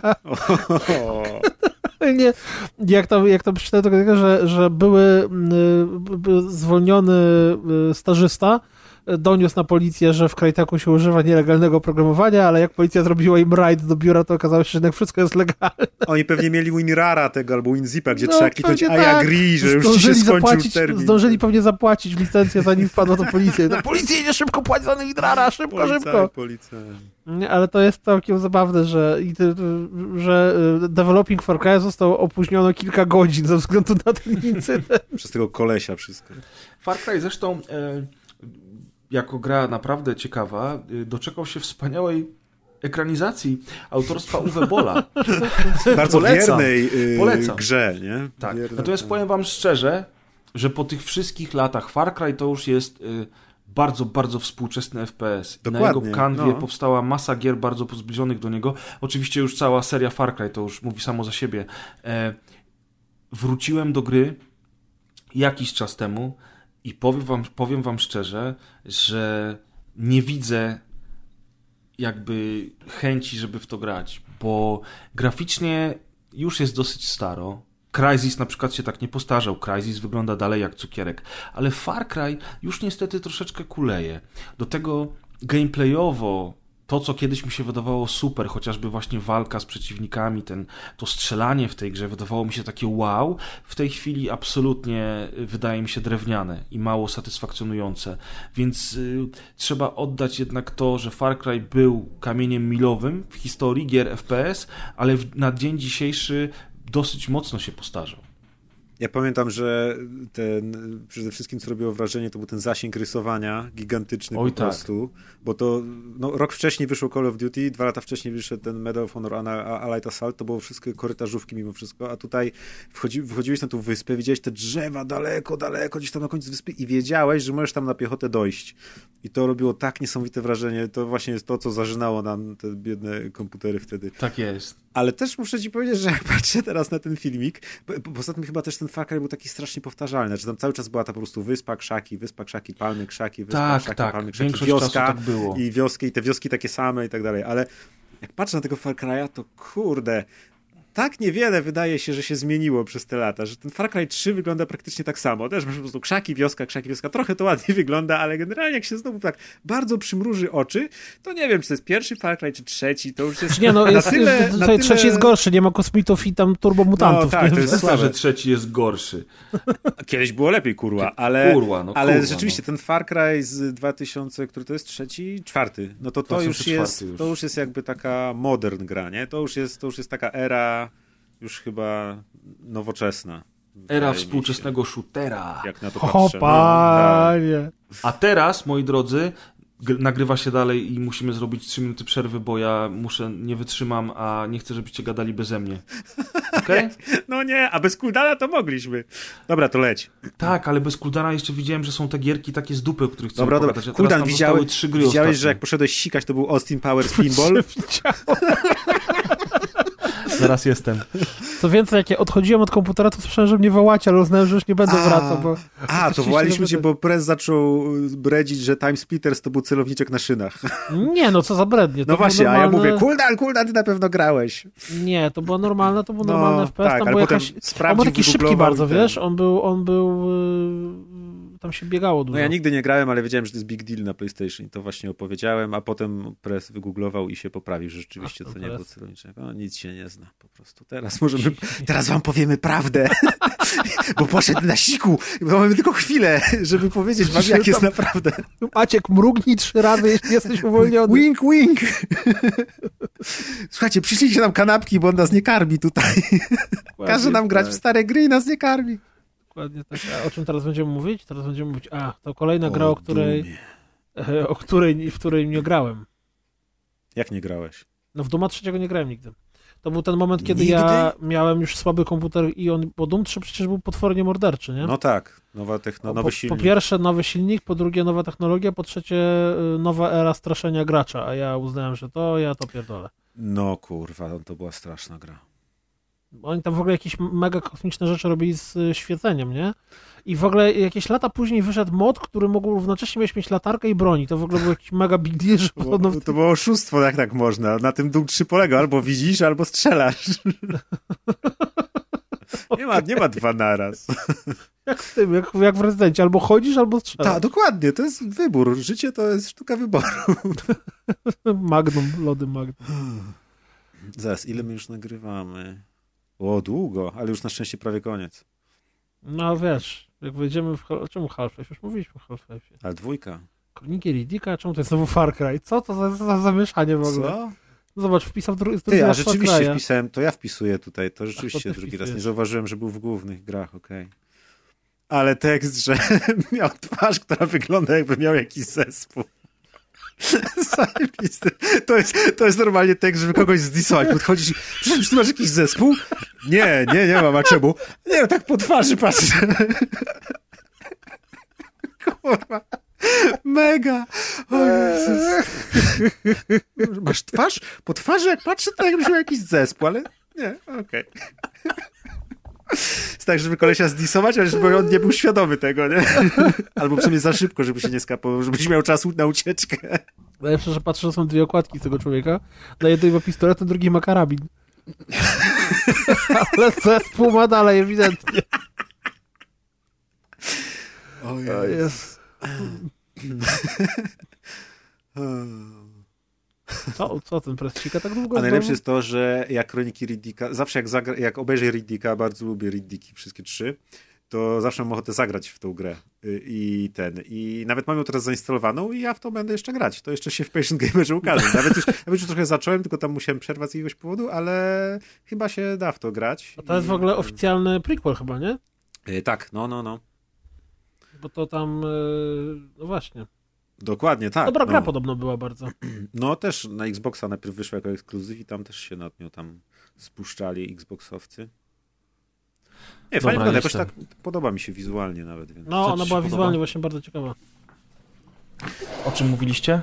O Ridiku, ale już nieważne, tylko lecisz teraz z Dumem. Jakoś ładnie A nie chcesz zacznij. wspomnieć nic o, o Riddiku? Przejdziemy do tego. Nie, to potem, bo to... Dobra, okej.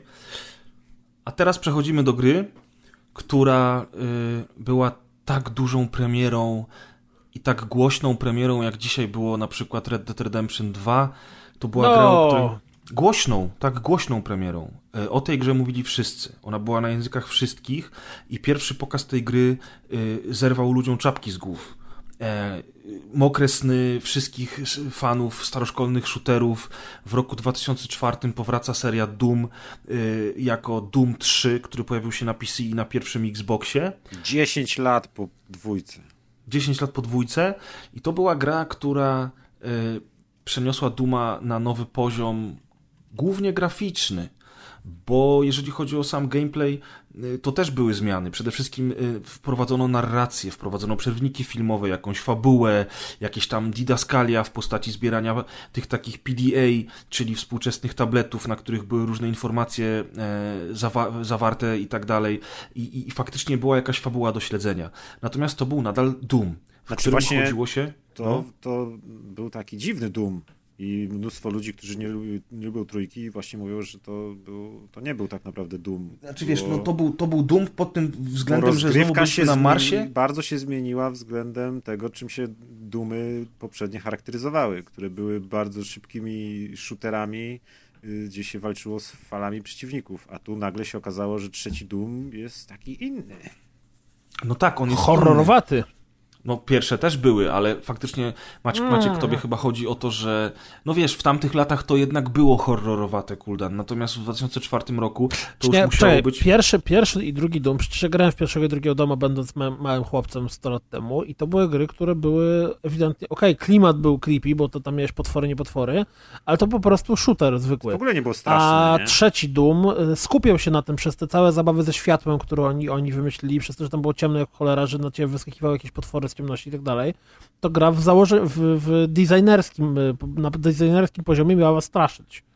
Hmm. No i dlatego Oni w ogóle, wyobraź jest sobie, ważny. jest traktowany jako survival horror w ogóle, oprócz tego, że jest FPS-em. Tak, bo ten, dlatego ten Doom jest ważny w naszej dzisiejszej liście, bo on dzięki nowoczesnej technologii był w stanie wreszcie być horrorem.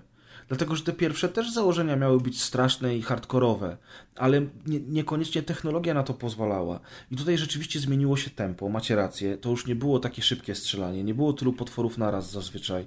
E, był ten element survival horroru. Było bardzo ciężko z amunicją, bardzo często walka była wymagająca i tak dalej. Zwłaszcza, że tam można było nawet sobie celownik wyłączyć i, i, i, cały HUD można było wyłączyć. I to faktycznie. No i była latarka, której nie Tak, mogłeś strzelać wersji. jak ten, nie? Teraz jest nowa wersja, która nazywa się BFG, to jest taki niby remaster i w tej wersji już niestety latarka jest przypięta do armoru. Zresztą o to wiele osób miało pretensje, że dlaczego ja muszę wyciągnąć latarkę i wtedy nie mogę trzymać broni. Z jednej strony to było faktycznie nielogiczne, ale z drugiej strony to wprowadzało ten element horroru, o którym wspomniałeś Piotrze i, i ten element horroru był niesamowity w tej części.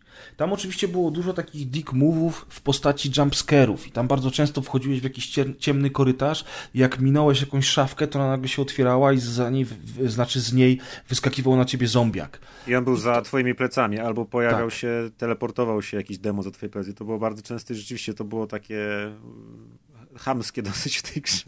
To było dosyć chamskie, to miało straszyć i tak naprawdę w tamtych czasach straszyło, ale to też wprowadzało... Y jakby wysoki poziom trudności, to znaczy trzeba było mieć cały czas oczy dookoła głowy, więc y, jako, moim zdaniem, moim zdaniem, jako hardkorowa strzelanka o zabijaniu demonów, to nadal był Doom, tylko on właśnie wniósł tę grę na, na poziom wyżej.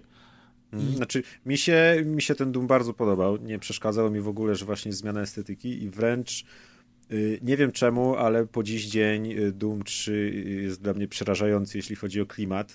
I po prostu tam wydaje mi się, że to prowadzenie narracji plus y, udźwiękowienie i te wizualia i jakiś taki. Ja grając w tą grę wpadam naprawdę w poczucie, że jesteśmy pionierami na Marsie, badamy to i otwieramy portal do jakiejś nieznanej rzeczywistości, która jest jakimś właśnie piekłem, bo tylko tak możemy to określić i, i już budzimy jakieś takie pierwotne zło, nie wiem, i jest coś takiego przerażającego w tej narracji, że Doom 3 jest jedną z najbardziej przerażających gier, w jakie grałem i tam nawet idąc korytarzem i nie walcząc z żadnymi potworami, ja po prostu mam kupę w majtkach, kiedy odnajduję kolejnego jakiegoś PDA, gdzie ktoś pisze jakieś notatki, że na przykład doktor jakiś tam był w teleporcie i wrócił, ale dziwnie się zachowuje i teraz nie wiemy, co robić, zresztą to, że jest to dla mnie autentycznie jakieś budzi takie pierwotne lęki we mnie chyba naprawdę. I ja ja chyba Duma Trójki nigdy nie skończyłem, bo byłem za bardzo przerażony tą atmosferą, a też pamiętam, że zaczynałem grać w dodatek, który tam wyszedł, to w ogóle chyba po paru etapach się poddałem, bo stwierdziłem, że to nie jest na moje serce, więc... A to ja ci powiem ciekawostkę, faktycznie y, dodatek, czyli Resurrection of Evil, tak. y, był bardziej na modłę starych Dumów. Tam już było mniej narracji, więcej broni, dodali parę nowych pukawek i y, była tam taka nowość, to znaczy chodzenie po po powierzchni Marsa, gdzie trzeba było zbierać tlen i nie na można zewnątrz, było tak. tak, nie można było za długo zostać na zewnątrz, ale Resurrection of Evil już był taki bardziej tu, da da da idziesz dalej, tu, da da da to było super. E, I to było zresztą dobre, że ten dodatek był nieco inny od, od oryginału, od podstawki. Ale jako całość, y, podstawkę i dodatek wspominam też do dzisiaj bardzo dobrze i też pamiętam, że ta gra była naprawdę straszna.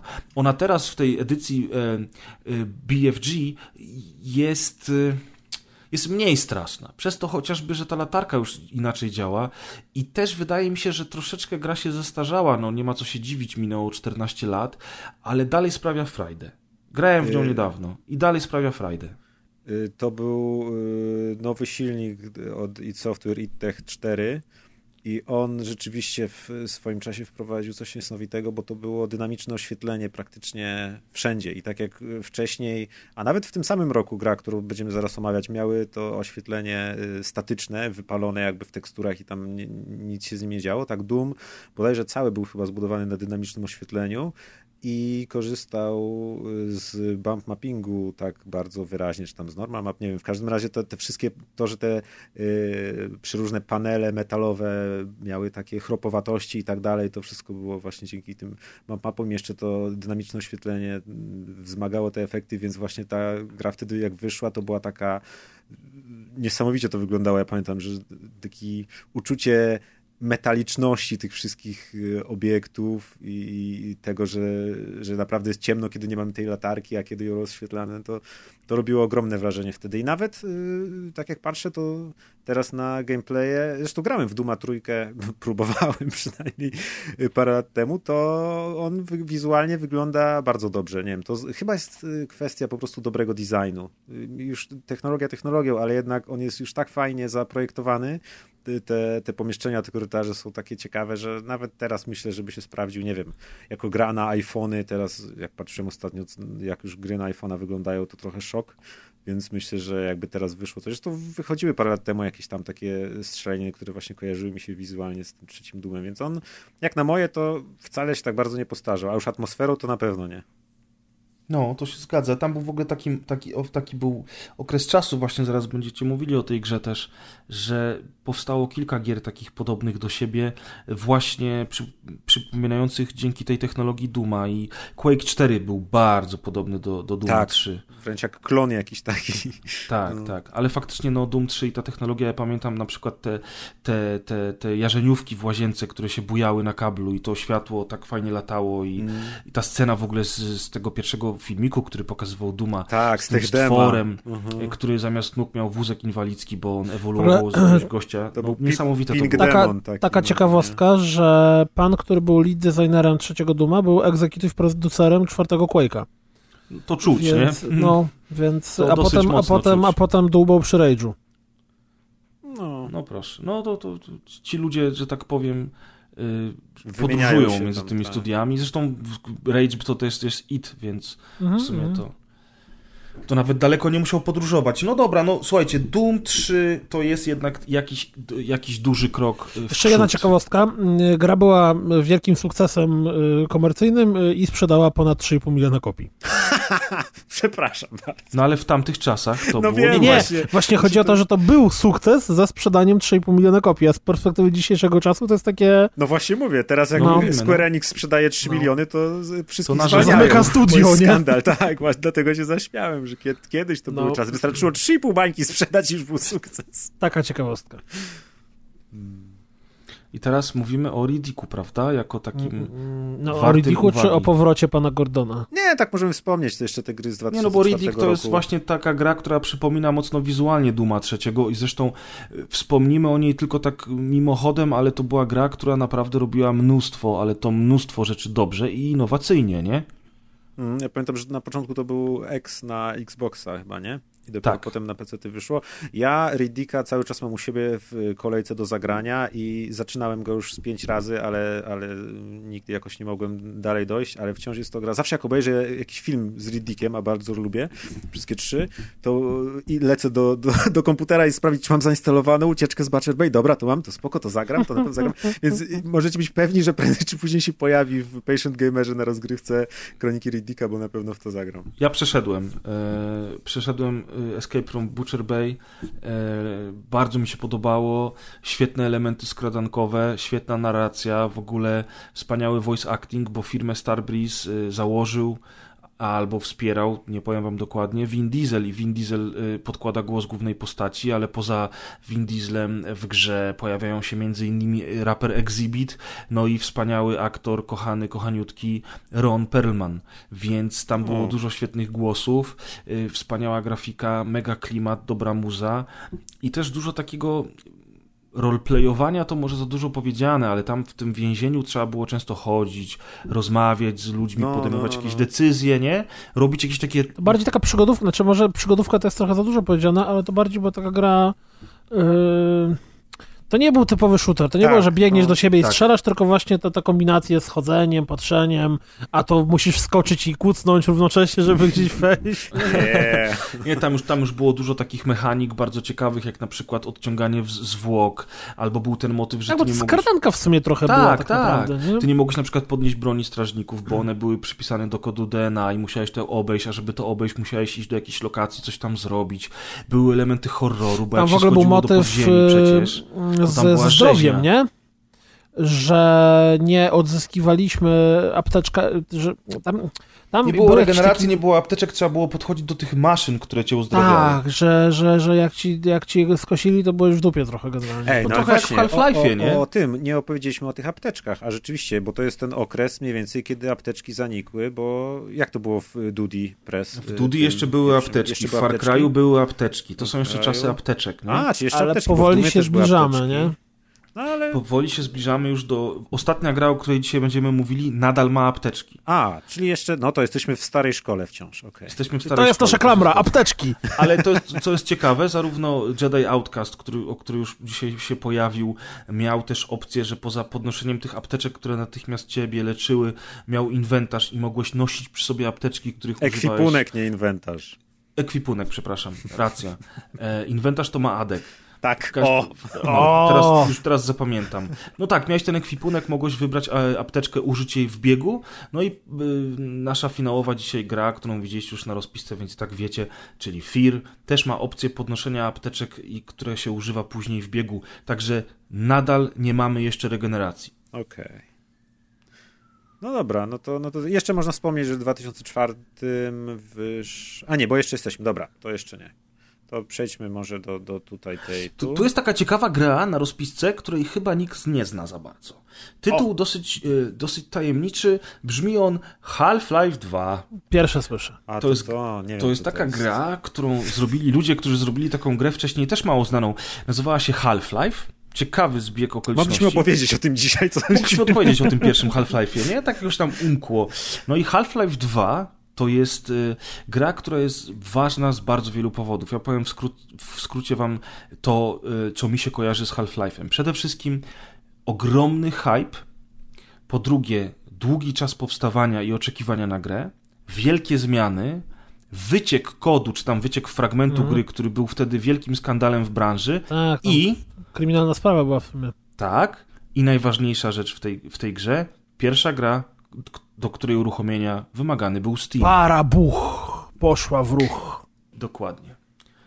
Zaczynamy, moi drodzy. Jedna z najważniejszych gier w historii FPS-ów Gra, która stworzyła podwaliny pod y, potęgę finansową Valve w sumie, nie? Tak jest. I która stworzyła też podwaliny pod dystrybucję cyfrową i ukochane przez nas dzisiaj platformy do dystrybucji cyfrowej, których jest coraz więcej. Ui, hurra! A ja w ogóle gryzę z zupełnie innej strony, bo powiem wam, że mi się Half-Life 2, ja w niego grałem e, w, pamiętacie Orange Box? To się chyba tak nazywało? Tak, Czyli to był pamiętamy. Half-Life 2 plus chyba epizod pierwszy, nie, plus tam nie było Portal. Half-Life'a drugiego. Team Fortress i Jak był tam Portal było, chyba. tam był Portal, tam był Team Fortress 2 i tam był Episode 1. Czyli Half-Life Aha. 2 był wydany wcześniej? No tak, oczywiście. Okej, tak. znaczy w sensie nie było go w tym, nie było go w tym zestawie. nie było. Okej, to w momencie, w którym pojawił się Orange Box, ja równocześnie kupiłem Half-Life E, drugiego. Epizod 2. Epizod 2 był w Orange Boxie. Czyli jeszcze później. Okej. Czy ostatni epizod, bo już trzy, trójki nie Patrz, a tu jest napisane tak. Pakiet zawiera Half-Life 2, Half-Life 2 Episode 1, Half-Life 2 Episode 2, Portal Team Fortress. Czyli, Dobra, już się nie wymądrzaj, też już otworzyłem Wikipedię, masz No, rację. bo, bo ja pamiętam to dlatego, że ja kupiłem Orange Boxa, bo dopiero wtedy mój komputer był w stanie Odpalić tę e, grę. odpalić tę grę. Ja grałem w Half-Life'a ciurkiem w cały pakiet właśnie. W dwójkę, w pierwszy epizod i w drugi epizod, przez co to trwało bardzo, bardzo długo i ta gra, tak wiesz, połączyła się dla mnie. Ale to, co najbardziej pamiętam z dwójki samej w sobie, to to, że dwójka miała kilka tak, tak samo jak jedynka, rewelacyjnie zaprojektowanych sekwencji e, i klimatu, które pojawia się coś i niczym ta strzelba u, u Hitchcocka. Wiesz, że ona wystrzeli. Wiesz, że ona spadnie ze ściany. Ale i tak na to czekasz, czyli We Don't Go to Tak, Ravenholm. nie chodzimy już do Ravenholm. No. To, które po prostu, jak to usłyszałeś, to było takie, aha, O, oho, ja na też już pewno nie chcę tam iść, nie? iść, Ja na też nie pewno tam pójdę.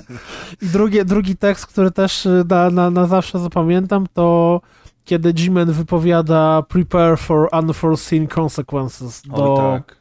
do a, Alexi, jak się ta laska nazywała? Alex. Alex. Alex. Alex. Ale i tak najlepsze to otwarcie, jak Jimen się pojawia i mówi Wake up, Mr. Freeman.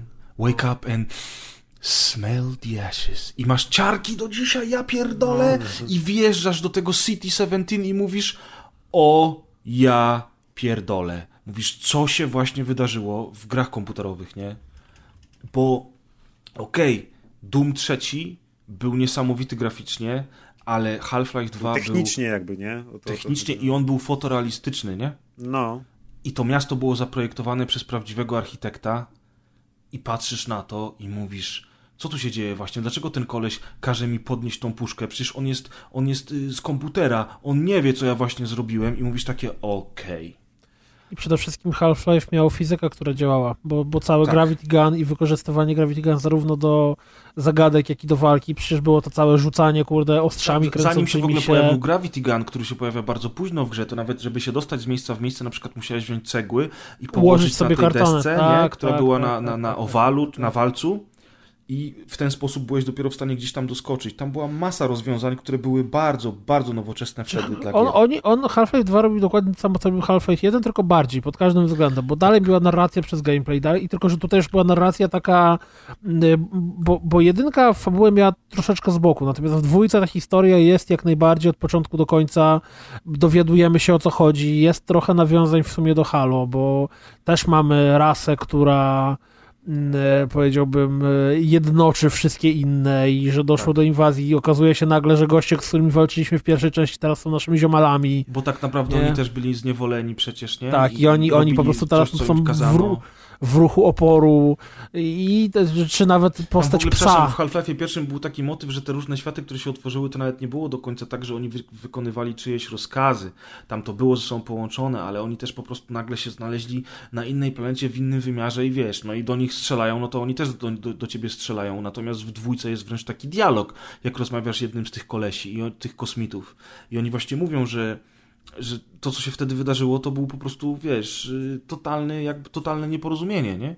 Także no, Znaczy tam- sam, tam lore, chyba, przede wszystkim y- dwójka rozbudowuje lore do stopnia uniwersum. To już się zaczyna robić uniwersum, Znaczy, nie? bo jeśli dobrze pamiętam, to dwójka przedstawia, że wydarzenie z jedynki to tak naprawdę był początek inwazji, która trwała tam chyba coś na zasadzie pół godziny, tak, czy, czy godzinę, że generalnie to było tak, że Ziemia została podbita, tak wiesz, pstryk, już Ziemia jest podbita yy, i od tego momentu t- ten cały totalitarny system tak naprawdę wynika z tego, że my jesteśmy poddani tym takim wielkim robalom, które, które tam się pojawiają pod sam koniec gry i po, pod, Pod sam sam koniec, koniec dwójki dopiero drugiego epizodu tak w ogóle, naprawdę, nie? Go widać no. jak, jak Dwójki tam... w sensie drugiego epizodu, tak. No tak, nie, Half, Half to, to była gra naprawdę absolutnie y, niesamowita i to, co ona robiła i to... I teraz jak o tym myślę, ja w niego da, dawno temu grałem, a jest masa scen, które mi świetnie siedzą w głowie, na przykład te takie wielkie, y, one się chyba Lion nazywały, takie Trójnogi. wielkie A, mrówy, nie, mrówy, no. mrówy, które, które y, takie, ni to mrówa, ni to cholera wie, gdzie tam się je- jeździło tym bagim i one cię atakowały na piasku, nie? I było trzeba Mhm. unikać tego. Tak, tak, no. Czy, czy Bo jakieś właśnie tam... te sekwencje, jak jedziesz tym takim e, poduszkowcem po tych bagnach, Tak. czy jeździsz tym samochodzikiem, ta twoja ekipa, która ci pomaga, na przykład I to te taki walki film drogi mieście. trochę, nie? Bo cały czas, cały, cały, cały czas gdzieś się przemieszczałeś. y, Tak, to jest taka gra drogi, dokładnie. No. to jest, tam się to jest, właśnie, cały czas. to jest właśnie trochę to, co y, y, kontynuowało moim zdaniem Metro, które było troszkę podobnie wyreżyserowane jak Half-Life, że też właśnie były jakiś tam trochę powiedzmy ruch oporu, plus właśnie to, że podróżujesz przez jakieś lokacje, odnajdujesz jakieś miasteczka, czy tam zbiorowiska ludzi, walczysz z Tak. jakimiś tam system, systemowcami i tak dalej. Ja, kurde, ja po prostu Half-Life 2 z, z epizodami zrobił na mnie ogromne wrażenie, ale muszę wam powiedzieć, że ja nie grałem w nie, nie wiem już ile, paręnaście lat. Chyba. No wiesz, na pewno no to jest już dosyć stara I gra. też, ja pamiętam. Ale jakoś, jako, po prostu jakoś tak się złożyło, że do niej w ogóle nie wróciłem, a nie wiem czemu i chyba, i chyba będę musiał wrócić, bo... Jest y, cała seria modów, które mm, bardzo mocno poprawiają grafikę, wprowadzają też na przykład celowanie właśnie aim down the sight, czyli przez przyrządy, którego nie było w podstawowej grze, poprawiają inteligencję, tekstury, modele broni. W ogóle Half-Life 2 to też jest początek workshopu Steamowego. Half-Life 2 był bardzo modowalny i na dzień dzisiejszy workshop jest zaimplementowany w grze w 100%. Jest cała masa rzeczy, które możesz w tej grze zrobić. Modele postaci możesz podmieniać. Ci, ci naukowcy wszyscy mają lepsze tekstury, lep, lepiej się ruszają, lepiej mówią i tak dalej. Oczywiście możesz sobie Alex podmienić na kogo chcesz. Nawet jest skórka Adriany gołą Jak Alex. chcesz, to możesz... Tak, oczywiście, że jakieś nude, nude, nude mody też są. Natomiast e, Half-Life 2 w wersji Vanilla się broni, owszem, ale uważam, że jak chcesz do niego dzisiaj wrócić, to wrzuć sobie tylko to. Ja, ja poszukam potem i wrzucę wam też do linku w opisie y, naszego odcinka, który to jest mod, bo to był najgłośniejszy mod do Half-Life'a 2, który właśnie zmienia bardzo dużo rzeczy graficznych na lepsze i dzięki temu ta gra dzisiaj tak naprawdę y, czuje się, jak się w nią gra, jakby to była współczesna produkcja. No, no A cała wiem, reszta oczywiście, czyli wiesz, narracja, zagadki środowiskowe, walka, one się bronią do dzisiaj bez problemu. No to nie wiem, czy w, nie ten, nie, nie, nie wolałbym w wanilę mimo wszystko zagrać. No jak ty grasz dalej jak... w 800 na 600 w CRT, no, no to pewnie byś wolał wanilę. Ale, no. Tak, ale pamiętam, y, właśnie z tej gry pamiętam właśnie te urywki, tak jak mówicie, te, te, te jazdy y, pojazdami, czy tam y, strzelaninę w więzieniu pamiętam z tymi żołnierzami kombajnu niesamowitą taką, gdzie trzeba było Te dźwięki stawiać. tych kombinezonów, nie? Takie ten, tak, tak, jak tak. oni padali, było takie... A poza tym Half-Life też zrobił coś bardzo niepowtarzalnego. Miał ten design niesamowity, gdzie było takie połączenie wschodnioeuropejskiej architektury, mm -hmm. takich, takich jak jakieś takie Pragi albo coś, gdzie, gdzie takie kamieniczki ten, z tym takim totalnie odjechanym science fiction, kompletnie nie wiadomo o co chodzi, typu jakieś stalowe mury z takich wielkich y, łusek jakby metalowych albo coś. Tak, tak, bo to, były, bo, bo, to miasto City 17 to jest tak naprawdę takie getto i on jest odgrodzone tym A właśnie takie, metalicznym takie murem. W totalitarnym nie? stylu trochę, nie? Takie, tak. co, co tak. my możemy odnieść to do ulic Katowic i tak dalej, siebie, nie? No, Gdańsk przy morze tak wygląda jak te bloki tam w Half-Life dwójce. No właśnie, plus jeszcze taki właśnie trochę odjechany science fiction i za to, e, ja kiedyś to sprawdzałem, za to odpowiada koleś, który się nazywa Wiktor Antonow. On jest y, designerem, plus zajmował się poza Half-Life'em różnymi tam innymi rzeczami, jakieś tam chyba nagrodę BAFTY nawet za coś dostał i tak dalej. A to ja powiedziałem, że on pracował. był architektem, widzisz, a on był designerem. A może i architektem był z wykształcenia, nie wiem. W każdym razie on też odpowiada za art style Dishonored który też tak, jest tak. mega odjechany w dosyć podobnym kierunku. I to czuć, nie? To mimo to wszystko czuć, tak, że to jest coś, tak, coś tak, bliźniaczego. Koleś ma niesamowity talent, bo naprawdę jest to oryginalne. To jest coś niepowtarzalnego, czego nie było wcześniej i ja później takich właśnie pomieszania dziwnego science fiction, weird fiction trochę takie, czy takie, nie wiem jak to w ogóle nazwać, to jest niespotykane nigdzie, więc to na pewno pamiętam właśnie, że z, mnie mega fascynowało, że to jest taki coś, czego, czego w innych grach kompletnie nie było, że ten świat jest taki realistyczny, a bardzo dziwny i obcy zarazem. To, to jak już e, mówiliśmy przy pierwszym Half-Life'ie, że, że dzięki niemu powstały takie rzeczy jak Counter-Strike i, um, i Team Fortress, to Half-Life 2 jest ojcem, matką e, Left 4 Dead. I generalnie rzecz biorąc, nie tylko silnik, ale masa elementów graficznych z Half-Life'a, masa rozwiązań. E, to wszystko zostało przeniesione do Left 4 Dead, które oczywiście nie było modem, ono było grą stworzoną już przez, przez osobne studio, natomiast jakby ta gra jest nierozerwalnie połączona z Half-Life'em 2. Zresztą na, na silniku Half-Life'a 2 y, powstało kilka produkcji, do, y, które były dosyć popularne tam później, nie? Także technologicznie znowu Valve pokazał, że hej, my robimy gierkę, ona jest zajebista, to są nowości, które myśmy wprowadzili, klękajcie narody, a jednocześnie, proszę bardzo, tutaj jest silnik, bawcie się, nie? Czy to były te, te, te lata świetlności ich, nie? Świetlności. No, świetlności no, Sokoła Millennium. No, już mówiliśmy o Gwiezdnych Wojnach, więc się zgadza. Yy, ale ten, z tego co kojarzę, to ten silnik też, jego zaletą tego Source'a było to, że on nie był bardzo wymagający. To nie było tak jak Far Cry czy Doom 3. Oj, stary, Half-Life 2 na Half-Life 2 na premierę był bardzo wymagający, dlatego ja w niego grałem kilka lat później. No właśnie dlatego się dziwię, właśnie czemu Kudan tak grać później, bo ja nie pamiętam. Ja grałem w okolicach premiery i jakoś nie pamiętam, żeby był jakiś taki... Pamiętam, że na Duma 3 i na Far Cry'a, no to trzeba było tam coś tam do komputera dołożyć. Może już wtedy dołożyłem i na Half-Life'a miałem gotowe. Może pewnie tak, tak pewnie tak, bo Half-Life 2 na premierę naprawdę też potrafił zniszczyć komputerki, nie? Mhm. W ogóle ciekawostką pewną jest jeszcze to, że e, Half-Life 2 niczym e, kombinat, który jest naszym głównym złem w, w samej sobie grze, e, nie ma wymienionych zarówno w kredytach, jak i teraz tak szukam po jakiejś Wikipedii, Wikipedii, osób, e, kto pracował na jakim stanowisku przy tej grze. Lista nazwisk wygląda w ten sposób, że pojawia się Valve i po prostu jest wymienione nazwisko po nazwisku tamtych ileś tam osób i tak samo jedyne, jedyne osoby, które są podane jako osoby oddzielne to jest y, pisarz, writer, tak? I, i no kompozytor. I... A Gabryś? W sensie? Gabe Newell? No właśnie nie ma. Nie ma Gabe'a Newella wymienionego jako, znaczy przepraszam, był szefem firmy, natomiast nie chodzi o to, że... po prostu, ale nie ma jakiegoś był, Tak, czy kto, kto był lead, lead designerem, albo kto był tam, wiesz, dyrektorem, producentem. Aż, aż, aż kurczę się nie chce wierzyć, co? tego nie jest wymieniony. Jestem Ciekawe. trochę w szoku, szczerze mówiąc, bo, bo idąc tym kluczem, o którym mówiliśmy, kto robił jakie gry, patrząc personalnie, zacząłem się zastanawiać, kto był lead designerem i czy ta sama osoba była przy Episode 1. I tak patrzę, kurde, na, na stronie Wikipedii nie ma tego wymienionego, no to stwierdziłem, no dobra, zerknę sobie na kredycy. No i patrzę na kredycach, a kredycy jest po prostu logo Valve i leci lista nazwisk jedno po drugim bez wymienionej żadnej, żadnej e, funkcji, kto się czymś zajmował. Ja pamiętam, że to były jedne z pierwszych kredytów, które trwały, trwały, trwały. Nie, dwie i pół minuty trwają.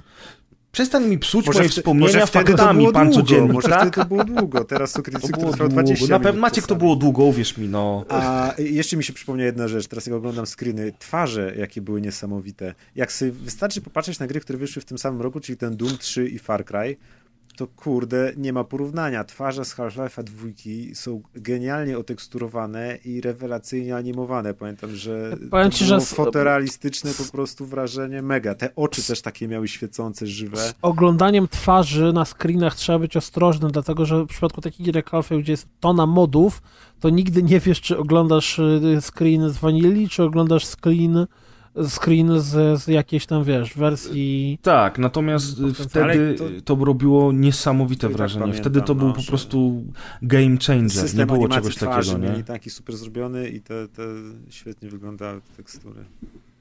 Ten no G-Man już na otwarciu, nie? Nawet epizody, epizody też dawały mocno radę, mimo że one tam później wychodziły. Epizody były świetne, one miały trochę inny klimat, trochę inne tempo, mm -hmm. czasami mm -hmm. były takie, wiesz, trochę były takim e, walking simulatorem, potem było trochę akcji i tak dalej. No i one przede wszystkim rozwijały tę fabułę bardzo mocno, bo z tego co ja pamiętam, to dwójka Half-Life'a tak naprawdę kończy się w takim momencie, w którym no nie do końca powinno się to skończyć. Tam nie ma jakiegoś wielkiego, e, wielkiego clue, jakiegoś zakończenia tej sprawy. Gra się w ogóle kończy tą eksplozją, która się zatrzymuje i nagle widzisz, że Alex tak naprawdę zaraz zginie, a po ciebie przychodzi G-Man i mówi chodź zamknę cię z powrotem u mnie w piwnicy. No takie to było i wtedy wszyscy powiedzieli what the fuck. No i epizod 1 i epizod 2 zaczęły te historie ciągnąć i wreszcie kończyć pewne wątki, wyjaśniać pewne sprawy, dodawać oczywiście nowe zagwozdki i to były świetne rzeczy. To były naprawdę fajne, to Miał... też był... No miały y, epizody, nie wiem jak dwójka, ale miały tą taką wersję z narracją reżysera, gdzie pojawiały tak, się tak, dymki tak. interaktywne, jak się kliknęło, to reżyser wtedy opowiadał, a tu tak. chcieliśmy zrobić coś takiego, więc na przykład, żeby przyciągnąć wzrok gracza w prawo, to zrobiliśmy eksplozję i teraz widzicie się, patrzycie wszyscy w prawo. Bardzo fajnie pokazywały techniki stosowane przez deweloperów. I ciekawostka, yy, produkcja serii kończy się po epizodzie drugim na bardzo dużym cliffhangerze, i to jakim cliffhangerze? Maksymalnym cliffhangerze i do dzisiaj nie powstał epizod 3 i podziękować musimy wam wszystkim dupki, że korzystacie ze Steama i kupujecie tam gry, bo mają tyle kasy, że, że generalnie chyba nie potrzebują znaczy, produkować już gier. Valve po prostu nie, nie umie w ogóle liczyć do trzech, bo nie ma trzeciego Team Fortress, nie ma trzeciego Left 4 Dead, nie ma trzeciego Half-Life'a i nie ma trzeciego epizodu do drugiego Half-Life'a. No i Portala trzeciego. Portala myślę, trzeciego myślę, że jak oni kiedyś, myślę, że jak oni kiedyś ogłoszą pracę nad Half-Life 3, co prędzej czy później prawdopodobnie nastąpi. Myślisz? Ja, ja, myślę, że tak. To jest taka marka, że nawet dzisiaj wszyscy wiedzą, co to jest Half-Life. I myślę, że, że jak oni to ogłoszą i zrobią to z odpowiednim przytupem, to ta, ta, ta gra ma szansę powstać, nie? A ja, ja kiedyś ja myślałem myślę, że też, że to kiedyś będzie, a teraz już myślę, że to już przekroczyło trzy razy, wiesz, granice śmieszności i memowatości i żartów i tak dalej i że teraz już ta gra nie powinna moim zdaniem powstać. Albo jeśli, jeśli coś, to widziałbym to jako jakiegoś duchowego następcę, gdzie ogłaszają grę, która ma zupełnie inny tytuł, a potem nagle się okazuje, ej, wiecie, że to jest chyba nowy Half-Life i coś tam takiego, bo Half-Life 3 to ja już kompletnie nie wierzę, że to się stanie i znaczy, chyba, jest, chyba bym nie y, chciał już po tylu latach. Duke Nukem przykład, Forever, nie? No, na, przykład, o właśnie, żeby się tak nie y, skończyło. Jakby to nie miało cyferki, tylko podtytuł by się nazywał Half-Life Zamknijcie mordę. Przestańcie mi psuć dzieciństwo. Ja chcę Half-Life'a trójkę. Kurczę, no dlaczego to jest według was niemożliwe? Ja uważam, że to jest bardzo możliwe do wykonania. Ja to myślę, jest nadal że, Valve. Że, że, że, nie wiem, minęło tyle lat, gry się tak bardzo zmieniły jakieś, nie wiem. No ale, jest, ale zobacz, jest, że jest, mamy powroty po latach. są starsi. Ale cały czas mamy powroty po latach. Jedyne, co oni muszą zrobić mm. dobrze, to muszą, znaczy jedyne, pff, oczywiście, to, jedyne, co oni muszą zrobić dobrze, to muszą y, zrobić technologicznie perełkę, która będzie wyglądała jak ósmy cud świata i zaproponować w tej grze a, coś, co przyciągnie teraz, wszystkich. Jak teraz patrzysz tylko na okładkę, a nie na zawartość książki. Wcale nie musi być technologiczna perełka, moim zdaniem. Musi, musi, właśnie dlatego, że jeżeli trójka, tak jak sam powiedziałeś, minęło 14 lat od premiery dwójki. Świat zapomniał teoretycznie o tej serii. Jeżeli będziesz chciał kogoś przy, przyciągnąć do części numer 3, to musisz ich czymś przyciągnąć, nie? Nie, to Tak. myślę, że jeśli oni by mówili Half-Life 3, to nieważne, że to by wyglądało jak Chrome 1, ludzie by i tak pobiegli i kupili miliony kopii. Wiesz, przede wszystkim minęło tam, kurde, chyba 8 lat od ostatniej gry, którą Valve wydało. Bo ostatnią grą, którą, jako taką, jakąkolwiek grą, którą Valve wydało, był chyba Left 4 Dead drugi. Czy Też Portal tak drugi był wydaje. później. Albo Portal drugi, no. Oni Więc, tam, nie no, oni y, teraz samo wydawali tak, te, te Portal VR-y, drugi był. nie? Te VR-y były No ale jakie wydawane. oni wydawali? To oni, oni VR-ów jako takich, y, oni jako oni nie wydawali. Teraz pierwsza gra, która będzie No a ten od, VR od- tam, co się dzieje właśnie że w świecie Portala i tak dalej. Przecież to jest Valve. VR w świecie portala? To co u mnie grałeś? Ten The Lab? Hmm? The Lab. No to, Oczywiście, to jest, to jest popierdółeczka, to nie jest No ogóle... jasne, że to jest popierdółeczka. No, Ja wiem, że teraz pierwszym dużym tytułem, który oni robią i który zajawiają tak z wielką pompą i co się pojawia w przeciągu tam kilku tygodni, to jest Artifact, czyli to jest karcianka w świecie Doty. Natomiast... właśnie. więc... To mówi wszystko. to był specjal rozgrywki. My jesteśmy Ale- już starzy, ja nie chcę jak- o tym słuchać. Ale wiesz, Kuldan, jakby nie patrzeć, to jednak y, już też przez tą memowatość i tak dalej, ale wydaje mi się, że właśnie Half-Life 3 jest tą jedyną grą, która teraz jakby ją ogłosili. Nie ma innej gry, którą jakby ogłosili, to cały świat graczy powiedział What? Tylko właśnie teraz, jak już wyszedł Duke Nukem Forever i już przestało być śmiesznie, I Red Dead Redemption 2. Red Dead, Red Dead Redemption 2, ja myślę, że to jest mały pikuś, nie? To jest y, bez porównania w ogóle do skali Duke Znaczy- Nukema i tak samo Half-Life'a. Myślę, że Ja mam wrażenie, że ta gra właśnie- nie miałaby szans być dobra. Ja nie wiem, ja, No, oni tak, musieliby ale- zrobić Ale coś, wiesz... wnosisz? Y, Tak zwana Po- teza z dupy, czy co? Nie, już to wnoszę po chyba. oczekiwaniach, bo w momencie, w którym oczekiwania rosną Bo do tak niebotycznego powodu, y, poziomu, to nawet jeżeli nie? to była najlepsza gra świata, to i tak ona nie dowiozłaby oczekiwań tak dużych, jak, Tylko jak już panowie, urosły. oczekiwań już właśnie nie ma. I część klientów Ale- przestała grać w gry albo nie jest już zainteresowana, jest część klientów nowa, która serii nie zna. I teraz produkujemy nową produkcję, która ma y, zarówno przyciągnąć starych, jak i nowych. Jak to zrobił Doom z 2016 roku. I zrobił to perfekcyjnie. Dlaczego Valve nie miałoby dać sobie rady Ale Doom takim? jest y, bardzo mało powiązany fabularnie, znaczy powiązany fabularnie.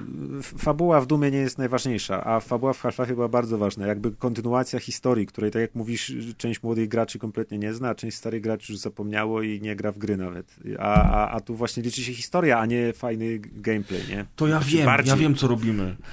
Valve robi e, deal z Paramountem, kręcą ekranizację Half-Life 1, potem Half-Life 2 i nagle za 12 lat od dzisiaj, jak skończą to robić, powstaje Half-Life 3. Hmm? Hmm? Mądre, nie? No nie wiem, po co mieliby się w dwa filmy pakować jeszcze zanim zaczną tą cholerną grę robić. Żeby przypomnieć fabułę wszystkim i zarobić hajsy, wiesz, Aha, chociaż z okej. drugiej strony też ta gra w dzisiejszych, tfu, ta Ty- ekranizacja w dzisiejszych fi- czasach. No właśnie, film Half-Life 1 był cholernie nudny, nawet jakby go Uwe Boll zrobił. Co koleś się przez 4 godziny y, skrada w szybach wentylacyjnych. Wiesz, robimy psychoanalizę dzisiejszego społeczeństwa, odbijamy nasze projekcje, coś tam. Gordon Freeman jest kobietą. Damy radę, damy radę. Nie chcę żyć w tym świecie. No dobra, kochani, o Half-Life'ach powiedzieliśmy już całkiem dużo, w ogóle to już strasznie długo rozmawiamy. i jest Jezu, bardzo przyjemnie, ale, ale faktycznie to nie jest y, rozgrywka i zazwyczaj specjale trwają nieco krócej. No ale wiadomo, jak trzech nas usiadło Dobra, do mikrofonu. dzięki, cześć, koniec, fajnie było do usłyszenia. no, idziemy kurwa. już. Ostatnia gra, ostatnia gra, słuchajcie. Yy, ostatnia gra, yy, która zamyka... Seria właściwie też, nie? To jest seria, tak, ale pierwsza część tej serii zamyka nam e, dzisiejszy specjal. To ustaliliśmy zresztą przed nagraniem, jak robiliśmy sobie tę tę listę, że, że to jest taka gra, która już jest pomostem łączącym stare z nowym, e, technologicznym i ogólnie gameplayowym i, i również pod względem narracyjnym. Ja do tej gry wróciłem i okazało się, że to jest gra z całej dzisiejszej listy, która absolutnie najlepiej dalej e, się sprawdza, bo, bo, bo mimo tego, że się postarzała i to widać, e, to gra się w nią fenomenalnie. I mieliśmy już takie tytuły dzisiaj jak Soldier of Fortune, czy, czy Clive Barker's Undying, Halo też. E, Natomiast Fear jest moim zdaniem absolutnym cukiereczkiem tej listy, dlatego że po odpaleniu go okazało się, że graficznie on się już postarał, ale widać, czuć tą całą technologię, którą Monolith tutaj wsadził, bo to też jest Monolith, taka ciekawostka. E, Tam są te bump mapy, o których Maciek mówił przy okazji Duma, jest e, oświetlenie Dynamiczne realistyczne takie. i dynamiczne. E, Wspaniała grafika to była gra, która zażynała komputery. Y, co ciekawe, ona dzisiaj y, na moim komputerze potrafi spaść do 20 klatek. O Jezus. Podobno, to jest, podobno to jest problem z myszką, że jakieś modele myszek, sterowniki to wywołują, ale też okazało się, że jest Z tym, taka że modele opcja... myszki w grze takiej sensie Nie, nie, chodzi nie. Jest taka opcja, słuchaj, no to jest, to jest PC Master Race. Teraz Było grać na klawiaturze No właśnie, klawiaturstwo. No. W każdym razie jest taka opcja też w grze, która powoduje, że co etap musisz, y, y, to się nazywa, że sterowniki graficzne, czy tam grafikę, czy, czy coś, sterownik graficzny resetuje się co, y, co loading levelu. I to było opisane, że to bardzo mocno wydłuży czas loadingu, ale dzięki temu gra będzie chodzić wydajniej. Natomiast na dzisiejszym sprzęcie ten czas loadingu się w ogóle nie wydłuża, bo to coś trwa jakąś sekundę, a dzięki temu cały czas jest te 60 klatek, bo cały bajer polegał na tym, że jak przychodziłeś jakąś sekwencję albo włączał się filmik i po filmiku wracałeś do gry, to natychmiast gra spadała do 20-10 klatek i trzeba było ją wyłączyć, wrócić do gry i tak w kółko. Ja mówię, kurczę, no tak się nie da. Na, ste- na szczęście klawiaturstwo znalazłem rozwiązanie, nie musiałem wrzucać żadnych plików INI ani modów, tylko to było w opcjach gry, działa, 60 klatek jest super. I teraz tak, ja w grę grałem na premierę. Ja przeszedłem wszystkie y, części, przeszedłem wszystkie dodatki i bardzo dobrze wspominam tę grę. Więc nostalgia u mnie na pewno jest bardzo silna. Natomiast kurczę, jak to, jaka to jest dobra gra pod wieloma względami. Przede wszystkim to jest strzelanka horror. Horror z bardzo dobrą narracją. Są oczywiście didaskalia w stylu odsłuchiwania tam na przykład zapisów z automatycznej sekretarki na telefonie, ale są też filmiki, y, mnóstwo y, scenek wyreżyserowanych, takich typowych dla horrorów, gdzie coś się pojawia, znika, ty nie wiesz co się dzieje. I to wszystko powoduje niesamowity klimat. Ta gra jest bardzo, bardzo straszna. Ona do dzisiaj potrafi wystraszyć. Fabuła, historia Almy, historia głównego bohatera, całego eksperymentu jest bardzo rozbudowana i bardzo skomplikowana i naprawdę, y, naprawdę z wielką przyjemnością się odkrywa. Y, I na końcu tego wszystkiego jest gameplay. A gameplay to jest zwykłe strzelanie. Jesteśmy my jako pointman, czyli główny bohater gry, kontra reszta świata. Nasi przyjaciele NPC pojawiają się, znikają, niektórzy giną, inni nie, natomiast oni z nami udziału w walce nie biorą. Czyli to nie jest jeszcze Modern Warfare 4, to są jeszcze ostatnie lata, kiedy zazwyczaj grało się w grach w pojedynkę i byliśmy tylko my kontra reszta świata, ale tutaj w Firze jest niesamowita, zajebiście rozbudowana i do dziś broniąca się sztuczna inteligencja, która im większy poziom trudności, tym lepiej sobie radzi, dzięki czemu każde starcie jest inne, dzięki czemu oni reagują na nas. Kiedy są ostrzeliwywani, przeskakują za stoły, uciekają do innego pokoju, biją szybę, obchodzą nas od tyłu. Są takie sytuacje, kiedy na przykład ktoś mówi przez radio, ej, on jest na balkonie, ja wtedy schodzę już na dół i sobie myślę, ha, ale was zrobiłem w konia, a w tym czasie jeden z najemników wchodzi na balkon i zabija mnie z góry, bo on wszedł na ten balkon, rozejrzał się, gdzie mogłem pójść i normalnie wpakował mi kulkę w plecy. To jest... To jest nie do opisania, w to trzeba zagrać. Ta gra wtedy była fenomenalna, a dzisiaj po tych wszystkich latach, jak to patrzysz, to sobie myślisz, Boże, jak oni wtedy to zrobili? Że to do dzisiaj jest tak naprawdę dobre. Jest mało gier do dzisiaj, które mają taką walkę i taką sztuczną intel- inteligencję jak Fir. Do tego jest oczywiście masa przedmiotów, jakieś granaty, jakieś miny, nosimy sobie apteczki. Jest slow motion, slow motion, które wprowadził e, Max Payne i to slow motion też się świetnie w tej grze sprawdza.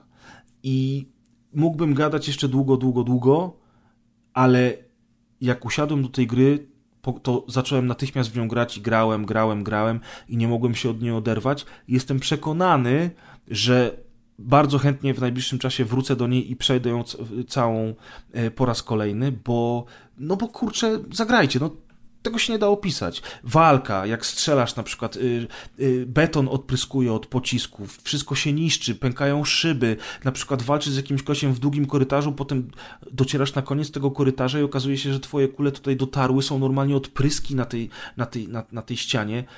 Mind blown. No właśnie widzę, że tu, tu nawet nie był bump map, tylko parallax mapping, to jest coś, Albo co nawet. Oblivion wprowadził, to, był, to już w ogóle jest takie coś, że te cegły wystają z powierzchni, właśnie te dziury po kulach są takie przestrzenne, to już, to, to, to już kolejny krok mm, poza Dumam, nie? A jeszcze Tak, dalej dlatego właśnie 3. ta gra dzisiaj zamy, zamyka nasz odcinek, bo ona jest po prostu kolejnym krokiem technologicznym, ale nie tylko. No i właśnie, jakie wy macie wspomnienia z tą grą, jestem ciekaw, bo wiem, że teraz przed odcinkiem żeście sobie nie nagrywali, tylko ja grałem w nią i To- stąd mój entuzjazm. Ja jestem naprawdę niesamowicie ucieszony, że ta gra po tylu latach się broni tak dobrze, jak się broni. To ja mogę powiedzieć, że ja y, grałem w Fira albo w demo, albo w pełną wersję, tylko że tylko początek.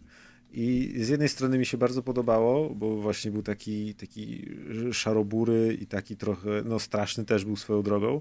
Kompletnie nie pamiętam, czy to AI było takie mądre, czy nie. Jakoś na to może nie zwróciłem uwagi. Za mało pewnie pograłem, ale nie wiem czemu, ale jakoś właśnie nie wiem w sumie czemu ja w tego, w tego nie grałem. Wydaje mi się, że y, na przykład podobał mi się ten bullet time, ale on się tam bardzo szybko kończył i ja chciałem więcej w tym bullet time strzelać, a tam go nie było. I tak, bo bullet tak... time był mega ułatwieniem, y, i który bardzo szybko się kończył, dlatego że ta gra nawet na normalnym poziomie trudności była bardzo wymagająca. No właśnie. Tam trzeba było cały czas dbać o apteczki, szukać armoru, y, Ona amunicja się właśnie. szybko kończyła. Może wiesz. dlatego odpuściłem, było za trudno i stwierdziłem, że idę grać w Half-Life albo coś. Więc Spróbuj. moja przygoda z Firem była krótka, ale ale na pewno bym chciał właśnie spróbować, bo, bo, bo, wszystko mi się w sumie podoba. Ten, te horrorowate takie elementy to też jest coś, co mi bardzo pasuje. Klimat w tej grze jest przerażający. Pamiętam do dziś, jak mój kumpel do mnie przyszedł, jak grałem, ja akurat poszedłem robić herbatę czy coś i była gra włączona na pauzie, no to sobie on usiadł, założył słuchawki, no bo oczywiście obowiązkowo w to trzeba grać na słuchawkach usiadł sobie do klawiaturki, chwycił za myszkę, ja wracam z tą herbatą i widzę, jak on w pewnym momencie przed tym, y, jest taka scena, że on zabija dwóch komandosów i nagle w tym długim, ciemnym korytarzu zapala się światło i na końcu tego korytarza Alma na czworakach przebiega, wiesz, z prawej do lewej. Jezus on się tego absolutnie nie spodziewał, bo on myślał, że to jest kolejna strzelanka o zabijaniu komandosów. I tak, i tak zrobił takie, a! Spojrzał na mnie i mówi, w co ja kurwa właśnie zagrałem? Ja mówię brawo, gratuluję. Masz tu świeże majtki i idź do domu. Dokładnie. Ale wiesz, to, to dopiero musiało być przerażające, jak on się zupełnie tego nie spodziewał, tak. nie? Gra ma niesamowity klimat, jest zajebiście, ale to zajebiście straszna do dzisiaj. I fabularnie ona mimo wszystko, no wiadomo, to jest strzelanka, bla, bla, bla, science fiction, bla, bla, ale ona naprawdę układa się w świetną całość. Zresztą dwójka potem w ogóle była takim krokiem do przodu, jeżeli chodzi o grafikę i w ogóle i w szczególe i też fabularnie i tam zakończenie dwójki to jest taki hardcore że to się w głowie nie mieści. No i potem jest trójeczka, która wprowadza kooperację, kampanię można przejść na dwóch graczy. Jeden jest komandosem, który walczy normalnie, drugi jest takim e, troszeczkę telepatą, nazwijmy to, żeby już za dużo nie spoilować, e, który, który używa różnych specjalnych mocy, więc gameplay jest zupełnie inny i całą kampanię można przejść w te dwie osoby. To też jest takie zwieńczenie serii, e, bardzo ciekawe fabularnie, chociaż trójka jako, jako gra była najsłabsza z całej trylogii. I ja bardzo sobie cenię tę serię. Uważam, że, że więcej powinno być tego typu gier tak dobrze napisanych, a jednocześnie zwracających uwagę na każdy inny aspekt produkcji, czyli właśnie sztuczną inteligencję, udźwiękowienie, grafikę, e, fizykę, sam gameplay. Tam naprawdę wszystko gra. Jeżeli mówimy o pierwszym firze oczywiście. Tam naprawdę wszystko gra. I nic dziwnego, że to był taki, taki hit wtedy, o którym wszyscy mówili. No. Ja już... A ty, Kuldan? Ja się nie odzywam, bo ja w Fira nigdy nie grałem. No nie dziwię się, że, się, że nie grałeś w Fira, ja, ja słyszałem o nim, ja o nim zawsze słyszałem o tym, że jak to jest to, wiesz, straszna gra i tak dalej, więc y, absolutnie y, nope, nawet nie próbowałem. Ale to ciekawe, że grałeś, kurczę, w Undying w sumie, nie? No... Młodszy, no. bo to się mniej bałem. Nie znał myślałem, życia że, jeszcze. Myślałem, że tak Kuldan powiedział, no i tak odszedł od biurka i tak się położył w pozycji embrionalnej na podłodze. Zaczął ssać kciuka i płakać. Mamo. Grałeś w ja tylko, no, ja tylko, ja, ja tylko Fira kojarzę z mm, tego, że ta historia tam jakieś totalne kosmosy osiąga. Gwałty, kurde, zabójstwa płodów, w ogóle, czego tam Jezu. No, tam jest hardcore. To jest bardzo, bardzo hardkorowa opowieść tak naprawdę. Ale to w takim razie powiem wam, y, bo teraz sobie przypomniałem, dlaczego y, w tego Fira nie grałem, bo ja... Bo ci roku, nie działał. Y, nie, pewnie stwierdziłem, że jest za trudny i zagrałem w inną grę, która wyszła w tym roku i też jest horrorem FPP, mianowicie Condemned Criminal Origins. Y, która wizualnie w sumie jest bardzo podobna, bo też są szarobure korytarze skąpane w cieniach i też jest straszna, ponieważ walczy się tam wręcz z jakimiś opętanymi ćpunami bezdomnymi, którzy mają gaz rurki i tak dalej. I swoją drogą, że tylko że się wtrącę, to znowu jest y, Monolith Productions i to dalej jest Lichtek, czyli tak naprawdę w tym przedziale 98-2005 Monolith wystrzeliło mnóstwo zajebistych FPS-ów. No, no. I ten Condemned y, dwójka wyszła tylko na Xbox, tylko na konsolę. Tak, ona była tylko na Xboxa, tylko na Xboxa a, a jedynka była też na PC. No, więc w tą jedynkę pamiętam, że jak grałem, to też ona robiła niesamowite wrażenie wizualiami, bo była taka skąpana we mgle, taki filtr filmowy chyba był i w ogóle była taka ciemna, taka bardzo, bardzo filmowa. Y, no i była straszna, bo miała te takie momenty, gdzie trzeba było wejść do jakiejś opuszczonej rudery, jakiegoś składu i tylko widziałeś, że tam jacyś nerwowo chichoczący bezdomni przebiegają między tymi i ty wiesz, że on zaraz gdzieś wyskoczy i cię zacznie okładać tym łomem czy coś. Y, I też mi się bardzo podobała, bo była taka nietypowa, bo to nie była pełna strzelanina taka, przynajmniej taką pamiętam, że tam tej broni Tak, tak, tam było, mało, bardzo dużo z takiego to była taka simulatora tak, i trochę tak. z przygodówki Ona była powolna i właśnie było takie rozwiązywanie, badanie miejsc zbrodni telefonem, Tak. gdzie się robiło zdjęcia, wysyłało komuś tam do kwatery głównej, oni coś tam robili, potem się skanowało, szukając odcisków palców albo krwi, więc y, miała takie prowadzenie właśnie y, śledztw y, w poszukiwaniu tam jakiegoś maniakalnego mordercy czy coś i Condemned mi się wtedy, o, mega mi się podobało, byłem zachwycony tą grą. Słuchajcie, y, mały biop na koniec jeszcze. y, Ja powiedziałem dzisiaj, że Autobiop Blood, taki. taki autobiop, że Blood nie był na build engine, on był na build engine, także A, sorry, nie wiem, czy mi buja, się wzrało. to teraz mi Natomiast przelewasz w ogóle 500 właśnie, złotych. jeżeli chodzi o gry Monolith, to powiem wam, że będziecie troszeczkę zaskoczeni, e, bo właśnie Condemned jest też monolitu, dlatego o tym mówię. Monolit, moi drodzy, i tylko wymieniam gry, które są moim zdaniem ciekawsze. Blood, Shogo, Blood 2, No One Lives Forever, Aliens vs Predator 2, No One Lives Forever 2, Fear, Condemned Criminal Origins, Condemned 2, Fear 2, a na końcu jest Śródziemie Cień Mordoru i Śródziemie Cień Wojny. Mm. W ogóle nawet nie wiedziałem, że to oni zrobili, nie? Bo, Także- bo już byli częścią Warnera i nie wiem nawet, nie pamiętam czy tam logo się ich pojawiało, czy nie, ale... No ale tak, Monolith jest ikoną jakby końca lat 90. W sumie podobnie tak jak patrzyłem właśnie, to w dzisiejszym odcinku też Rebellion sporo y, gier wypuścił y, i te, id, te, wiadomo. te id Software. No i Raven, kurde Raven przecież teraz... Raven y, Król. biedni tłuczą te, te rzeczy, ale pamiętam, że właśnie pod koniec lat 90. Jak, jak było widać, że gra ma logo Raven, to można było spokojnie brać i grać i było wiadomo, że to jest takie znak jakości, nie? Ten ich kruk taki, więc Tak, tak, no, tak. by- były charakterystyczne studia dla FPS-ów tamtej ery. Mówimy dzisiaj bardzo dużo w superlatywach o tych grach i jakby absolutnie zasłużenie. Natomiast patrząc na tę listę, mam wrażenie, że e, większość z tych gier jednak mimo wszystko graficznie i mechanicznie się dosyć mocno postarzało i dzisiaj e, dzisiaj e, dużo, od wielu z tych gier można się odbić bardzo prosto. E, niektóre są już wręcz niegrywalne. No, najnowsze z tej listy ma już 13 lat, więc tak to są jest. dwie generacje konsol prawie, że powiedzmy. Natomiast jak patrzę na gry z Dumo podobnego specjala, tego z 2016 roku, to jest masa gier, które do dzisiaj są tak naprawdę grywalne i, i nawet młodsze, młodsze pokolenie grywają w te gry z tego, co widziałem tam na różnych forach, nie forach i tak dalej, yy, na Gogu. I generalnie rzecz biorąc, czy to jest kwestia tej grafiki, że jednak te sprite'y i to 2D to było takie coś, co, co, co dzisiaj się jakby, nie wiem, mniej pow postarzało albo, albo mniej bije po oczach, to jest dziwne, nie, że mniej bije po oczach, y, jeżeli chodzi o ich wiek, a jak na przykład odpalisz sobie takie gierki z naszej dzisiejszej listy, to po bardzo wielu z nich w, w pełnym 3D widać, że one już jakby totalnie odstają graficznie od tego, do czego jesteśmy przyzwyczajeni. Znaczy, ja trochę Ja- myślę, że to może być kwestia tego, że te stare gry były po prostu takimi arcade'ówkami, gdzie wchodziłeś i sobie szczelałeś lewym myszkiem, a te, które dzisiaj omawiamy, zaczynały wprowadzać elementy fabularne, interakcje i tak dalej, tylko że przez to, że one je zaczynały wprowadzać, to było to dosyć koślawe i przez to, że teraz mamy już y, pewne standardy i tak dalej, jesteśmy przyzwyczajeni do jakiejś jakości, to ciężej się wraca do tych gier, które były wtedy prz- przodownikami tego wszystkiego, nie? A za to łatwo wrócić do starego Duma, bo chodzisz tylko prawo, lewo, y, strzelasz lewym i, i tyle, i się bawisz, nie? A tu Ale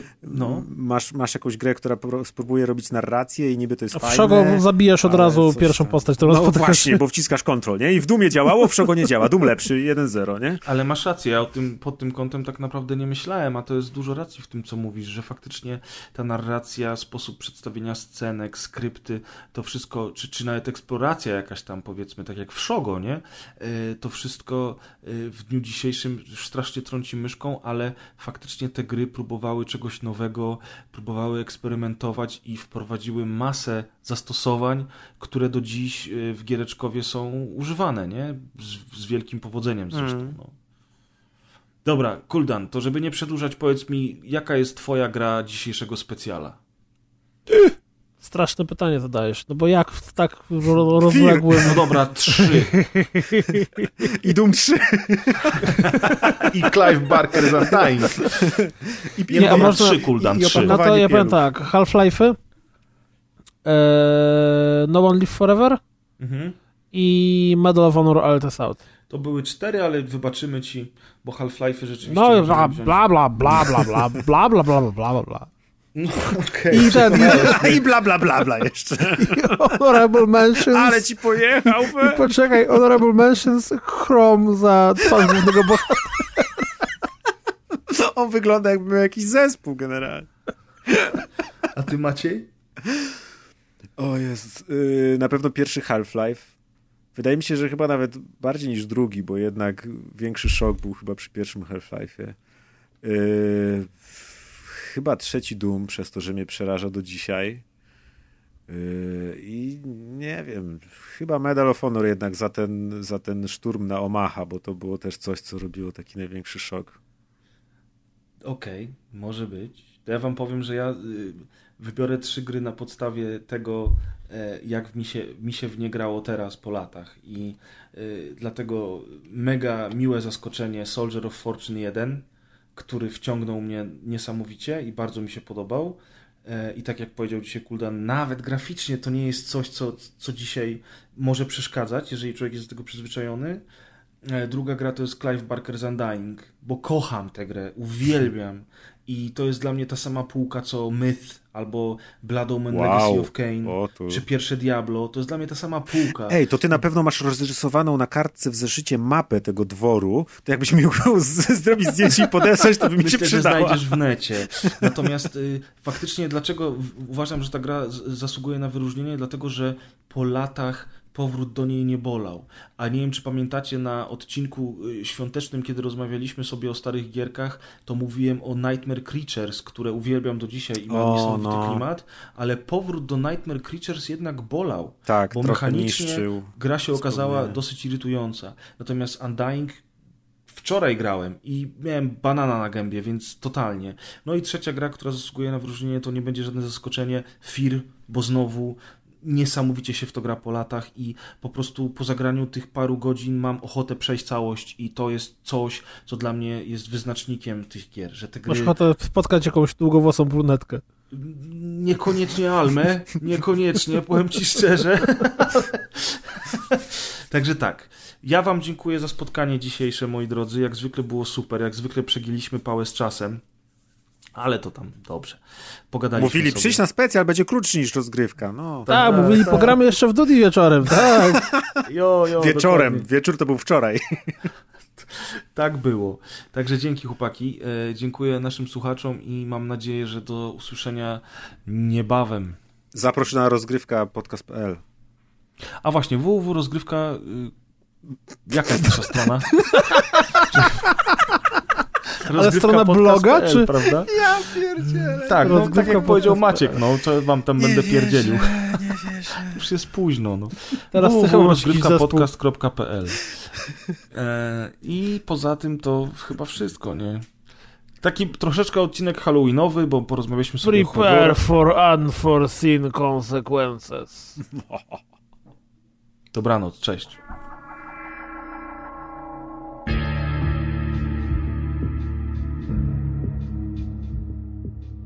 Na sam koniec chciałbym tylko dodać, że ten odcinek specjalny został opublikowany na kilka dni przed 19 listopada 2018 roku, a więc przed 20 urodzinami gry Half-Life. Także wszystkiego najlepszego, Gordonie Freemanie.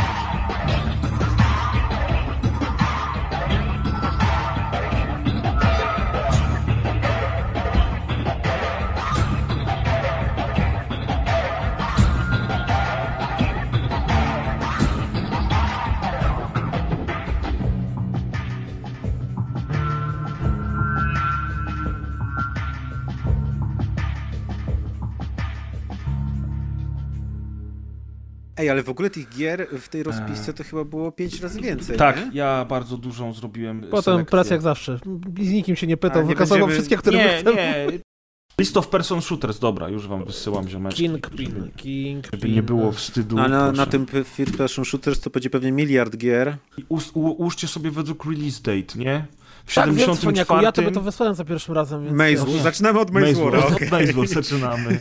Na Next Tak, Computer tak, jutro Dzień rano dobry. dojdziemy do tego 94, Dzień dobry, nie? Tak, gra- Państwo, witamy na omówieniu wszystkich gier FPS, które kiedykolwiek wyszły. Pamiętam, jak rodzice kupili mi Xerox Star i grałem na nim w Maze War. Dobra, e, mów Kuldan, kiedy i zaczynamy. Jak, jak się nazywa ten specjal w ogóle? Tamten był Raz, Dumo raz, podobny. raz. A ten jak nazwiemy? Mam zły mikrofon. Eee, Shootery Czekaj. przełomu mileniów. nowa jakość Mm. shooterów, nie wiem.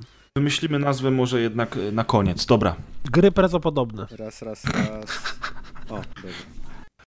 Y, Nie wiem, czy faktycznie, kurczę, nie za dużo sobie narzuciliśmy tego wszystkiego, nie? Bo w sumie tak musieliśmy trochę pędzić, ale z drugiej strony pogadaliśmy tak w sumie Nie, raczej wszy, o, o wszystkim, co chcieliśmy, to chyba Jak powiedzieliśmy. powiedzieliśmy o Chromie, słuchaj, jak powiedzieliśmy o 13. I o Austin Powers i o Pinball. Austin Power Pinball, to o Ja w ogóle zapomniałem, ja w ogóle zapomniałem o Red Faction, żeby powiedzieć o niszczeniu otoczenia, nie? O nie, ale Totalnie zapomniałem. Skasowałeś to, Pięknie. to jest właśnie... Ja, Kasowałem i ja miało ci być... zabiorę y, admina Tak, na no zabrać, bo Google wszystkie tego. rozpiski. Będziesz wysyłał mi mail, listem poleconym, będziesz mi wysyłał. na kasetach, na komentarz. Jaki...